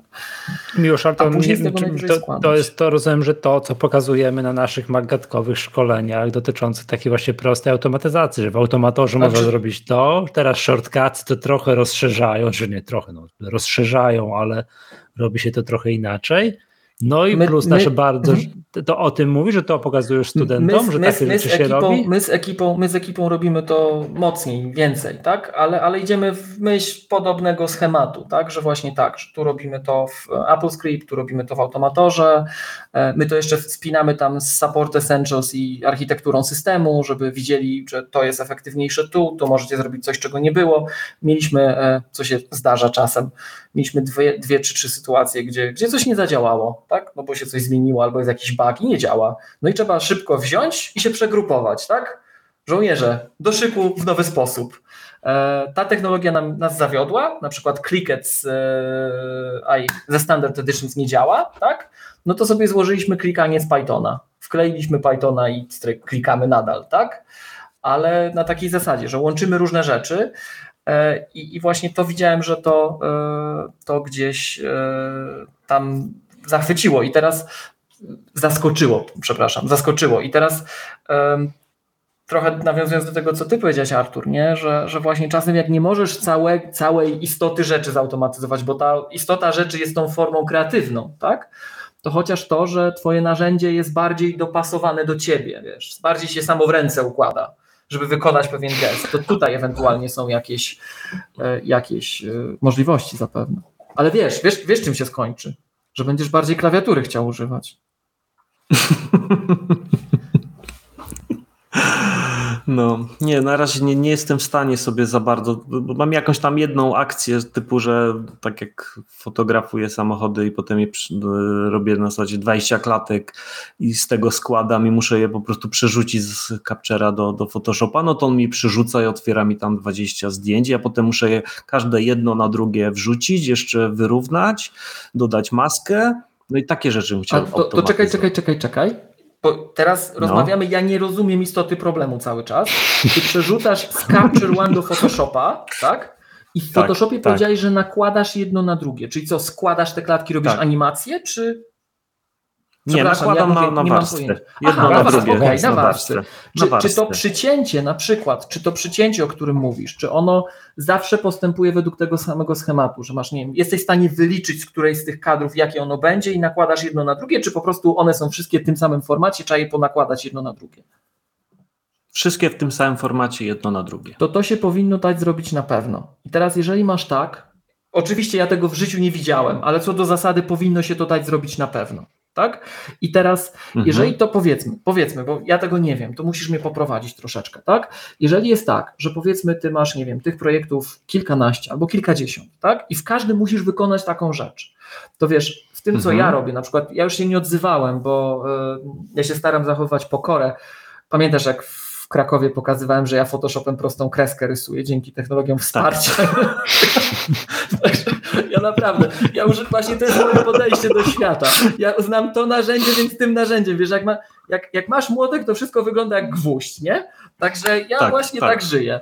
I um, nauczyłem się jakichś narzędzi, nimi operuję sprawnie, a innych czasem nie mam czasu się nauczyć. Dlatego też pytałem Cię, właśnie stąd było to moje pytanie wcześniejsze, e, dlaczego czasem wracasz do pewnych rzeczy, bo z mojej perspektywy, w tym co ja robię i, i widzę, y, widzę pewne, pewno, pewne podobieństwa z tym, jak różni ludzie w różnych branżach pracują, że czasem jak w czymś jesteś zaawansowany, to z jednej strony widzę, że niektórzy mają problem na taką ekspozycję na nowe, Właśnie, żeby nie rysować tak, prostej tak. kreski technologiami wsparcia, tylko się nauczyć innego narzędzia, pomimo tego, że to nie jest mój, jak to niektórzy brzydko mówią obecnie, core, no, ten mój rdzeń tego, czym się zajmuję. I wracając do, do, do, tej, do tej dyskusji z Tobą, y, w mojej pracy często, no bo ja też czasem Photoshopa używam, deweloperzy też używają Photoshopa, właśnie dlatego deweloperzy biorą tego Photoshopa, bo wszyscy go mają, to jest standard, tak? My, my się, my się no, nie no znamy, my chcemy, żeby to się otworzyło, zrobić co mi każą, a to mówi, że kliknę i się coś wklei, to kliknę i się wklei, nie dotykam, tak? Y, tak. I dla mnie nauka właśnie będzie za dużą stratą czasu. Natomiast y, mhm. i rozproszeniem się, a jak wszyscy zauważyliśmy, nie wiem czy to wejdzie do odcinka, Michał stwierdził, że ja mam attention span złotej rybki, y, że nie zauważyłem, że on mi wysłał tego linka do kliknięcia. Ale hej, zapisałem się na newsletter maggatkowy. To jeszcze pewnie o nim powiemy. A. Ale wracając od dygresji do dygresji i do tego, co powiedziałeś. W mojej pracy, i widzę, że to jest Miłosz, częste przepraszam cię, mamy prawie stuprocentowy wskaźnik otwarć newslettera. To się nie zdarza mm. w branży. Mm. No, no, no. Maggatka w awangardzie. Ale wracając, słuchajcie, od tej dygresji do dygresji, to bardzo dużo profesjonalistów w tym, co robi, używa różnych narzędzi, które na pewnym etapie wykonywania procesu, na którym im zależy, tak? E, zapewniają im coś, co my czasem nazywamy brzydko w branży soul crushing experience. To jest coś, co w ogóle trawi twą duszę, że ty musisz takie rzeczy robić, bo to jest w ogóle wprost niezwiązane z twoim z twoim tym, co Dokładnie. cię interesuje, ale musisz to zrobić, bo to jest przygotowanie warsztatu na przykład, tak? Więc jeżeli rzeczywiście mhm. masz taką rzecz powtarzalną i teraz pytanie, jak bardzo jest to przepraszam, znowu powiem brzydko po angielsku, taxing, jak bardzo ci to obciąża, tak? E, jeżeli to powiedzmy przy takim projekcie zajmuje ci, strzelam, nawet 5 minut, ale wiesz, to jest 5 minut, gdzie ty wyłączasz ten kreatywny tak. fragment swojego mózgu, swojej tożsamości, swojej osoby i się masz zamienić w robota. To, to jeżeli to można zautomatyzować, a pewnie można z tego, co mówisz, tak żeby wiesz, zrobisz wstryk, czyli naciśniesz kombinację klawiszy, wykonasz ruch myszką, albo powiesz, zrób to i on to zrobi, no to tak, chyba warto. To jest to super. Warto. No. Powinno się dać, no. jeżeli to jest powtarzalne, jeżeli wymiary są znane, trzeba ponakładać warstwy, to akurat Photoshop, i tu nie wiem jak ma się to do Affinity, ale przypuszczam, że mocno, Photoshop jest bardzo dobrze skryptowalny. Bardzo, bardzo, bardzo, bardzo dobrze skryptowalny. Tak, znaczy... I jeszcze jedno zdanie, on ma tę zaletę, że on jest skryptowalny multiplatformowo, czyli możesz go skryptować na Macu i na PC przez Adobe Script, a na Macu dodatkowo przez Apple Script. Także to się pewnie da zrobić. Tak, tak. No właśnie w Capture One jest jeden taki skrypt jakby wbudowany, gotowy, tam w tej zakładce skrypt, która się jakoś tam kiedyś pojawiła i tam raz zajrzałem, gdzie on właśnie e, robi jakieś tam panoramy zdjęć. Czyli on właśnie bardzo podobne mechanizmy wykorzystuje.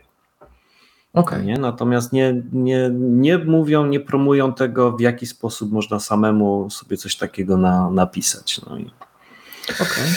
Bo nie, bo nie wiem, czy wiecie, ale ja nawet posiadam, znaczy na pewno nie wiecie, ja posiadam y, szczątkowe historyczne wykształcenie informatyczne. A co to znaczy?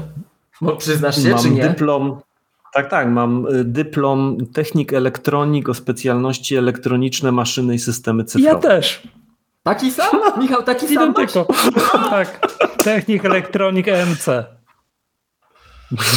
tak, tak, ja tak. A po jakiej ty szkole tak. jesteś? Tak już sobie już rozmawiamy. Technikum elektroniczne w Katowicach. A ja technikum elektroniczne we Wrocławiu. No widzisz. No to... Czyli tam wiesz, wzmacniasz o wspólnym emiterze, to jakbyśmy tam, wiesz, popatrzyli, to byśmy rozpoznali, jak wygląda. Tak. Tam wspólny i tam, tak, ja, tak. ja pracowałem na, na warsztatach, znaczy na, na praktykach jeszcze na Odrach.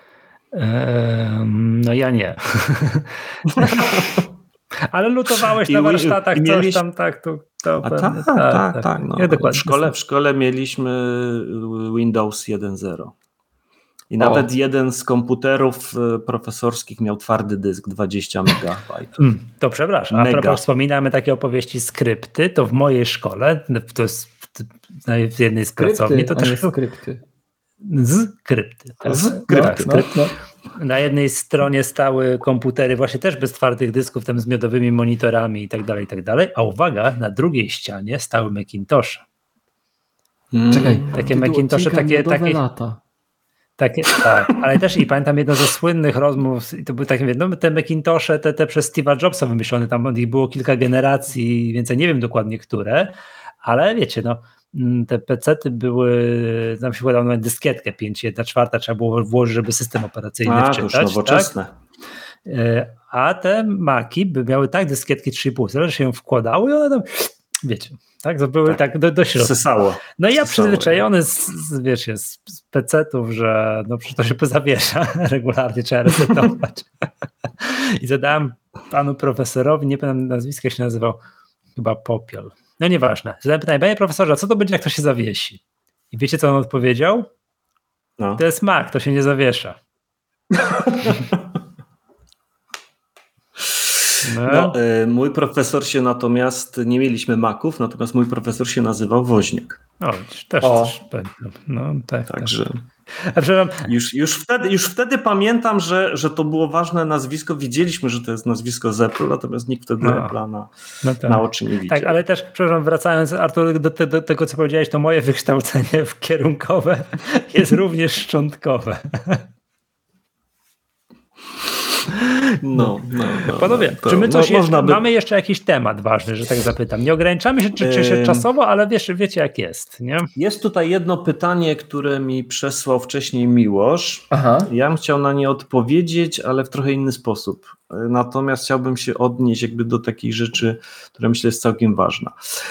E, pytanie brzmi, czy obiektyw tele w iPhone 13 Pro Max chyba, to jest, nie wiem, tak. nie jest za ciemny. W dzień zdjęcia wychodzą bardzo ładne, lecz jak jest wieczorna pora, to wszystkie zdjęcia są tragiczne.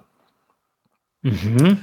I mm, to nie ja komponowałem to pytanie, ja się przyznam. Tak, tak, tak. Generalnie tak. Jak jest, nie ma światła, to zawsze zdjęcia są, są gorsze, więc to, to jakby nie ma nic w tym y, innego. Natomiast chciałbym porozmawiać na temat jasności obiektywów i trochę, trochę o tym powiedzieć. A przepraszam, Często ale zanim słyszę, co, zanim co, to, to no. pytam, a czy to nie jest tak, że te iPhone od 12 w górę jakiś tryb night shift, coś tam, coś tam i po ciemku też już mają tak, ładne no. zdjęcia wycho wy wychodzić? Yy, ale night mode, ciemny to, tak, to, to, to ten, ten tryb y, night mode to jest zupełnie co innego, bo on tam potrafi przez 3 sekundy naświetlać to, a to, że on to robi trzymając to z, z ręce, no to, to, to, to, jest, to, to jest kosmos już kompletny. To, to, to już machine learningi, tak. algorytmy i tak dalej, okej. Okay. Tak, tak, tak, że wiem, tak. że nie jest rozmazany, trzymam w ręku aparat, no. który się trzęsie, on zrobił ładne zdjęcie, tak, to jest cud, rozumiem, tak? Ja, ja na moim nowym aparacie jestem w stanie zrobić zdjęcie na czasie 1 dziesiąta sekundy ostre i dla mnie to jest kosmos, a w iPhone 1 dziesiąta sekundy to jest już normalny czas zwykle.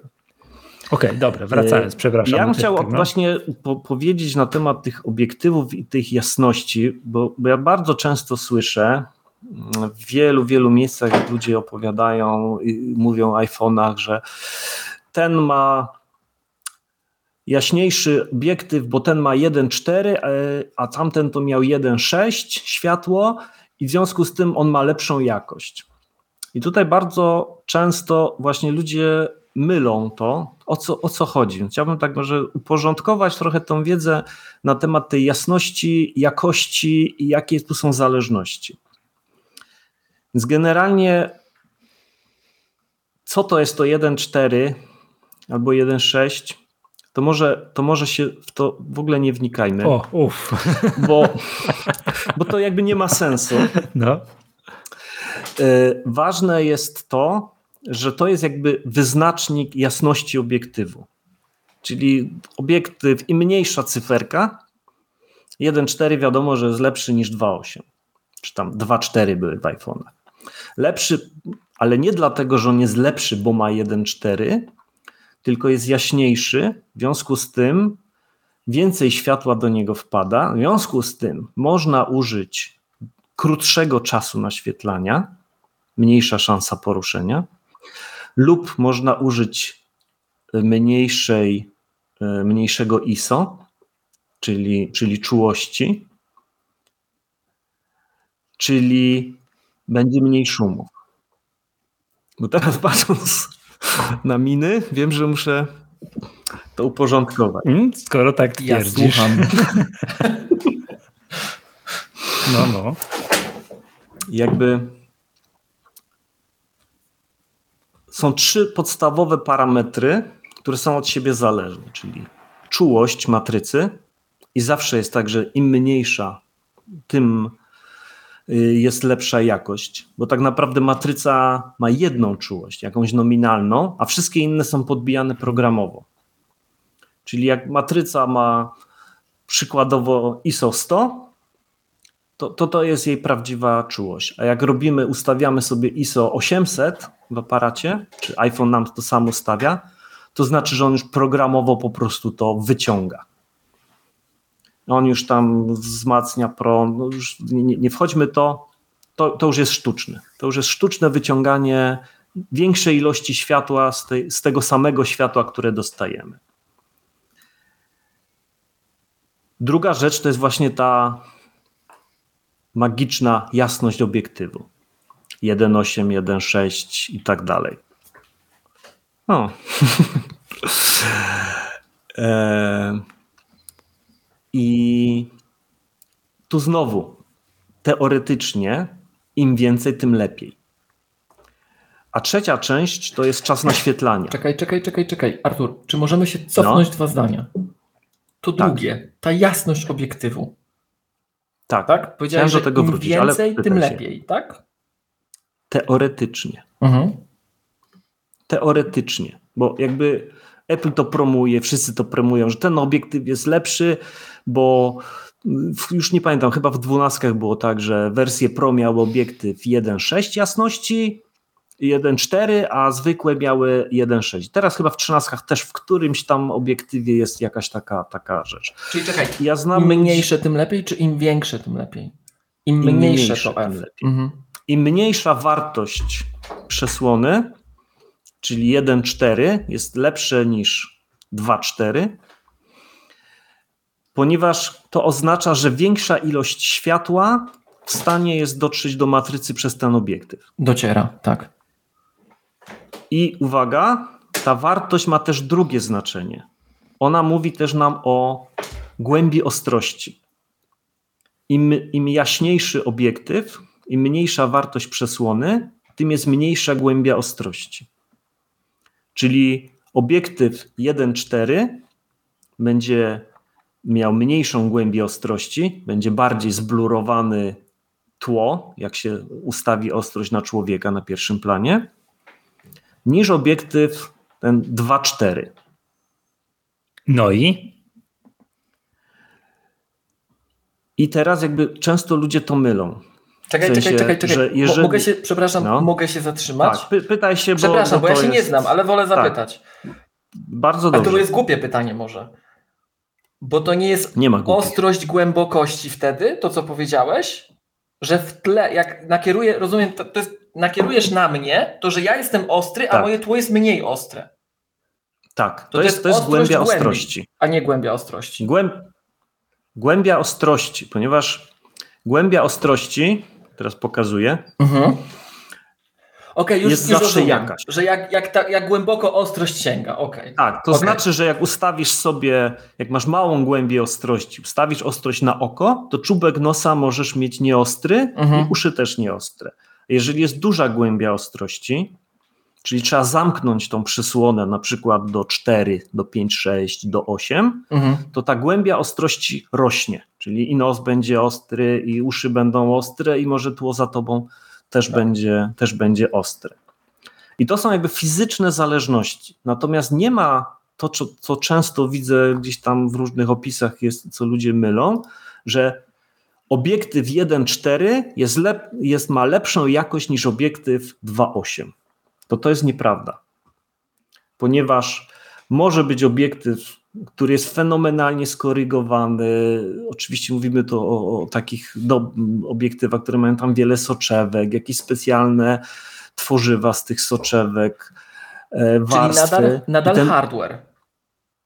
Tak, tak to jest nadal hardware. Mhm. To jest tylko i wyłącznie teraz hardware. Że nie ma jakby takiego bezpośredniego y, zależności, że jak obiektyw jest 1.4, to będzie miał zawsze lepszą jakość niż mhm. obiektyw 2.8 to, to w ogóle nie jest ten, ten poziom. Może być bardzo dobry obiektyw 1.4 i kiepski 2.8, a może być kiepski 1.4 i świetny 2.8. Okej, okay. a wracając tutaj do tego pytania, które zostało zadane, że w dzień tak, zdjęcia tak. to, jest, to jest iPhone Więc 13 pytanie, Pro Max. Tak, czy, czy, on nie jest za, czy on nie jest za ciemny? Podejrzewam, że autor pytania pytając tak trochę nie, on nie, jest, nie wiedział czy, czy w sen... o co... Tak, no więc dlatego ja właśnie dowiedzieć, zrobiłem... zdjęcia robione po ciemku są lipne, a nie, a być tak. może użył słów, wiesz. Tak, no więc są... dlatego ja zrobiłem no. tą bardzo długą e, hmm. dygresję zupełnie na bok. Nakreśliłeś żeby kontekst. teraz Tak, to żeby teraz wrócić do tego, mm. że y, obiektyw, on nie jest za ciemny.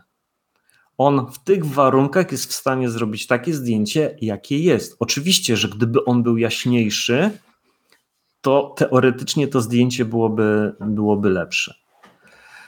Ale no nie ma czegoś takiego jak zaciemny. To wszystko zależy od, od kontekstu, właśnie, od tego, ile jest światła, jakie są warunki. Jeżeli iPhone teraz potrafi z 3-sekundowego naświetlania wyciągnąć ostre zdjęcie, to znaczy, że on jest w stanie przyjąć, tak wydłużyć czas tego naświetlania, żeby zrobić y, zdjęcie bardzo dobre. Bo można zrobić zdjęcie w bardzo dużych, bardzo kiepskich jakby warunkach oświetleniowych, wy, u, użyć wysokiego ISO i zrobić to z ręki, albo postawić na aparat na statywie, użyć najniższego możliwego ISO nominalnego i naświetlać na przykład przez 10 sekund. I, I, wtedy to zdjęcie na tym niskim ISO będzie dużo lepsze. Mimo, że jakby obiektyw będzie miał dokładnie taką samą wartość. Arturze, ale wracając do pytania, jak autor pytania no. jeszcze raz. W dzień zdjęcia wychodzą ładne, w no... bo w dzień jest dużo światła. Wieczorową porą wychodzą tragiczne. To tak to ma ja być. właśnie, ja właśnie. Bo jest, bo jest za mało światła. No, ja, właśnie, ja właśnie chciałem powiedzieć, że ja aż się tu zło, nie wiem, czy gdzieś aż się chwyciłem za serce, jak Artur tak odpowiadał, bo Artur zaczął tak, ta odpowiedź Artura była dwuczęściowa, że no, no, no, no, to, że to, że to, to, to, to, to, to nie znaczy, że to, i później tak bardzo ładnie i długo mówił, co to znaczy. Ja stwierdziłem, że ja bym krótko powiedział, co to znaczy. I bym znowu poobrażał ludzi, także Mi się bardzo, bardzo dziękuję. Mi się przypomina taka sytuacja, jak w starym aucie miałem coś takiego, że gdzieś tam mi się zapaliła kontrolka oleju, którą uważam, że nie powinna palić, a się wzięła i zapaliła. No ja do mechanika i tam mówię, panie Ryszardzie, co to jest? Tu mi się kontrolka oleju zapaliła. Czemu ona mi się tu pali? A on tak, bo jest za mało oleju. No dokładnie, no, do, do, dokładnie. Tak, no. Tak. Światło w fotografii tak. jest najważniejsze. Gdybyśmy mieli najlepszy aparat, jak będzie kiepskie światło, to zdjęcie będzie kiepskie. Dobrze. Panowie, y, czy możemy przejść do kącika kulturalnego? Bardzo jak proszę. Na, jak najbardziej. Jak najbardziej. Arturze, jesteś Aha, to znowu ja. autorem. Znowu Oczywiście, ja. że ty jesteś tutaj gospodarzem tak, programu. No więc, więc ja, y, ja przygotowałem jedną z moich chyba pierwszych, albo może drugą y, listę e, w sensie w Apple Music, żeby sobie spisać te utwory, które chcę dorzucić do listy Magatki. Żeby nasza eklektyczna lista była jeszcze bardziej eklektyczna. Tak, ponieważ ja uważam, że ona jest bardzo mało eklektyczna, w związku z tym ja dodam zupełnie Nawet nową po, muzykę. Po, po wysłuchaniu utworów Dev, Zilent, Ardor i Kata. A to co, tak, reggae, czy... Y, będzie tak, znaczy. Czy klasyka? Mm, generalnie y, nie. Mm, ja jestem, jakby wyrosłem z y, środowisko, środowiska alternatywno-regowo-punkowego. Takiej Super. muzyki słucham Super. do dzisiaj. I tam się coś tam się w którymś momencie gdzieś pojawiało, ale ja bym chciał właśnie wrzucić trochę starej, trochę nowej muzyki takiej, która, która jest bardzo, myślę, fajna. I ponieważ ja, tak jak mówiłem, ja nie słucham, nie robię list, tylko ja słucham płytami, więc ja powybierałem jakieś tam pojedyncze kawałki, ale ja zachęcam do słuchania całych tych płyt, a nawet całych tych, tam gdzie powiem, gdzie znam całych y, zespołów, całych dyskografii. Muszę zdjąć okulary. Dobrze. Tak, ja tak się w ogóle zastanawiałem, czy jakbym sobie kupił iPhone'a Maxa, to mógłbym używać, ale, ale te, też nie. Ale przez wzgląd na okulary? To nic by mi to nie było. Tak, tak, no ja po prostu w którymś momencie straciłem możliwość akomodacji takiej, że no nie jestem w stanie w okularach iPada musisz sobie e, kupić, tam będzie większe wszystko będzie. Mhm. I potem e, miłość da mi na miary, gdzie się kupuje te kurtki, do których o, tak, tak, tak, tak, ja tu, słuchaj, jeszcze mam kilka tutaj. Jeszcze kilka mam, to no. ci tam chętnie, wiesz, tam Michał ci przywiezie z samochodami. Mhm. Okej, okay, dobrze. Y, więc zaczniemy od kapeli punkowej, y, feministycznej jak najbardziej. O, o. Blade Loki. No, no I utwór człowiek. Ja stoję. Y, przepraszam, Później... w Bladych Lokach gra kolega, z którym w bloku mieszkałem. O, no o, co ty mówisz? Świat jest mhm. mały. No co ty mówisz? To, to, to Blade Loki to jest moje odkrycie sprzed, nie wiem, dwóch, trzech lat. Mhm. Do podstawówki chodziłem 8 lat z kolegą. Fenomenalna. Michał Tomczyk tam, tak. Gorąco pozdrawiam. Pozdrawiamy, pozdrawiamy. No proszę, no mhm. proszę. Kolejna kapela, której y, bardzo mi się podoba, ale mało na ich temat wiem, ale ja w ogóle generalnie po prostu słucham muzyki, a nie o muzykach. No. Y, Firenze. Ameryko, kocham cię. To nie, nie znam. Potem Inhalators. New Kids on the Cock. Bardzo prześmiewczy kawałek.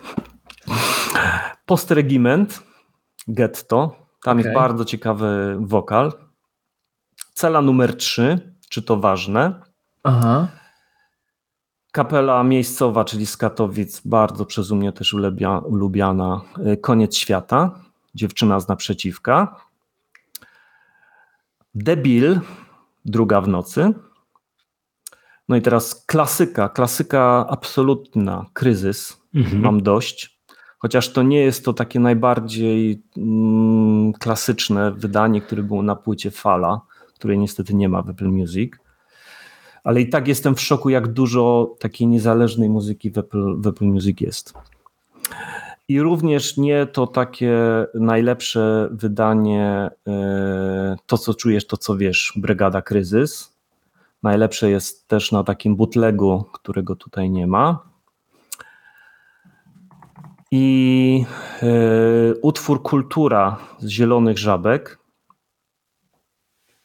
prehistoryczne po prostu rzeczy, ale tutaj znalazłem w wykonaniu Farbenler, bo to oryginalne jest no fatalnej po prostu jakości. I już prawdziwy kawałek Farbenler. I to, to w ogóle to jest kapela, która chyba w tej chwili miała jakieś 35-lecie. Oni grają tak niesamowicie autentyczne i świeże rzeczy, że to bardzo polecam po prostu kompletnie wszystko z Feminy. E, Femina Farbenler to taki tutaj jeszcze akurat taki w miarę lekki kawałek. KSU, moje Bieszczady, wykonanie takie e, unplugged. Kontrapunkt i również tak się nazywa kawałek. Jedno jedyne reggae, którego ja bardzo dużo słucham, ale tutaj chciałem pokazać kapelę Paprika Corps, High Expectation z takiej płyty live, gdzie to jest takie reggae zupełnie, zupełnie inne. No i to były same polskie kapele i na koniec jedna, jedyna kapela mm, zachodnia, która jest dla mnie ekstremalnie ważna i zaraz powiem dlaczego, czyli Yellow. I tutaj z płyty The Touch i Better Height. I Yellow to jest dla mnie, nie wiem czy znacie w ogóle, ale to jest niemożliwe, żeby ktoś nie znał Yellow. To nawet jak nie znacie, to, to znacie. To znacie, ale nie wiecie. Tak. To, słyszeliście, tylko że nie wiecie, że to, to, to jest Yellow. Tak. To, to jest dwóch kolesi z, mm, ze Szwajcarii, y, przy których my jesteśmy ultra młodymi mężczyznami. Y, I to, co oni robią, jest absolutnie niesamowite. Jeden z nich jest w ogóle jakimś tam multimilionerem jest, e, są, grają na wszystkich możliwych chyba instrumentach, zapraszają też dużo, dużo innych muzyków. E, grają elektronikę połączoną momentami z muzyką klasyczną, z techno, z nie wiadomo czym jeszcze, smooth jazzem. To jest kosmos. Na dodatek to jest muzyka, która ma najwyższą możliwą jakość, jeśli chodzi o samo brzmienie. Tam po prostu można się zachwycać każdym pojedynczym y, dźwiękiem. Mm, jest trochę teledysków, które są mega śmieszne. Widać po prostu na tych teledyskach, jak oni lightowo podchodzą do, do, do tematu, jak y, zupełnie coś innego. O, właśnie, to już ktoś pisze race. No, no musi być ktoś, kto to kojarzy. Ale y, to Yellow jest też dla mnie wyjątkowe z zupełnie innego powodu. I szczerze mówiąc, nie wiem, jak to działa, ale Yellow to jest jedyna muzyka, przy której ja jestem w stanie w sposób kreatywny kontemplować. I o. to bardzo polecam. O. Jeżeli macie problem jakiś, nad którym się musicie zastanowić, to ja mam jakby swój sposób. Jak ja muszę wymyśleć jakieś zdjęcie, to ja sobie puszczam Yellow, oczywiście mega głośno, piję sobie kawę i do tego oglądam sobie y, wallpapera, taki, taki magazyn e, o architekturze, sztuce, tam takich różnych rzeczach. On nie jest niezbędny. ale, ale kawa...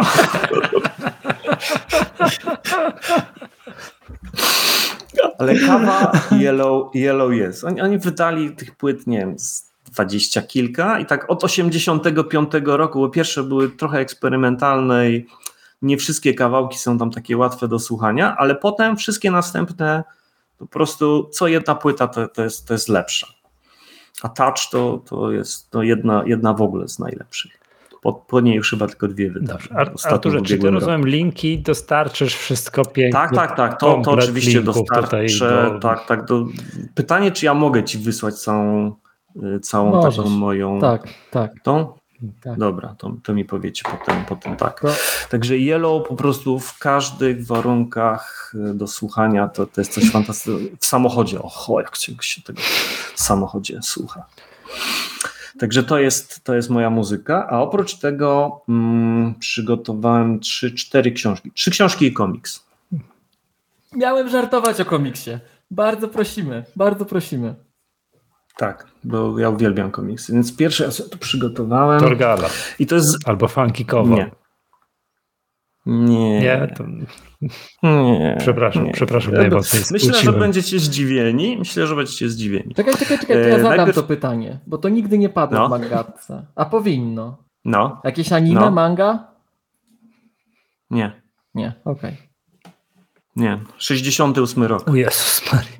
Dobrze, okay. no. Technologiczny komiks. Aż tak stary okay. nie jestem, więc mów. No, no. ale dobrze, najpierw, najpierw książki. E, pierwszy, e, i tu znowu jakby pokazuję książkę e, i mówię o jednej, a, a mówię jakby całej, całej autorze, czyli Andrzej Pilipiuk. Gość, który jest w ogóle chyba jakimś kosmitą, bo on wypuszcza te książki w jakimś po prostu niesamowitym tempie. A zaczynał od tego, że, że yy, krzyżacy tutaj. Pimposz napisał polecam. Yy, zaczynał od tego, że pisał pod pseudonimem kolejne tomy pana samochodzika Nienackiego. Ale tą którego to zresztą też uwielbiam. Kontynuację. Te, te, kontynuacje, tak, był jednym z tych pierwszych kontynuacji. Okay. Tak, i, e, i tutaj polecam jakby Oko Jelenia, to jest powieść, najpierw była sześciotomowa, jak to widzicie jaka jest grubość tego tomu, a potem jeszcze dopisał jeden. I, i to jest też, to jest, to jest science fiction historyczne, które się, kosmici najeżdżają Ziemię, planeta ginie, dwóch gości e, się e, ratuje, zostają wysłani do Norwegii chyba tam XVII-XVI wieku, XVII chyba wiek. Super. Coś absolutnie, coś absolutnie niesamowitego. No, bardzo dużo różnych rzeczy pisze. A to Polak, tak? Kolej... Dobrze usłyszałem? Tak, tak, Andrzej Pilipiuk. Mhm. Przy okazji on, on ma dużo różnych i, i kosmita, tak, tak, tak. E, druga rzecz to jest, e, to jest dwóch, tutaj pokazuję jednego Miłoszewskiego, Wojtka, ale jest dwóch braci Miłoszewskich, obaj są znakomici. I to jest taka trylogia, ja mam tutaj ostatni akurat to Inwazja, Farba i Kontra. I to a propos tego, co w tej chwili się dzieje, o tak, tak pokażę, a propos tego, co się dzieje w polityce na świecie, to jest książka, ta, ta inwazja, która się w ogóle dzieje w Katowicach. Zaczyna się akcja w Katowicach, kiedy e, zaczyna się trzecia wojna światowa. I to się tak zaczyna, aha, ha, ha, tu coś śmiesznego, tam coś, tu brzozy występują. I ja to zaczynam czytać i oni tutaj pokazują, a tutaj zaatakowali Rosjanie właśnie tutaj wchodzą po schodach Altusa, tu się coś dzieje, tu na tej ulicy i nagle wiecie co, jak zaczynasz czytać jakieś coś, co się dzieje w jakimś miejscu, gdzie nie byłem, zupełnie jest inaczej, ale jak zaczynam czytać to, co tutaj się dzieje w miejscach, których jest, to odczucie jest niesamowite. Natomiast to, co się potem dzieje w tej, w tej, tej to, to jest jakby książka na, dokładnie na dzisiejszy dzień, kiedy opisane jest, co by mogło być, jak by mogło wyglądać trzecia wojna światowa, nawet bez użycia atomu. To, jak, to jest powieść science fiction e, wojskowo-psychologiczna. I jakby w ogóle Miłoszewscy to jest Coś absolutnie genialnego. Mhm. E, trzecia książka. Nie mam jej. Słuchałem audiobooka, jest znakomity i jest najbardziej technologiczny z tego wszystkiego. Marcin Przybyłek, Game Deck. Wiem, że jest jakaś gra na podstawie tego. Natomiast książka opowiada o, dzieje się w Polsce e, gdzieś tam w przyszłości, w Warszawie i mówi o tym, w jaki sposób e, nowe technologie, wirtualne światy mogą się łączyć z naszymi. To, jak to facet wymyślił, jak to poprowadził akcję, to jest absolutne mistrzostwo. I dla każdego, kto, kto się interesuje technologiami, to absolutnie polecam to do, do przeczytania, a pewnie jeszcze lepiej do posłuchania audiobooka. To, to jak się, tam się łączy świat z robotami. Ludzi, ludzie łączą się z robotami i zaczynają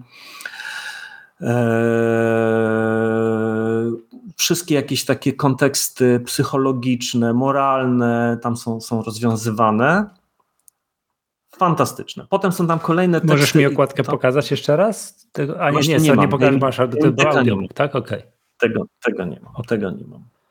Dobrze, Ale a może, wszystko... przepraszam, czy te wszystkie trzy książki można kupić w formie e-booku, w jakiejś tam czymś, w jakimś, wiesz?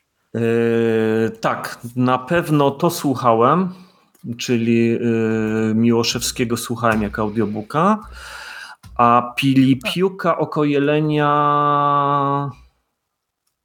nie jestem pewien. Ja nie chcę audiobooka, ja wolał e-booka, takiego normalnego czytanego, tylko kupionego w jakimś, wiesz, iBook Store, pewno, czy tam w innym To, to, to e-booki to na pewno Blinku, czy tak innym tak, tak. Czymś, to, to, to, na pewno, to, to, to bez problemu myślę. To, to są jednak bardzo popularni pisarze, wbrew pozorom. I komiks. I komiks, wezmę łyk.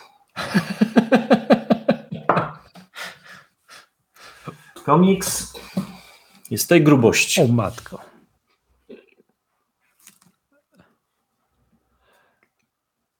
Kajtek i Koko w kosmosie. I to jest, to jest takie współczesne, że tak powiem, wiesz, po Kajku i Kokoszu wydane. Tak, bo Kajtek i Kokosz tak. to jest współczesna wersja, a raczej późniejsza wersja Kajko i Koko. Kajtka i Koko. Gość zaczął rysować to w latach w 58 roku chyba zaczęły pokazywać te opowieści w wieczorze wybrzeża w postaci takich codziennych pasków. E, natomiast e, ten zaczął od 68 do 72, o ile tutaj dobrze e, pamiętam. Tak, 68-72 zaczął to pisać. Też się to ukazywało w postaci pasków. Potem zostało wydane jakieś takie duże wydanie, takie właśnie jak to, a potem zostało drugie, jeszcze późniejsze, jeszcze bardziej uaktualnione na podstawie wcześniejszych wersji, bo on tam jakby bardzo dużo to mieszał, zmieniał, to było cenzurowane. Ja w dzieciństwie miałem takie cieniuteńkie wydanie, bardzo szczątkowe fragmentu. I dlaczego to jest takie genialne? E, facet wymyślał tu po prostu tak nieprawdopodobne rzeczy. On wymyślił, jak będzie wyglądała w tej chwili rzeczywistość, jak będzie wyglądał nasza, nasze życie i jak będzie wyglądał Google.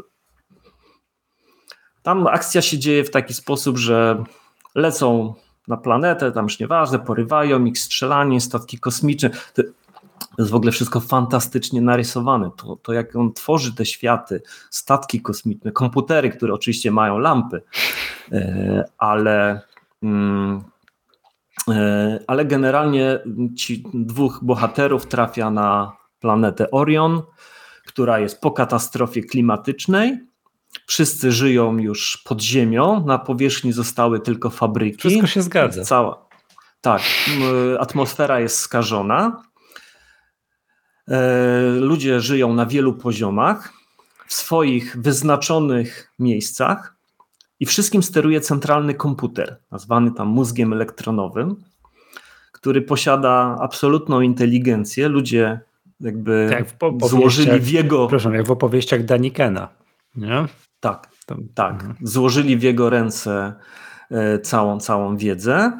On tym wszystkim steruje. Są oczywiście roboty I to, co właśnie tam jest dla mnie najfajniejsze, dzieci w szkole nie uczą się wiedzy, tylko uczą się korzystania z dostępu do bazy wiedzy. Mhm.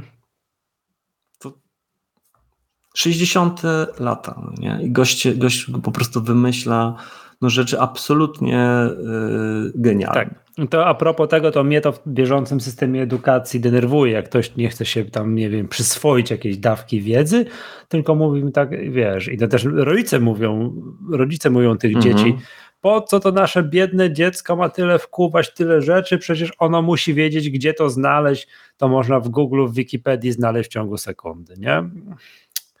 No ja w tym, ja zawsze stoję w poprzek takiemu myśleniu, że to jednak jakąś część wiedzy powinno się posiadać tak po prostu we własnej Wikipedii, własnym Google, wewnątrz swojej własnej czaszki, ale, ale taki kierunek jest, że nie ma sensu się niczego uczyć, bo wszystko jest dostępne pod palcem.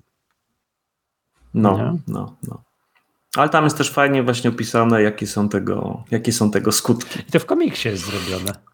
Tak, tak. To, to, to, to jest absolutnie fantastyczny to, Czy to ma coś wspólnego, nie wiem, wiesz, z Kajkiem, ich, wiesz, znanym tak, to są, Kajkiem i Kokoszem, tak, tak, to znaną są, jakby, to wiesz. są, no jak widzisz tutaj na, na okładce, to są dokładnie te same postacie. One są dokładnie tak samo, tak? Okay. dokładnie tak samo rysowane. Tak. To się różni tylko tym, że to się dzieje w przyszłości. Zaczyna się akcja w Gdańsku, jest profesor, są naukowcy i, I okay. jest cała masa historii. A fajnie podoba mi się grubość, że nie jest komiks taki, wiesz, o, cieniusieńki komiks, tak, typu jak Kajko tak, i Kokosz, tak, nie tak, wiem. I to jest jeden z wielu. Oni tak. oczywiście są też wersje, gdzie oni zupełnie inne przygody przeżywają, kryminalistyczne. Także okay, okay. Kajtek i Kokosz wszyscy kojarzą, ale Kajtek i Koko, że byli pierwowzorami, to już znacznie mniej. Super. Także to są moje, mój wkład. To na pół roku, e... co po niektórych. Tak, tak, tak, tak. Dobrze, bardzo pięknie pa, panom tutaj dziękuję. Czy mamy coś jeszcze do poruszenia w ramach punktów obowiązkowych? Arturze, to... jesteś gospodarzem, to decydujesz. A, no właśnie. To ja mogę tylko coś Myślę, do kącika kulturalnego poruszyliśmy. Dodać? No oczywiście. To słuchajcie, Pozwalam. Ja, ja dzisiaj, tak jak Michał poprzednio, bananowy song od Vox. Tylko tyle ode mnie. Mhm. Mhm. A to mnie się przypomniał jeszcze jeden film z Netflixa. Eee, rysunkowy, animowany, który jest absolutnie niezwykły graficznie. Oderwij wzdłuż. O, nie przygotowałem się. Oderwij wzdłuż perforacji? Jakiś taki. Brzmi jak to nie wiem. Wiem, że Netflixa. Ja, ja, myślę, że jak się wpisze oderwij wzdłuż, włoskim w ogóle, sześcio chyba odcinkowy, gdzie w ostatnim odcinku wszystko się dopiero wyjaśnia tak naprawdę. Ale to sprawdzisz i podasz, bo to tam gdzieś trzeba będzie wpisać, tak, coś tam, tak, coś tak, zrobić tak, i tak, tak dalej. Dobrze. Ja, ja tylko wiem, że Netflixa będę miał od 11 marca. Mhm. Bo wchodzi czwarty sezon Drive to Survive, także to, to, to, to akurat, więc wówczas będę nadrabiał wszystkie rzeczy z Netflixa, więc przez miesiąc będę musiał e, takie rzeczy nadrabiać. Tu jest podpowiedź odej, oderwij, oderwij wzdłuż linii. Jest wzdłuż linii, tak, tak, tak, tak, tak, tak, tak, To dziękujemy też słuchaczom i klubowiczom, którzy wytrzymali z nami do tej godziny, tak, którą o, jest, jest jutro, bo nie wiem, czy wiecie, mieliśmy wczoraj tak, mieliśmy wczoraj y, dużo dwójek y, w dacie i nawet numer Magdatki jest, ma dużo dwójek w dacie. Tak, 220. A, to mamy tak, tak, bo był 20, tak. 02, 2022 i mamy 220 odcinek Maggatki, więc tak się... Jest, tak, tak, tak, tak, tak dużo tak dwójek i zery. Numerologia mówi, że to jest punkt zmiany energetycznej, tak? To do tego A. można bardzo wiele rzeczy wyciągnąć, moi panowie drodzy. Arturze, tak śmiechy, tak. jakbyś rozkminił, o co tu tak do, do końca chodzi, to by, na, może, może być się dyski twarde przestały psuć w domu. Tak, na przykład. Arturze, do ciebie pytanie, czy no. kontynuujemy, czy robimy, czy zmierzamy Nie, do no szczęśliwego myślę, końca? Myślę że, myślę, że zmierzajmy do szczęśliwego e, końca. Ktoś tu się spytał, czy oglądam filmy, programy. Tak, oglądam. A te, to jeszcze tak, to, to, to ja zapytam w takim razie, jeszcze skoro tutaj Ty, czy oglądasz coś na Apple TV? Bo wspomniałeś, że fundację oglądałeś, tak, to dyskutowaliśmy. Tak. No, fundacja, Byłbyś w stanie fundacja... wskazać, który, może jeden serial, który najlepszy, bo tam, nie wiem, czy pamiętasz, ja wskazałem kiedyś na Def Defending Jacob jako ten jedyny. No powiem ci tak, e, że obejrzałem chyba dwa, no. dwa odcinki i mm, tak odłożyłem go sobie na potem, bo nie, nie porwał nie mnie. To był okay. fajny, ale nie, nie, nie wciągnął. Natomiast patrząc jakby po tym, ile razy coś oglądałem, to chyba z trzy razy obejrzałem już Ted Lasso. Ted Lasso, okej. Okay. Ted, Lasso zdecydowanie najfajniejszy. No, a reszta jest ok, no to są fajne, to są fajne wszystko rzeczy, niektóre są śmieszne, lepsze, gorsze, ale, ale, ale fajnie, no podoba mi się tam. I to, co zauważyłem jeszcze, to co mówiliśmy na początku a propos teatru telewizji, który mm -hmm. ty mówiłeś, że, że jest w niektórych. Fundacja mi się tak kojarzy, to jest tak nagrane tak, jakoś tak. tak statycznie. To, tak. to nie, to ja właśnie, to ja właśnie mm, ja mam ma, malutki telewizor, 50 cali, to taki, taki jeden z, z mniejszych Philipsa i taki, to była tam ta wersja One chyba z 19 roku, czyli no taka średnia, średnia półka, no ale uważam, że jakość obrazu jest naprawdę fantastyczna, e, ale jak oglądałem coś na Netflixie i przeszedłem właśnie, włączyłem sobie tą lepszą wersję 4K i on mi zaczął wyświetlać e, właśnie te Dolby Vision, to to wszystko się zrobiło jakieś takie płaskie.